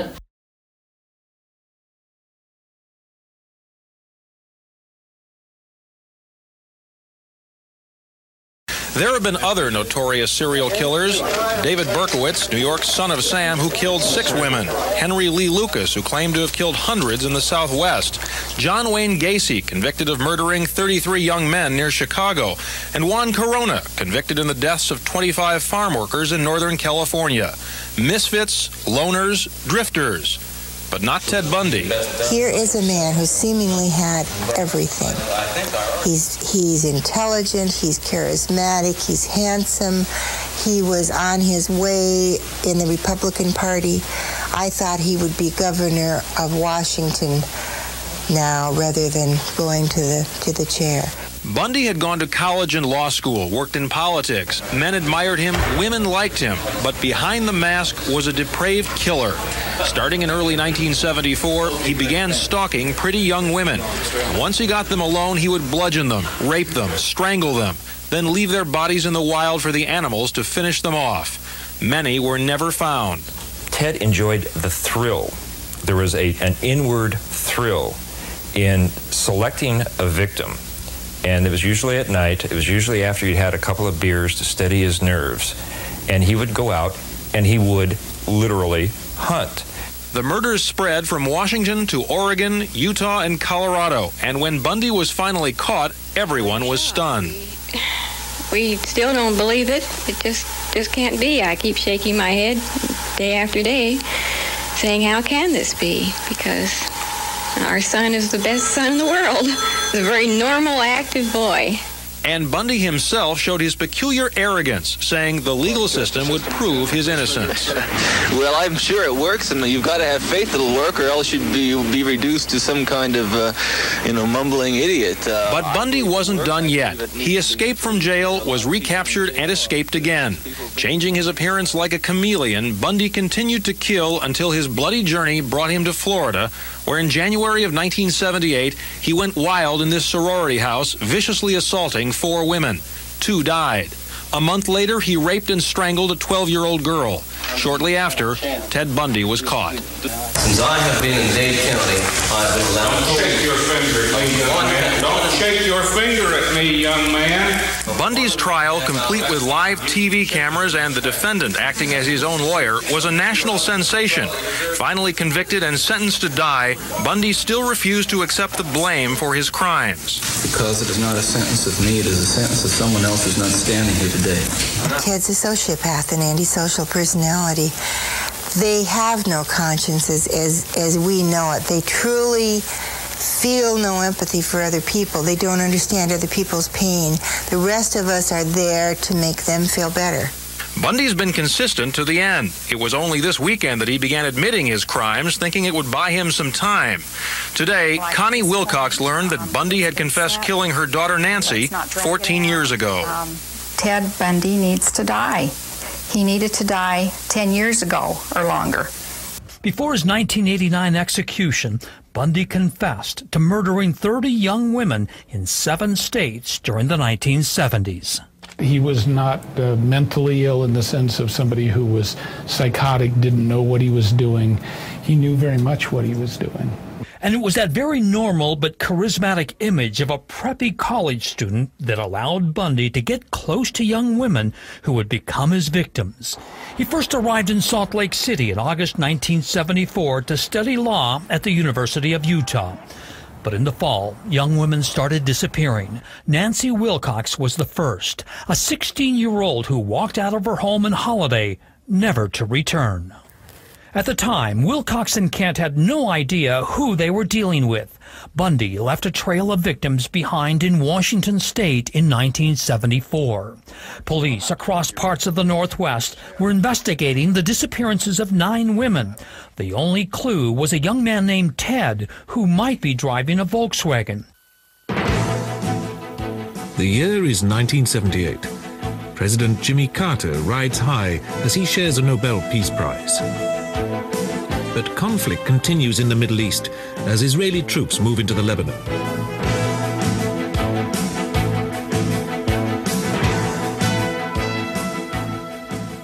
The United States makes another leap forward in space technology as the shuttle is rolled out. And on the 15th of February, a man is arrested in Florida who eventually confesses to 23 murders. Nearly all the victims were young and pretty, with a strong resemblance to each other, and to a girl who once turned him down. The police were fairly sure he had killed at least 15 others as well. On the 15th of January 1978, a student had been found in Tallahassee, raped, beaten, and strangled in the Chi Omega sorority house. Her name was Margaret Bowman. In a nearby room, also dying, was Lisa Levy. Her body had been savagely bitten. Also attacked, but alive, in the same sorority house were these girls, Karen Chandler and Kathy Kleiner. 90 minutes later, Cheryl Thomas was brutalized in her bed by the same man. Three weeks later, in Lake City, a 12-year-old schoolgirl disappeared. Kimberly Leach's body was found in a river two months later. The following week, a patrolman stopped a stolen car. The driver, here led by the police, said he was called Chris Hagen, but wouldn't give any more information about himself. Then he claimed he was Kenneth R. Meisner of Tallahassee, but this turned out to be just one of the names on the many stolen credit cards he had acquired. It took several days for the Florida police to realize they had caught the most wanted man in America, Theodore Robert Bundy. He was on the run after having escaped from Aspen, Colorado during pre-trial hearings for the murder of another pretty girl. So now the Florida police looked for any links with the recent murders and disappearances of young women locally. Bundy strongly denied all their accusations, quite confident that no evidence existed to link him with any of the brutal killings in the sorority house and afterwards. But his composure slipped when the police followed up the bite marks left on Lisa Levy. He violently resisted, and six men had to hold him down in his cell to take wax impressions and these photographs. The pattern of his teeth fitted with the marks on Lisa Levy's buttocks. Now he set about charming his captors. Everyone who met Ted Bundy agreed that he was intelligent, cultured, and personable. Very few people could believe he was a crook, let alone one of the most savage serial killers ever. What they couldn't know was that he was a classic psychopath, internally raging and able to kill without remorse. Unusually for a serial killer, he was also very attractive to women, which was why so many girls fatally allowed themselves to be picked up by him. At Stanford University, he got engaged to a girl who had dark hair parted in the center, but she broke it off, saying he was emotionally immature. Psychiatrists have speculated that this was the trigger which set him off. Nearly all the 40 girls who were later to disappear when they came into contact with Ted Bundy had center-parted dark hair as well. In California, he volunteered to help the local Republicans, but was soon in trouble for dirty tricks. When found out, he was boyishly unrepentant and typically charming. It's hard for me to believe that what I did is newsworthy, and my part in the campaign was so insignificant. I'm embarrassed that I should be getting this publicity from it. Uh, really embarrassed. At the end of the 1960s, he moved to Seattle, got a psychology degree, and entered law school. In 1974, girls started to disappear. There were eventually 3,500 suspects on the state computer. Number seven was Ted Bundy, but by the time the police reached his name, he had moved on. In August 1974, the disappearances in Washington ceased. Bundy was in Salt Lake City, and women started disappearing there. Over the next six months, a series of other girls disappeared in the Salt Lake City area. On the 16th of August 1975, Sergeant Bob Haywood challenged a suspicious Volkswagen. It drove off wildly. Stopped after a chase, it proved to contain masks and handcuffs. The driver was arrested. It was Ted Bundy. When credit card slips proved he was lying when he said he had never been to Colorado, he was charged with kidnapping and attempted murder. Other states became interested. After a legal battle lasting 13 months, he was found guilty of aggravated kidnapping. He then faced further charges. I have got to keep myself together. I have got to stay calm. I've got to keep my presence of mind because as long as I do that, I'm going to beat these people. His first attempt to beat them was an unexpected escape. Released from his chains and left in the courthouse library, he jumped from this window for five days before coming back through the roadblocks to steal a car. He was rearrested a few blocks from where he had escaped. So now he slimmed down, until at the end of 1977 he was thin enough to make another escape, this time through a hole he cut in the ceiling of his cell. By the time the alarm was raised, he had driven to Denver in a stolen car and hopped a plane to Chicago. From there he flew to Florida, where his urge to kill overwhelmed him. Shortly after the Tallahassee and Lake City killings came his capture in the stolen car. Despite the telltale tooth marks, the state authorities were afraid they didn't have a certain case. They offered a deal, plead guilty, and they wouldn't request the death sentence. Bundy contemptuously refused. He also complained during the pre-trial hearings that his defense team had shut him out of preparations, but the judge was unimpressed.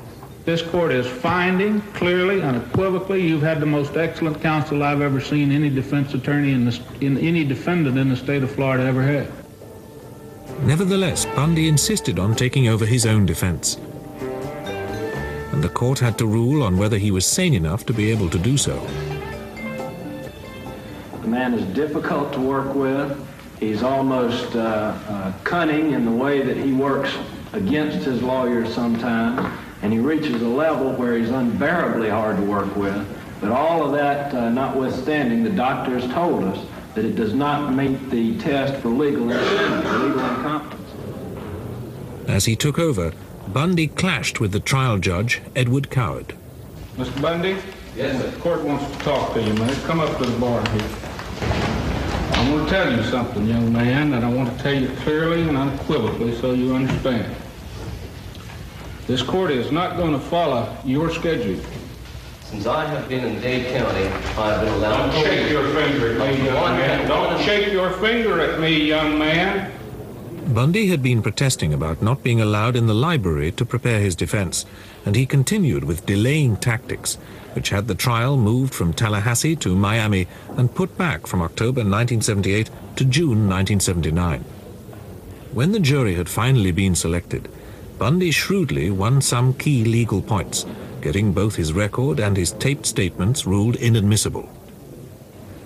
With his law school background, Bundy was dispassionate and professional. Can you describe what you saw when you lifted up the cover? As much detail as you can recall. If you need to use your report, please feel free to do so. There was a considerable amount of blood around her head, uh, matted in her hair on the walls. Um, there was uh, what appeared to be a nylon stocking netted around her neck. And you cannot recall any debris other than blood? Is that your testimony? Is that your recollection? That's the best of my recollection, yes, sir. Bundy claimed that the prosecution's exhibits could all be innocently explained. The masks found in his car were for skiing. The metal pipes were not weapons, but parts of his car. the nylon stockings not for strangling but for wearing. The prosecutor said that on the contrary, they all proved that the crimes had been carefully planned. This man premeditated this murder. He knew what he was going to do before he did it. He thinks he is smart enough to get away with any crime. The prosecution produced a key witness, student Nita Neary, who saw a man coming out of the sorority house that night. What I noticed most with the profile was uh, had a very prominent nose, uh, a straight bridge that almost came to a point, not quite, uh, very thin lips. Um, Do you see that man in the courtroom? She was asked, in one of the trial's most dramatic moments. Her response was clear.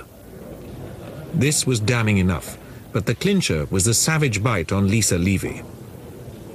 The defendant in this case, Theodore Robert Bundy, was responsible for leaving those bite marks on the buttocks of Lisa Lee. Bundy claimed they weren't his, but dental evidence was overwhelming. The trial took a month, but on the 23rd of July 1979, the jury needed only seven hours to reach their verdicts on a long list of indictments. The verdict was guilty, and all that Bundy could do now was to try to avoid a death sentence. With his usual cheek, he said that if he was sentenced to death, it would lower the court to the level of a murderer. I'm not asking for mercy, for I find it somewhat absurd to ask for mercy for something I did not do. As Bundy's mother listened, the judge had no hesitation in passing the death sentence. She was struck several times about the head. She had a ligature around her neck, which was a pantyhose that strangled, and caused her death. The beating was vicious, vile, and wicked and atrocious. It is further ordered that on such scheduled date that you be put to death by a current of electricity sufficient to cause your immediate death, and such current of electricity shall continue to pass through your body until you are dead. There followed almost nine years of appeals. When his last appeal failed, Bundy tried to delay his execution by starting to confess. His mother was devastated. We don't want to believe that these things happened, but uh, it sounds like at least some of them did, unless he's making it all up. Why would he make it up? When even this tactic failed, he used pleading. What I'm talking about is going beyond retribution, which is what people want with me. Going beyond retribution and punishment, because there is no way in the world that killing me is going to restore uh, those beautiful children to their parents and, and, and correct and, and, and, and soothe the pain. But at last, nine years after the sentence, the state of Florida prepared for retribution. Press and angry crowds gathered outside the prison. At 7 o'clock on the morning of the 24th of January 1989, Ted Bundy finally went to the electric chair.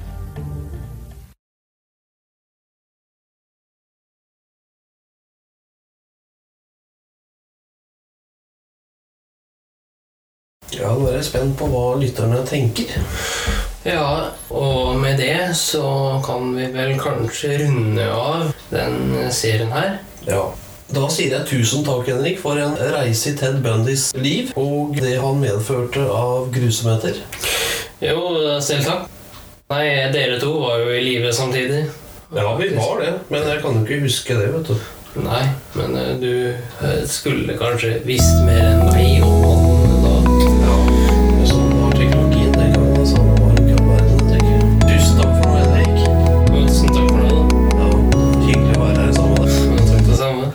Henrik, Dette her var en lang episode. Ja, men det du fikk gjøre der, kjærligheter, er også da et sammendrag av eh, de episodene vi har hatt eh, tidligere, som har blitt avspilt flest ganger. Henrik, Ja. hva er det du tenker når liksom du tenker tilbake på Nå har vi liksom holdt på et år? Nei, altså, jeg tenker tilbake på en del sånne nybegynnerfeil, da. Og en veldig god tid. eh, Spesielt de første to episodene var veldig gode, syns jeg. Ja, ja. Det ser man også på lyttertilbakemeldinger. Eh, Vi hadde ikke spilt av det her nå hvis ikke det hadde vært for at tilbakemeldingene var gode. Nei, det er sant. Eh, Men vi har mer til deg, kjære lytter. Vi har NRK Best Off fra juli 2020.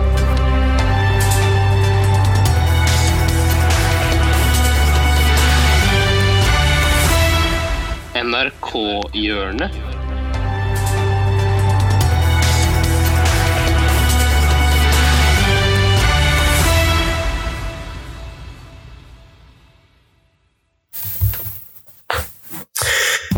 I NRK-hjørnet i dag så skal vi fra ferieperlen Fredrikstad og oppover. Yes. Men Tere Kompan, Ja. hvis du har tre sjanser nå, hvor i Norge tror du at vi skal? Uh, ja, skal vi Du sa nord? Er det langt nord, eller? Beskrive litt hva, hva du mener med nord, og hva som kjennetegner stedet, eller et eller annet? Hvis jeg gir deg begrepet bart Bart? Ja, da skal vi eh, Da skal vi eh, nordover, ja. Eh, Bart Kan du gi meg bare én ting til, så skal jeg plassere den? Eh, en spesiell type alkohol. Aha. Ok, da satser jeg på Trondheim. Riktig. Og drikken er karsk. Riktig. Ok. Eh, vi skal til Trondheim. Eh, vi skal til Nordre gate i Trondheim. Og der finnes, der finnes verdens minste kommentatorboks. Skal vi kjøre klipp?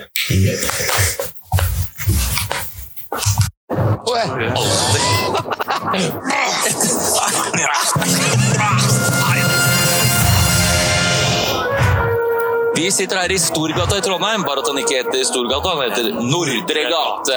Det er jo et eh, shoppingens uh, mekka Trondheim. Det er både lissebutikker og slipsbutikker og en og annen vestebutikk rett sør for Barte sentral. Ja.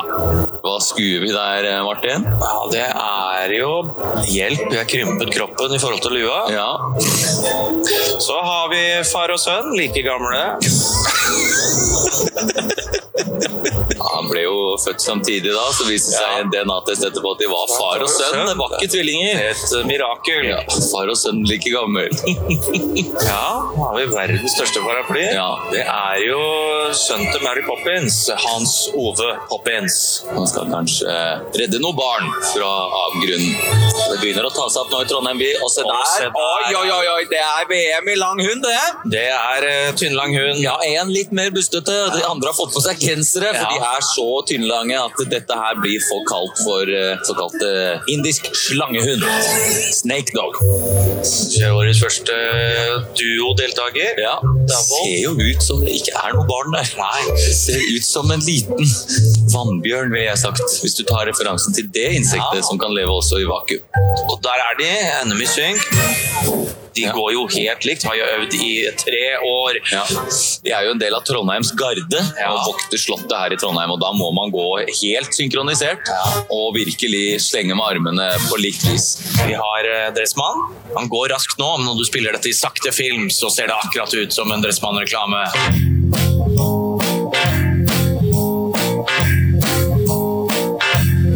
Det er en ung mann med, med gammel manns trille.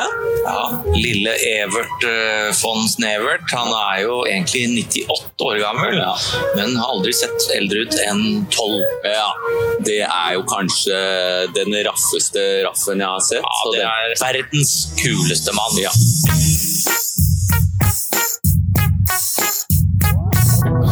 Er verdens største sixpence. Kosta 12 pence. Ja. Det er en eh, såkalt 12 pence. Men det er en såkalt regnpens også, som kan holde regnet unna. Mike Pence der, altså. Jobber som massasjekunstner. Burgunder tvers igjennom. Står veldig forvirret nå. Så jeg har sett noe som ikke er burgunder, og det er ikke hun vant til. Gunder Bur. Gunder Bur var opprinnelig fra Tyrkia. Ja. Og der, langt der borte, så ser vi han. Den rolige trønderen. Spankulerende, klassisk trøndersk gange. Henda i lomma, helt rolig. Han går jo eh, 100 meter på åtte timer. Ja, så er det tid for eh, norgesmesterskap i sykkelstjeling. Klarer de å få med seg to elsykler før de blir spotta? Birte Hjelmeland og Tina Hodeskade. Vi yeah. ser om hvem som kommer seg først av gårde. Hun eh, får en treksarbeid. Se, der har hun fått låsen opp! Ja. Vil bare komme seg av gårde og få solgt disse syklene fort som bare det. Har trent godt på stjeling, Birte. Jobber fort nå, Birte. Ja.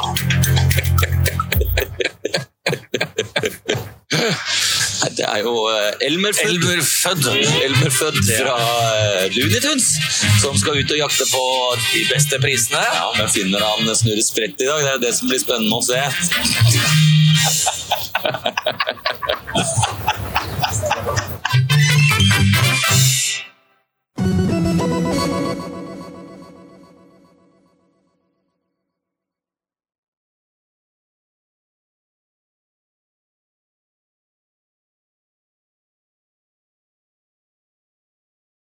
Ja, Best of, eh, Henrik. Da har vi Best of av alle Best offer. Ja, altså vi har jo best off av eh, de episodene vi har hatt uh, i år, eller fra vi begynte, som da er, uh, var i 2020 på rundt samme tidspunkt. Det er vel også verdt å nevne at vi skal introdusere en spalte i neste uke, bare sånn for å markere at det er et nytt år. og Da kan det være fint å introdusere noe nytt. eh, og Det blir jo da en spalte der hvor én, hvis ikke begge, skal få lette litt på trykket. Eh, ikke bokstavelig, selvfølgelig, men eh, i metaforisk forstand. Og Kjære kompan, yes. kan ikke du bare forklare litt mer utfyllende hva den spalten skal være? Jeg syns du forklarte på en utmerket måte, kjære sønn. Det er en liten utblåsning, og får vi til trykk i kokeren, for å si det sånn, på en pen måte. Det er jo ting vi For å si det rett ut, Henrik. Det er visse ting vi blir irritert på. Ja, og den spalten skal da hete Er det mulig?